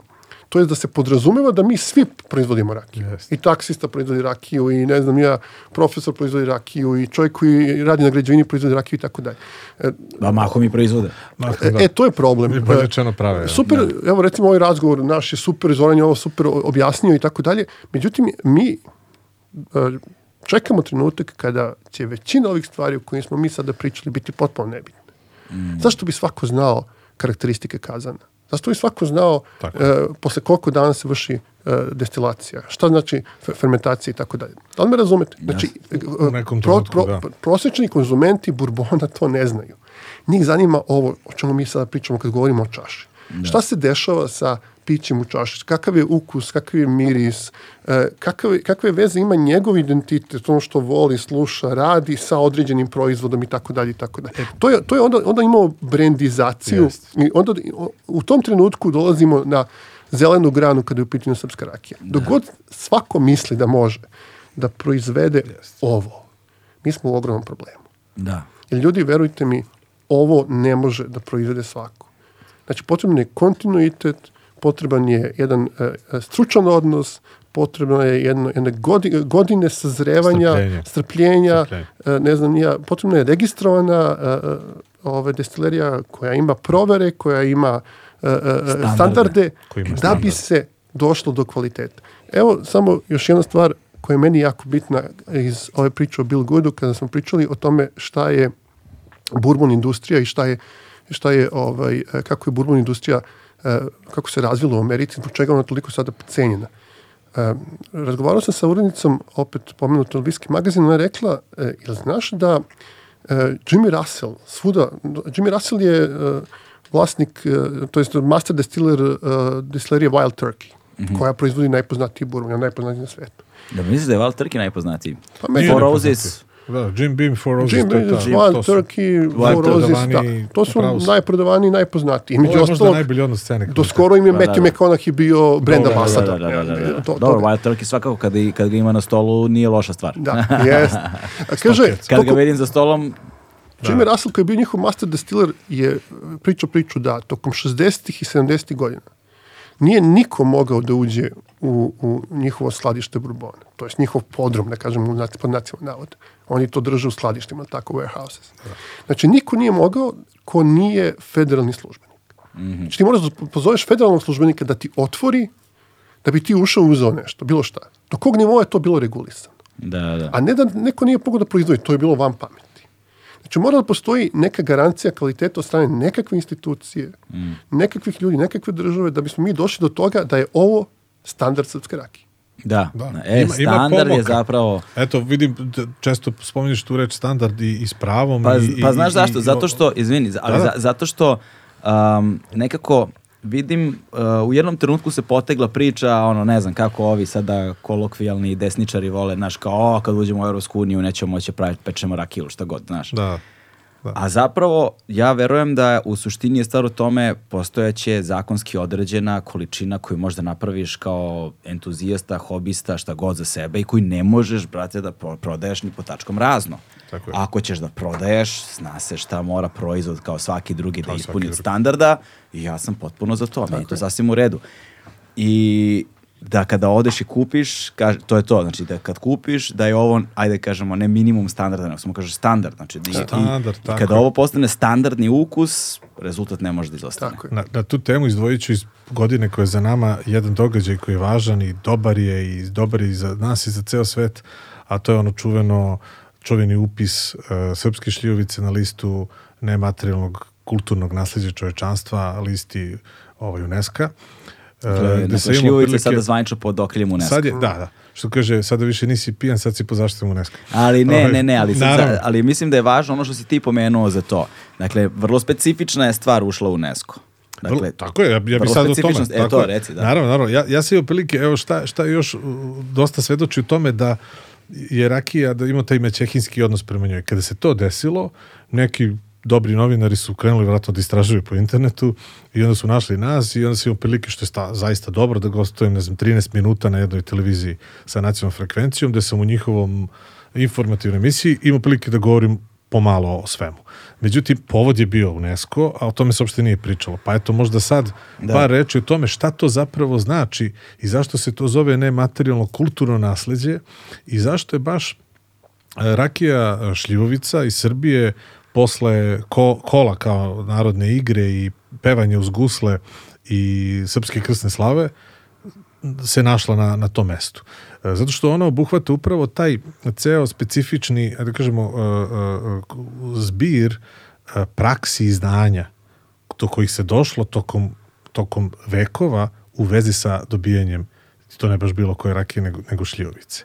I ta, tu inicijativu e, su e, podržali zaista, podržalo zaista puno institucija i pojedinaca na čelu sa etnografskim muzejom u Beogradu i to je zaista velika stvar, stvarno jeste, zato što će ona nekoj konačnici dovesti do toga da kada u budućnosti proizvod sam pod ovim ili onim imenom, znači ne kao fenomen, se nađe negde na nekoj polici ili free shopu, imaće taj trgovac bilo ko da se pozove i kaže, e, vidiš, to je ono, Znaš, neko će, sad se te tekstovi prevode na engleski, sad je to neka vest, to se sve dešava u Maroku, pa su se dobili neki proizvodi, znaš. Znači, dobije se jedan, jedna međunarodna potvrda da je to iskustvo i znanje, je tako, i ta Da. praksa uh, uh, dovela do toga da se ta tečnost za nas jako dragocena uh, sada zaista poštuje u širim, u širim međunarodnim okvirima. Znači, bez obzira, opet kažem, to nije materijalna stvar, ne materijalna jer se radi o, o ideji koja je sprovedena u delo i ono što stalno mi govorimo, a, mi možemo, svaki narod, svaka, svako globalno društvo, koliko malo bilo, može da stavlja na neki pjedestal bilo koji proizvod. Ali ovo je realan proizvod. Mi, mi ovo imamo, mi ovo voće posjedujemo i neki ljudi ovo znaju da rade. Znači, Da, da, to, da. to nije, znači, to je održiva priča. Znači, nije ono, e, ajde da, da, da krenemo da nešto, da postoji nešto sad naše što će biti poznato u svetu, pa sad bilo šta. Da, koji vam je prvi tekst koji ste napisali?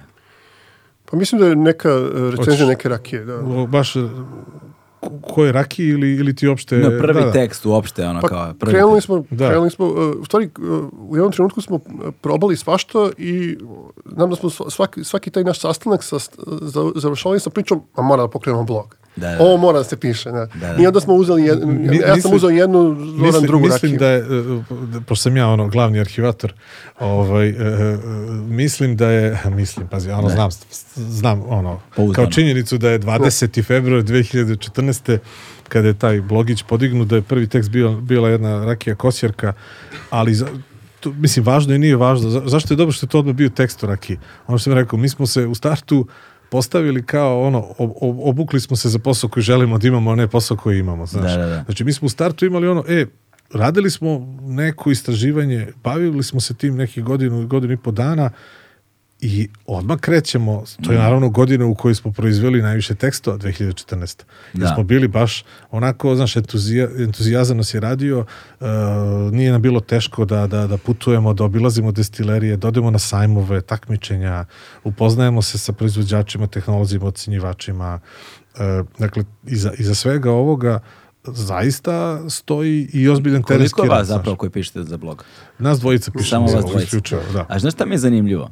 S obzirom da vi niste proizvođači, s obzirom da vi samo idete okolo i pišete, probate pa po, pi, ovaj, konzumirate rakije i dakle, pišete o njima i upoznate se sa procesima i tako dalje, ovaj, koliko je ovo zajebano tržište, odnosno koliko je ovo zeznut prostor da se negativno piše o nekim rakijama. Znači, kao probate i kažete ovo je loša rakija. U, dobro, O, dobro o, pitanje. da, o, Ajde ti počne. Pa ono što... Da li, vam, što, da li vas zove onda ovaj, alo, pa, e, ono što je zanimljivo da... Pošto zna, pa to, to se dešava, Ne, znaš, pa ljudi kako? neće, ti, ti, ti, Tako mi, mi živimo u društvu u kojem ti više nemaš Da, da. kritički odnos prema Jeste, stvarima. nego navijački Znaš, na, onako, da. napiše neko, neko objavi album i ti sad ako si stručna osoba na bilo koji način da govoriš o muzici, ako napišeš da je to iz ovog i onog razloga loš album, ti si ubre u problemu, Ja se ti si sebi dupetom zatvorio vrata na milion načina. Ako ne, za nešto kažeš da je loše ovako ili film ili ovo ili Film, ono, da, sad se znaš, prosto je nestalo to. Znaš, Ja, ja se nestalo kad smo, kad smo krenuli sa, sa, sa blogom, pa onda došla je neka rakija koja, koja je zas, zaslužila, jel tako, negativnu recenziju. Ovaj, I napisali smo kao na Facebooku onda ljudima koji nas prate, šta mislite da li treba da pišemo negativne recenzije? Neko je napisao, ali to je vaša dužnost.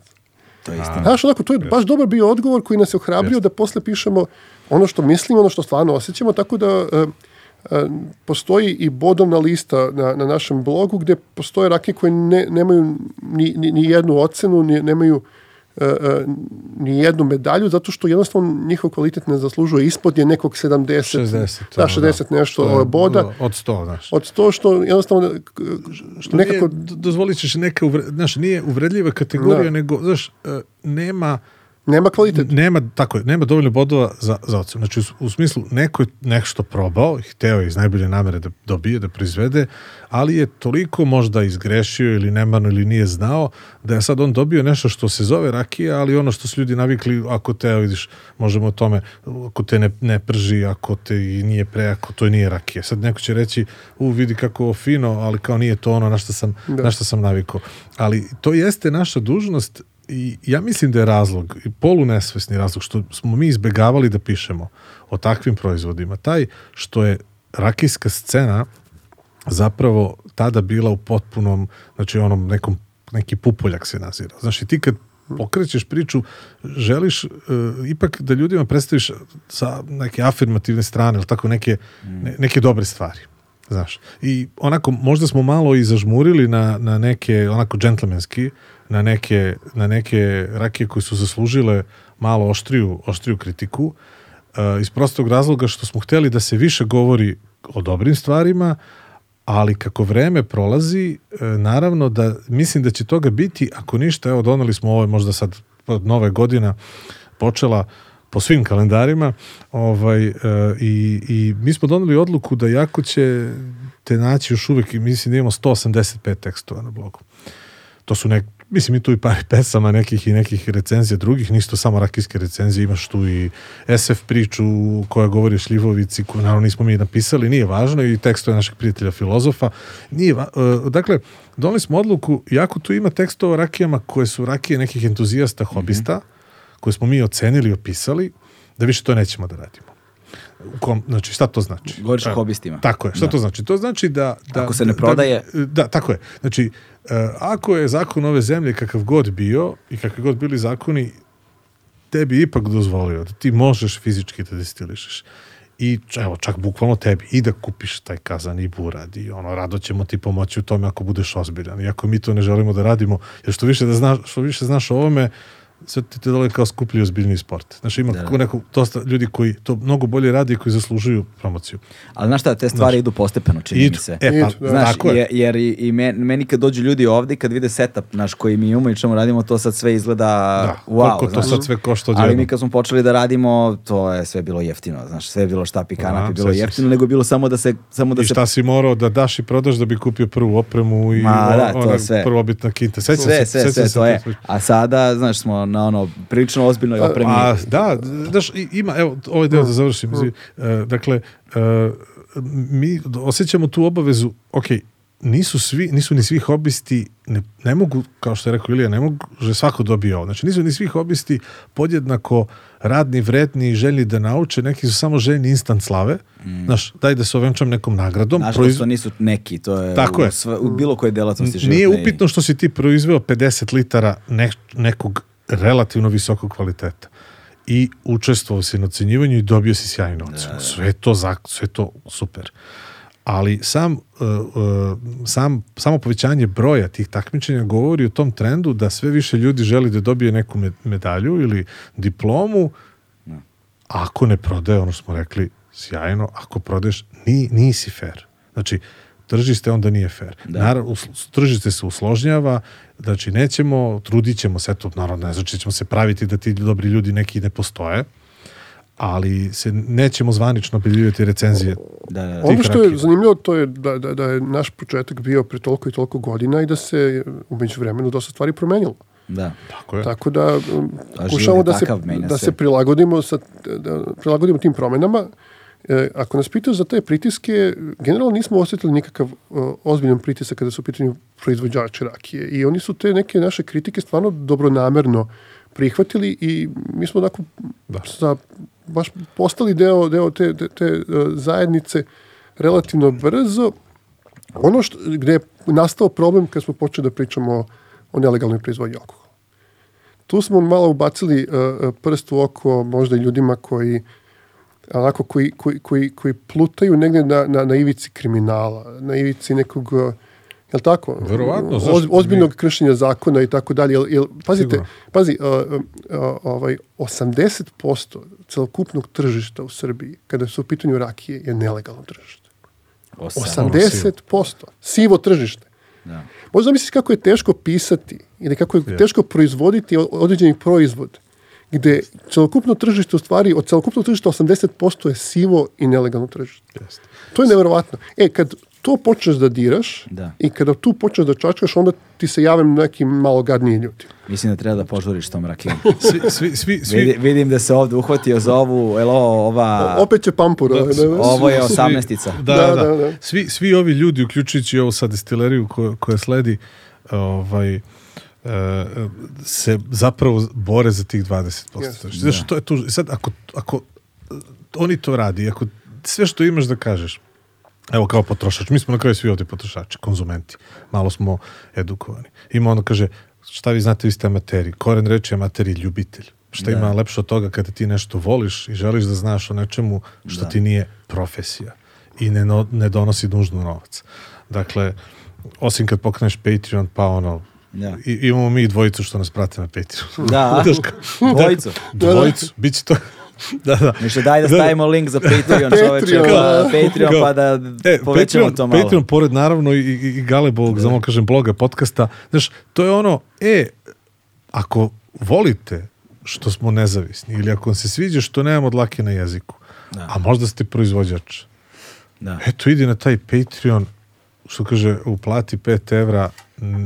O, o, iznos koji sam određuješ, kako ide Da, da. već ta fraza, to je to ako ti se sviđa. Naravno, ljudi mogu da rade šta god žele, ali, kažem, ako na kraju sve što imamo da kažemo kao potrošači je, e, ja to nabavljam jeftinije. Da. Znaš, druga, druga To stvar je opet, druga priča. da mislim, kod tih pretplatničkih modela ovaj, isto, stva, ista stvar važi s jedne strane, besplatan sadržaj košta da se napravi. Da, da. Znaš, znači nešto što Tako je je. svima dostupno besplatno da Tako je. konzumiraju, tebe je nešto koštalo da napraviš. Apsolutno. Ali sutra opet, i kad se nađeš u situaciji i da imaš sponzore i da ne znam ovo i ono, tebi opet, na tebi opet uh, ono što ti pretplatnički model omogućava jeste da a ovaj se nije Ova, tako čuo. ova ima ovaj navojni, znaš. A, Znaš, da, da, da. U, nešto tu se krije, neka, Nešto da, se krije neku krije, tajnu. neki kraj, to je stara Znaš kao. pesma.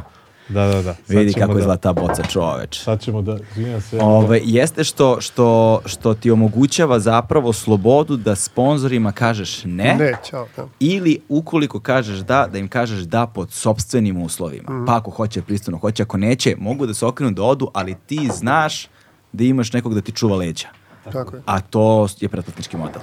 Znači, Jeste. bez pretplatničkog modela ti bi, tebi bi bila zavrnuta ruka iza leđa, ti bi morao da pristaneš na njihove uslove da bi dobio lovu, da bi proizvod mogao da bude besplatan. A to je, znaš, malo kom, to je sad malo komplikovaniji nivo razumevanja stvari Tako za je. jednog prosečnog, šta briga prosečnu osobu koja uključi YouTube i ono scrolluje i šta naleti naleti ili blogove ili šta god čita, za njih je sadržaj na internetu nešto što bi trebalo da bude besplatno. Da, znaš. e, bravo, kad to spominješ, prosječna osoba kao konzument čitalac nije problem. Problem nastaje kada prosječan proizvođač ili radnik ili, ili vlasnik u Horeka sektoru, A, koji smo, koji smo e, se provali koliko malo vode smo popili, e, što nije savet, govorimo o tome, mi smo se potpuno pripremili, Da, da. dragi slušalci, gledalci, niko ne vozi večeras. Da, da. Ovaj, ja sam, boga mi, i- jeo i- 15 minuta pre nego što se došli sam završio sa jelom. Sjajno, dobar savet. Do dva sata pre e, ovakvih linijskih vertikalnih degustacija lepo je A nešto manje pojesti. vode, a manje Jer vode nam- pijem, prvo manje ne pijemo puno. To što, Ne pijemo puno, Ne pijemo puno. i ne želimo da, Tako je. da se lišimo onog A ukusa. koji druga, stvar, a druga stvar je ovaj, osta- ostavljam ukus da mi traje. Da, da, da, da, da uživam, Tako nisi je, sam. nećemo da ga speremo. E, ima sad tu, šta sam teo da kažem, dakle, nije problem u konzumentu, prosečno problem je u nekom, recimo, vlasniku u Horeka sektoru koji kaže, e, pročitao sam, čitao sam blog, sjajni ste momci, super ste, pošalje mail i kaže, dođite kod mene u potpuno ću sad lupiti kostolac, recimo, ja imam tamo restoran. Znači, izmenit ću sve podatke. jasno, jasno. Imam restoran, imamo u ponudi 4-5 rakija. Legao, sve super. Međutim, mi bismo hteli da proširimo našu rakijsku kartu i ponudu, pa eto, kao ako hoćete, dođite do mene u fazonu, ono što ja kažem, da popijemo po neku i da, i da, i, i, i da, ovaj, i, i da ja vidim koje još ja rakije dubac i itd. itd. I sad, kad tako rečenu stvar možemo da prevedemo potpuno da je dekodiramo na drugi način. Nama to zvuči ovako. Vi ste momci jako dobri, e, super, to radite, hvala vam, vaši tekstovi su besplatni, vaše video su besplatni, vaše društvene mreže, sve što ste vi proizveli, preneli i interpretirali je besplatno.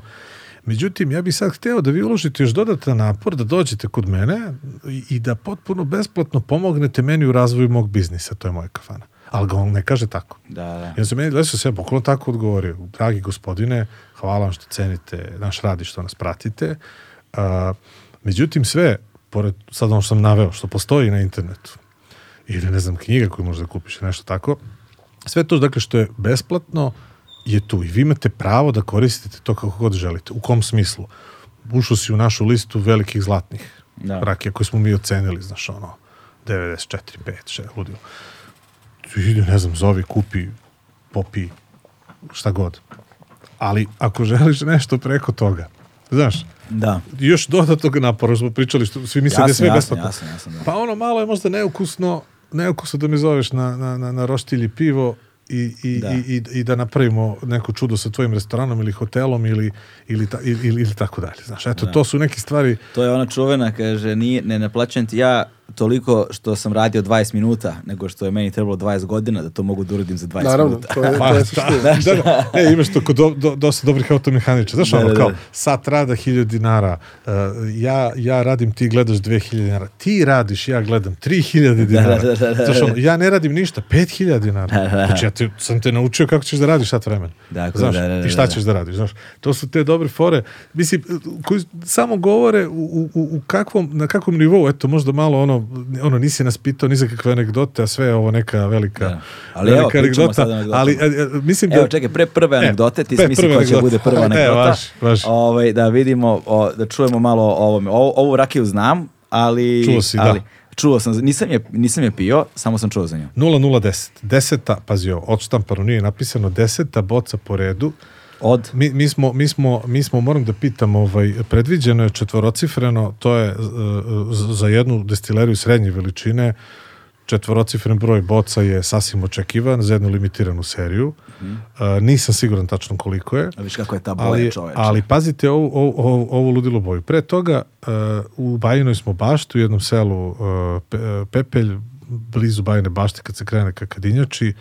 Podneblje je sjajno i zanimljivo, tu je blizu Tara, tu je blizu, to je postojbina Klekovače, dakle specijalne rakije. Specijalne rakije su one rakije koje su koje imaju uh, neki dodatak i koji je dozvoljen, na primer, kada se doda ta, te bobice kleke u staru šljivovicu, dobiješ klekovaču, što je potpuno ok, mislim, ne može da se nađe taj ukus uh, spomenut ću džin, ali ovo je mnogo bolje. Znači, kleka, za one koji ne znaju, to je osnova arome džina.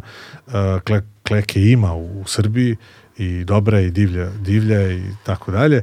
Uh, pra kad je znaš kod bajna toga, bašta. pio sam u posljednje vreme, počela da se razvija ta industrija craft džinova u Srbiji. Da. I ima jako dobrih Ima, džinova lokalnih gde se popiju. Ja sam sad brzo novu godinu smo kupili gomilu nekih craft džinova koje smo pili, I- bili su i- odlični. Ima, ima. Sve odlični. I sad pravi i pohvale tonike za- bez šećera koji idu odlično sa tim džinovima. Tako je. Ja sam letos imao pro- problema da nađem tonik. Za, i Ja imaš jednog monopolistu, naravno, tonika, a imaš i ono, na kraju sam kupao grčki neki tonik za, za, Da, za da. gin i tonik. E sad, o, o, stara pesma, stari znanci na sceni, jedna destilerija koja ozbiljno ovo radi od 2004. A, I imali smo prilike eto da pratimo u zadnjih 10 godina njihov razvoj kada su imali peticu, pet godina staru šljivu koja je bila sjajna i dalje je, pa su onda posle nekoliko godina izbacili sedmice. Ovo je lepo kad, kad to pratiš iz neposrednog iskustva kao što smo, kao što smo mi imali prilike. Pa su onda pre par godina izbacili dvanesticu i o, u oktobru, krajem oktobra, evo sad već prošle godine, smo bili na tamo, na jednoj, mogu da kažem, slavno žurci u njihovoj kući Rakije, to je jedan sjajan degustacijni centar kod njih, e, na nezvaničnoj, onako, predpremijeri e, osamnestice. To je večeras poslednji uzorak koji ćemo da probamo, o kojem ćemo da pričamo i, i koji je e, najstariji naravno i drugačiji je dakle e, volao bi da evo sad konkretno ti ove rakije ne upoređuješ u smislu mislim ti će sigurno u sebi, u sebi reći koja ti je najviše prijala naravno A ne, a ali zapravo, su se ne, različite zapravo se uopšte ne trudim da ih upoređujem, nego svaku posmatram Tako je. posebno. Za, Posebno, za da. Tako, ono je kao, znači. kao naš ono, kulturni relativizam, znaš, posmatramo svaku rakiju stanovišta U, njenog ali ovo mi se kulturnog delo, deluje da malo duže je mora da sad- odstoji. E, m- m- vrlo verovatno.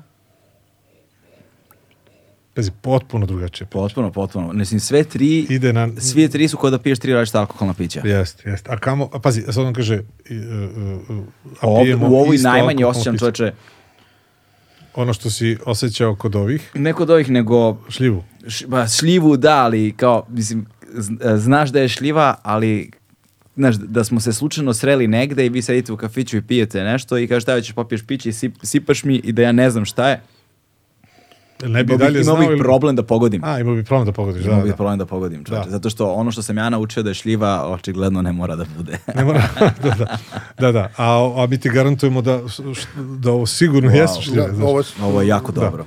E, A pazi, nisam ni probao. Ne, ne, pa ja sam inače e, u, u našoj maloj zajednici ogroman ljubitelj e, mirisnog dela ovaj e, rakije. I mirisni deo uvek i- treba da bude, to jest ukus treba da bude uvek u skladu sa mirisom. Da, da, da, da. Znači, to je, najbolje rakije su upravo to i on to kažemo, uh, rakija je vrhunska, pa između ostalo zato što um, ukus nije deseta stvar u odnosu na miris. Da, da, da, da. Čak nije dobro ako je miris dobar i ukus dobar, ali se ne slažu, jel tako? to, to, to, to nešto nije u redu. Rakije najčešće padnu na ukus. Da. Ako si uzeo iz ovakve čaše i rekao si, u, ovo je lepo, probao sam nešto slično. A on si postavi onda- standard sebi. A onda probaš, onda stigneš do ukusa koji je 50% ocene. Miris je 30, nije malo.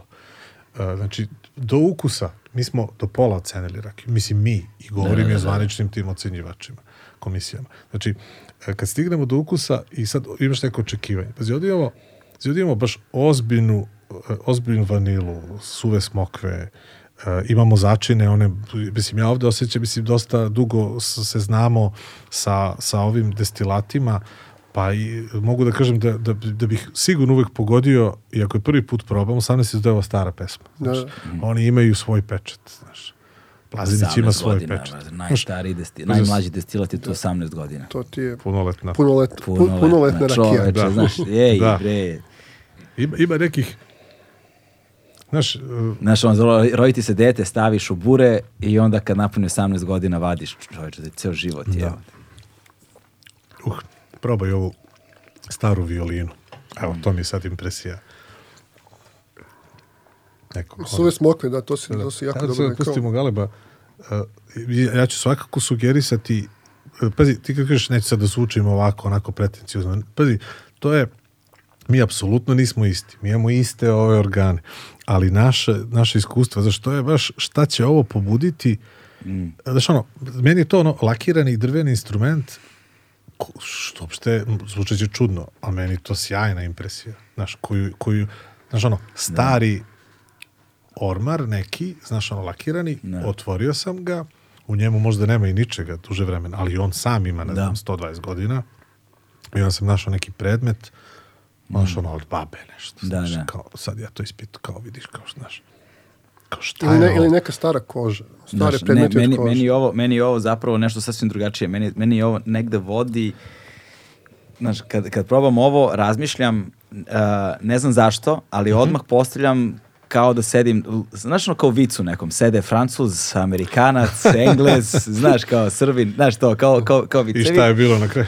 Pa znaš, nije bitno, Da, da, šta, je, da, da, nije bitno šta je bilo na Nego- kraju, nego da, da. nekako osjećaš ovaj, čovječe, imaš svetski proizvod. Da, Da, da. Znaš, to je ono, kao, to je prva impresija. Kao, znači, ovo, ovo može da stoji na policiji apsolutno sa najskupljim konjacima bez problema. Može, može. Zaista može. Bez Po- ikakvih problema. pogotovo- znači, čak ne bude da ono, znaš, Re, rekao si u jednom ne trenutku- činiš ni uslugu, znaš, nego stvarno je. je ono, apsolutni... Spomenuo si konjak vi, više puta. Moje mišljenje... Pa zato što mi vuče i na taj Jest, konjak. Ima, ima, se. znaš, ima, ima tu punoću i tu... Da, mislim da, bi- je to bila i namera ljudi da bi- koji su ovo pravili, pošto, pošto, pošto je vlasnik veliki ljubitelj konjaka. I, da, a? Malo je kažem, viski čast. da, da, pra, prati A, tu, tu pogotovo- tendenciju. Znaš šta da, da, za- zato, zato vidim da mi odvaja mi se od Jest, ove od- tradicionalne odvaja se, od, odvaja se taj puta. Mm. put, tako je, tako, odvaja se taj put. Bliži je konjak, ko starenja- na pola puta do konjaka, otprilike. Tako nešto Jest, neverovatno jest. je. Podsjeća, podsjeća na konjak, podsjeća podsjeća na rumove, one stare. S Mm. tim što je, znaš, e, to je ono što smo pričali u trenutku, samo malo da dopunim, e, šljiva i šljivovica je i, te, i tekako nije inferiorna prema hrastu. Znači, ona može da podnese dvocifreno godišnje, mislim u godinama starenje, za razliku od nekih drugih i, voća i, i to isto sa konjak. Konjak je ono, redestilat određenih sorti, grožđa za belo vino i on sam po sebi ima izrazite kiseline i njemu baš treba da bi konjak, znači ako pokušavamo da uporedimo, samo u tom osjećaju, ovo mora da bude barem 20-25 godina star konjak u kom mora da ima i starih. Znači, ja sam imao prilike da probam, ili ja smo probali domaće, mislim, to se zove vinjak, jel? Uh, uh, koji su 20-30 godina stari. Znaš, to je nešto. Znaš, e sad, e, šljiva, šljivi ne treba toliko vremena, jer je ona sama po sebi puna aroma. Znači, on- njoj ne treba sad, ne znam, toliko, ono, 30 godina da bi ti sad rekao, brate, kakve zemljane note. Znaš, ovdje imaš ono što ljudi, što ljudi, što se zove umami. Znaš, onaj peti ukus koji objedinjava sve ukuse. Nešto nisi siguran da li je slano, da li je, da li je onako, znaš, neutralno, ali svakako je ukusno.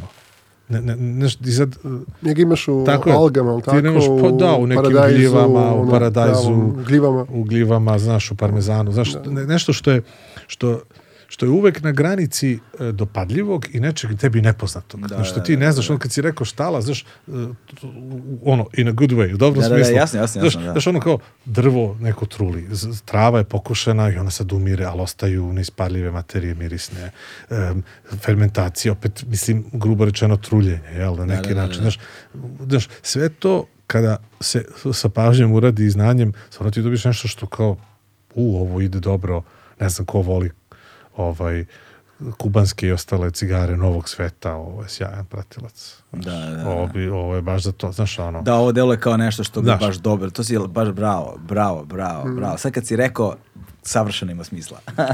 Da. ovo je nešto što bi odlično iš- išlo uz cigaru, da. Da, i premijera, mislim, ja opet kažem, e, mi smo za kratko vreme odabrali nekoliko, naravno da, ono, kao, da je sreće, možda neko tebe, ti se stvarno obuhvataš dosta tema, ono, serijal, Da. bilo gde, koji se nikad nije dogodio, E, ni sa nama ni bez nas, o rakiji na ovaj način te bi se u stvari prolazilo kroz stvarno različite tipove i vrste i, i rakije i starenja i voćih. Pazi, mi smo samo govorili malo o dunji, jabuku, krušku smo možda spomenuli, a već neki drugi nismo ni stigli da spomenemo. Ja, Znaš, a samo kad se, mi smo stvarno pronašli da ovim starim šljivovicama i u toj idealnoj koja ne postoji, uh, stvarno leži ovaj, jedna ozbiljna škrinja onako Da. tajni koje, koje čekaju da To, to je neki naš, naš cilj u stvari i, i kroz rakijske radionice koje držimo i predavanja i tako dalje, da ljudi shvate koliko je to široka lepeza. Da kad kažeš šljiva, ljudi se baš ono kao znam sve o tome. Ono, ne. E, Njegovo lično iskustvo mu je sve. Ali čekaj malo, vidi kol- samo danas sa- kroz ove četiri rakije koliko je to različito, Da. a ista je voćka, isto je sličan, je li tako, drvo ili Drvo i proces proizvodnje. proces proizvodnje, Da.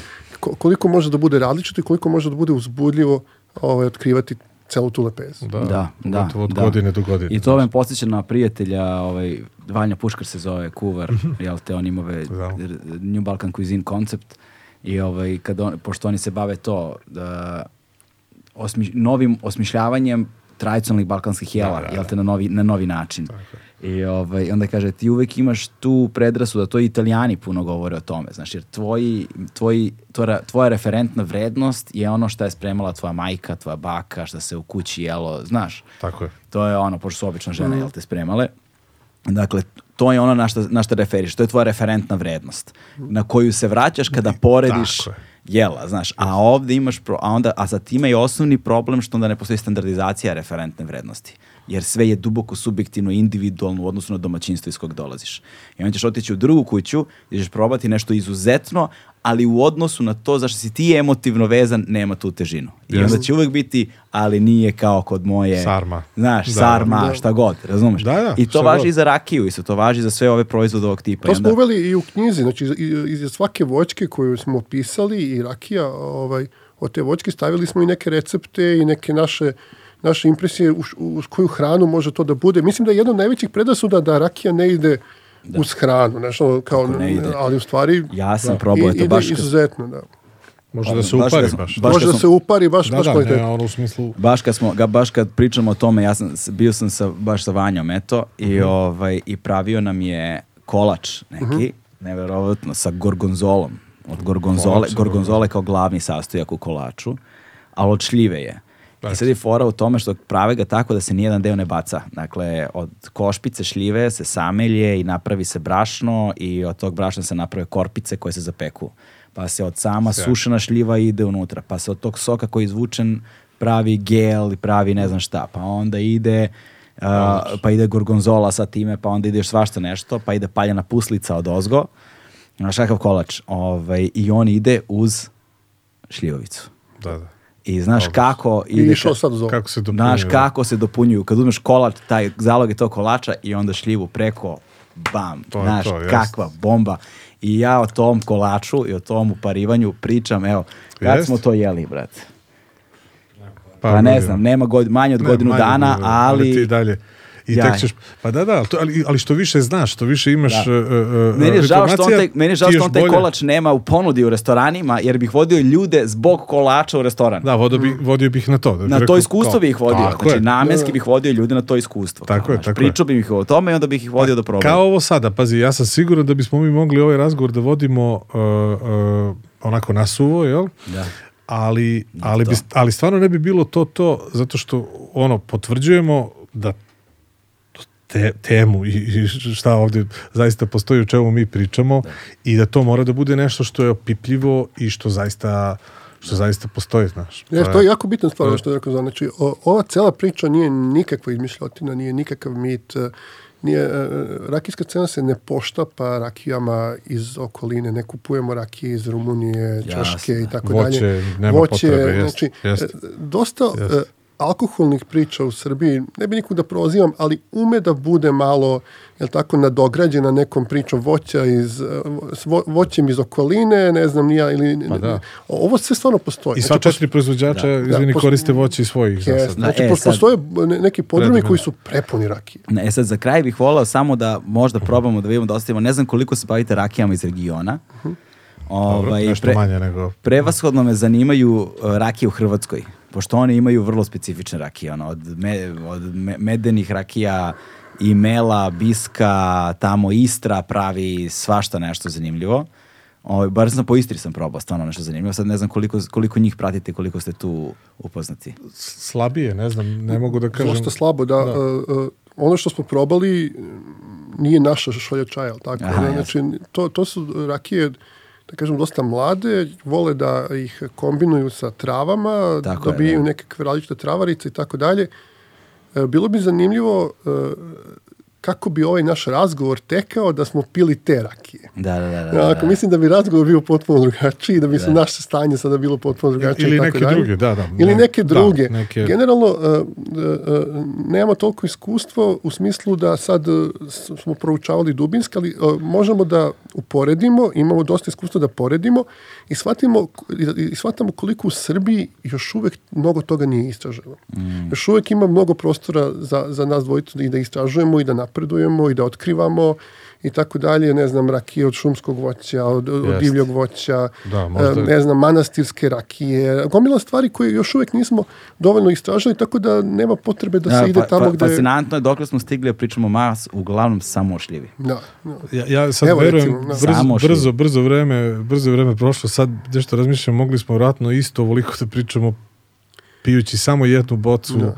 bilo koje od ovih, naravno u, znaš, u ovoj meri, ali prosto tema temu stiže, znaš, ono, da, da stvarno imam utisak kao jako malo smo rekli, a, a, a verovatno nadam se da, da, da da smo bili informativni i da Mislim, smo jeste, motivisali svakako. da smo motivisali neke ljude Kako da ne, čoveče. da i, zarone i, u ovaj i, svet. i, bilo je i preporuka da podsjetimo još jednom, ako ste zainteresovani da saznate nešto više, evo je knjiga. Da. Rakija, stavit ćemo link za kupovinu knjige u opis.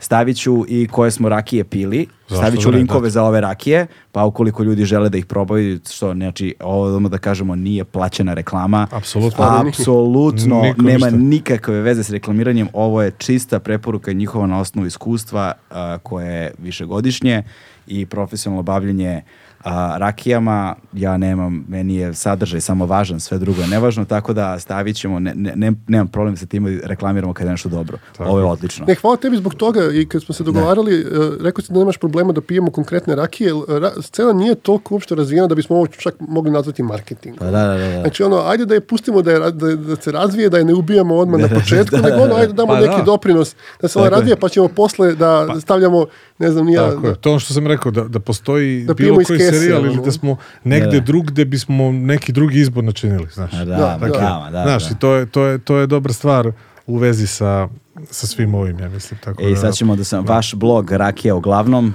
Rakije uglavnom, e, možete nas naći na svim e, dominantnim YouTube, Rakija mrežama, uglavnom, YouTube, Instagram, sve.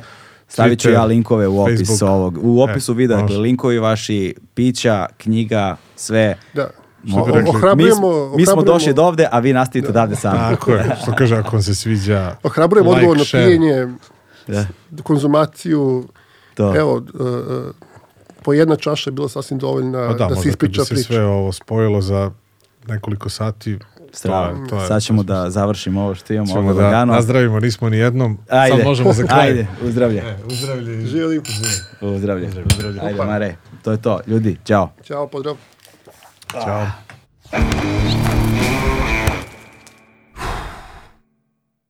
Hmm.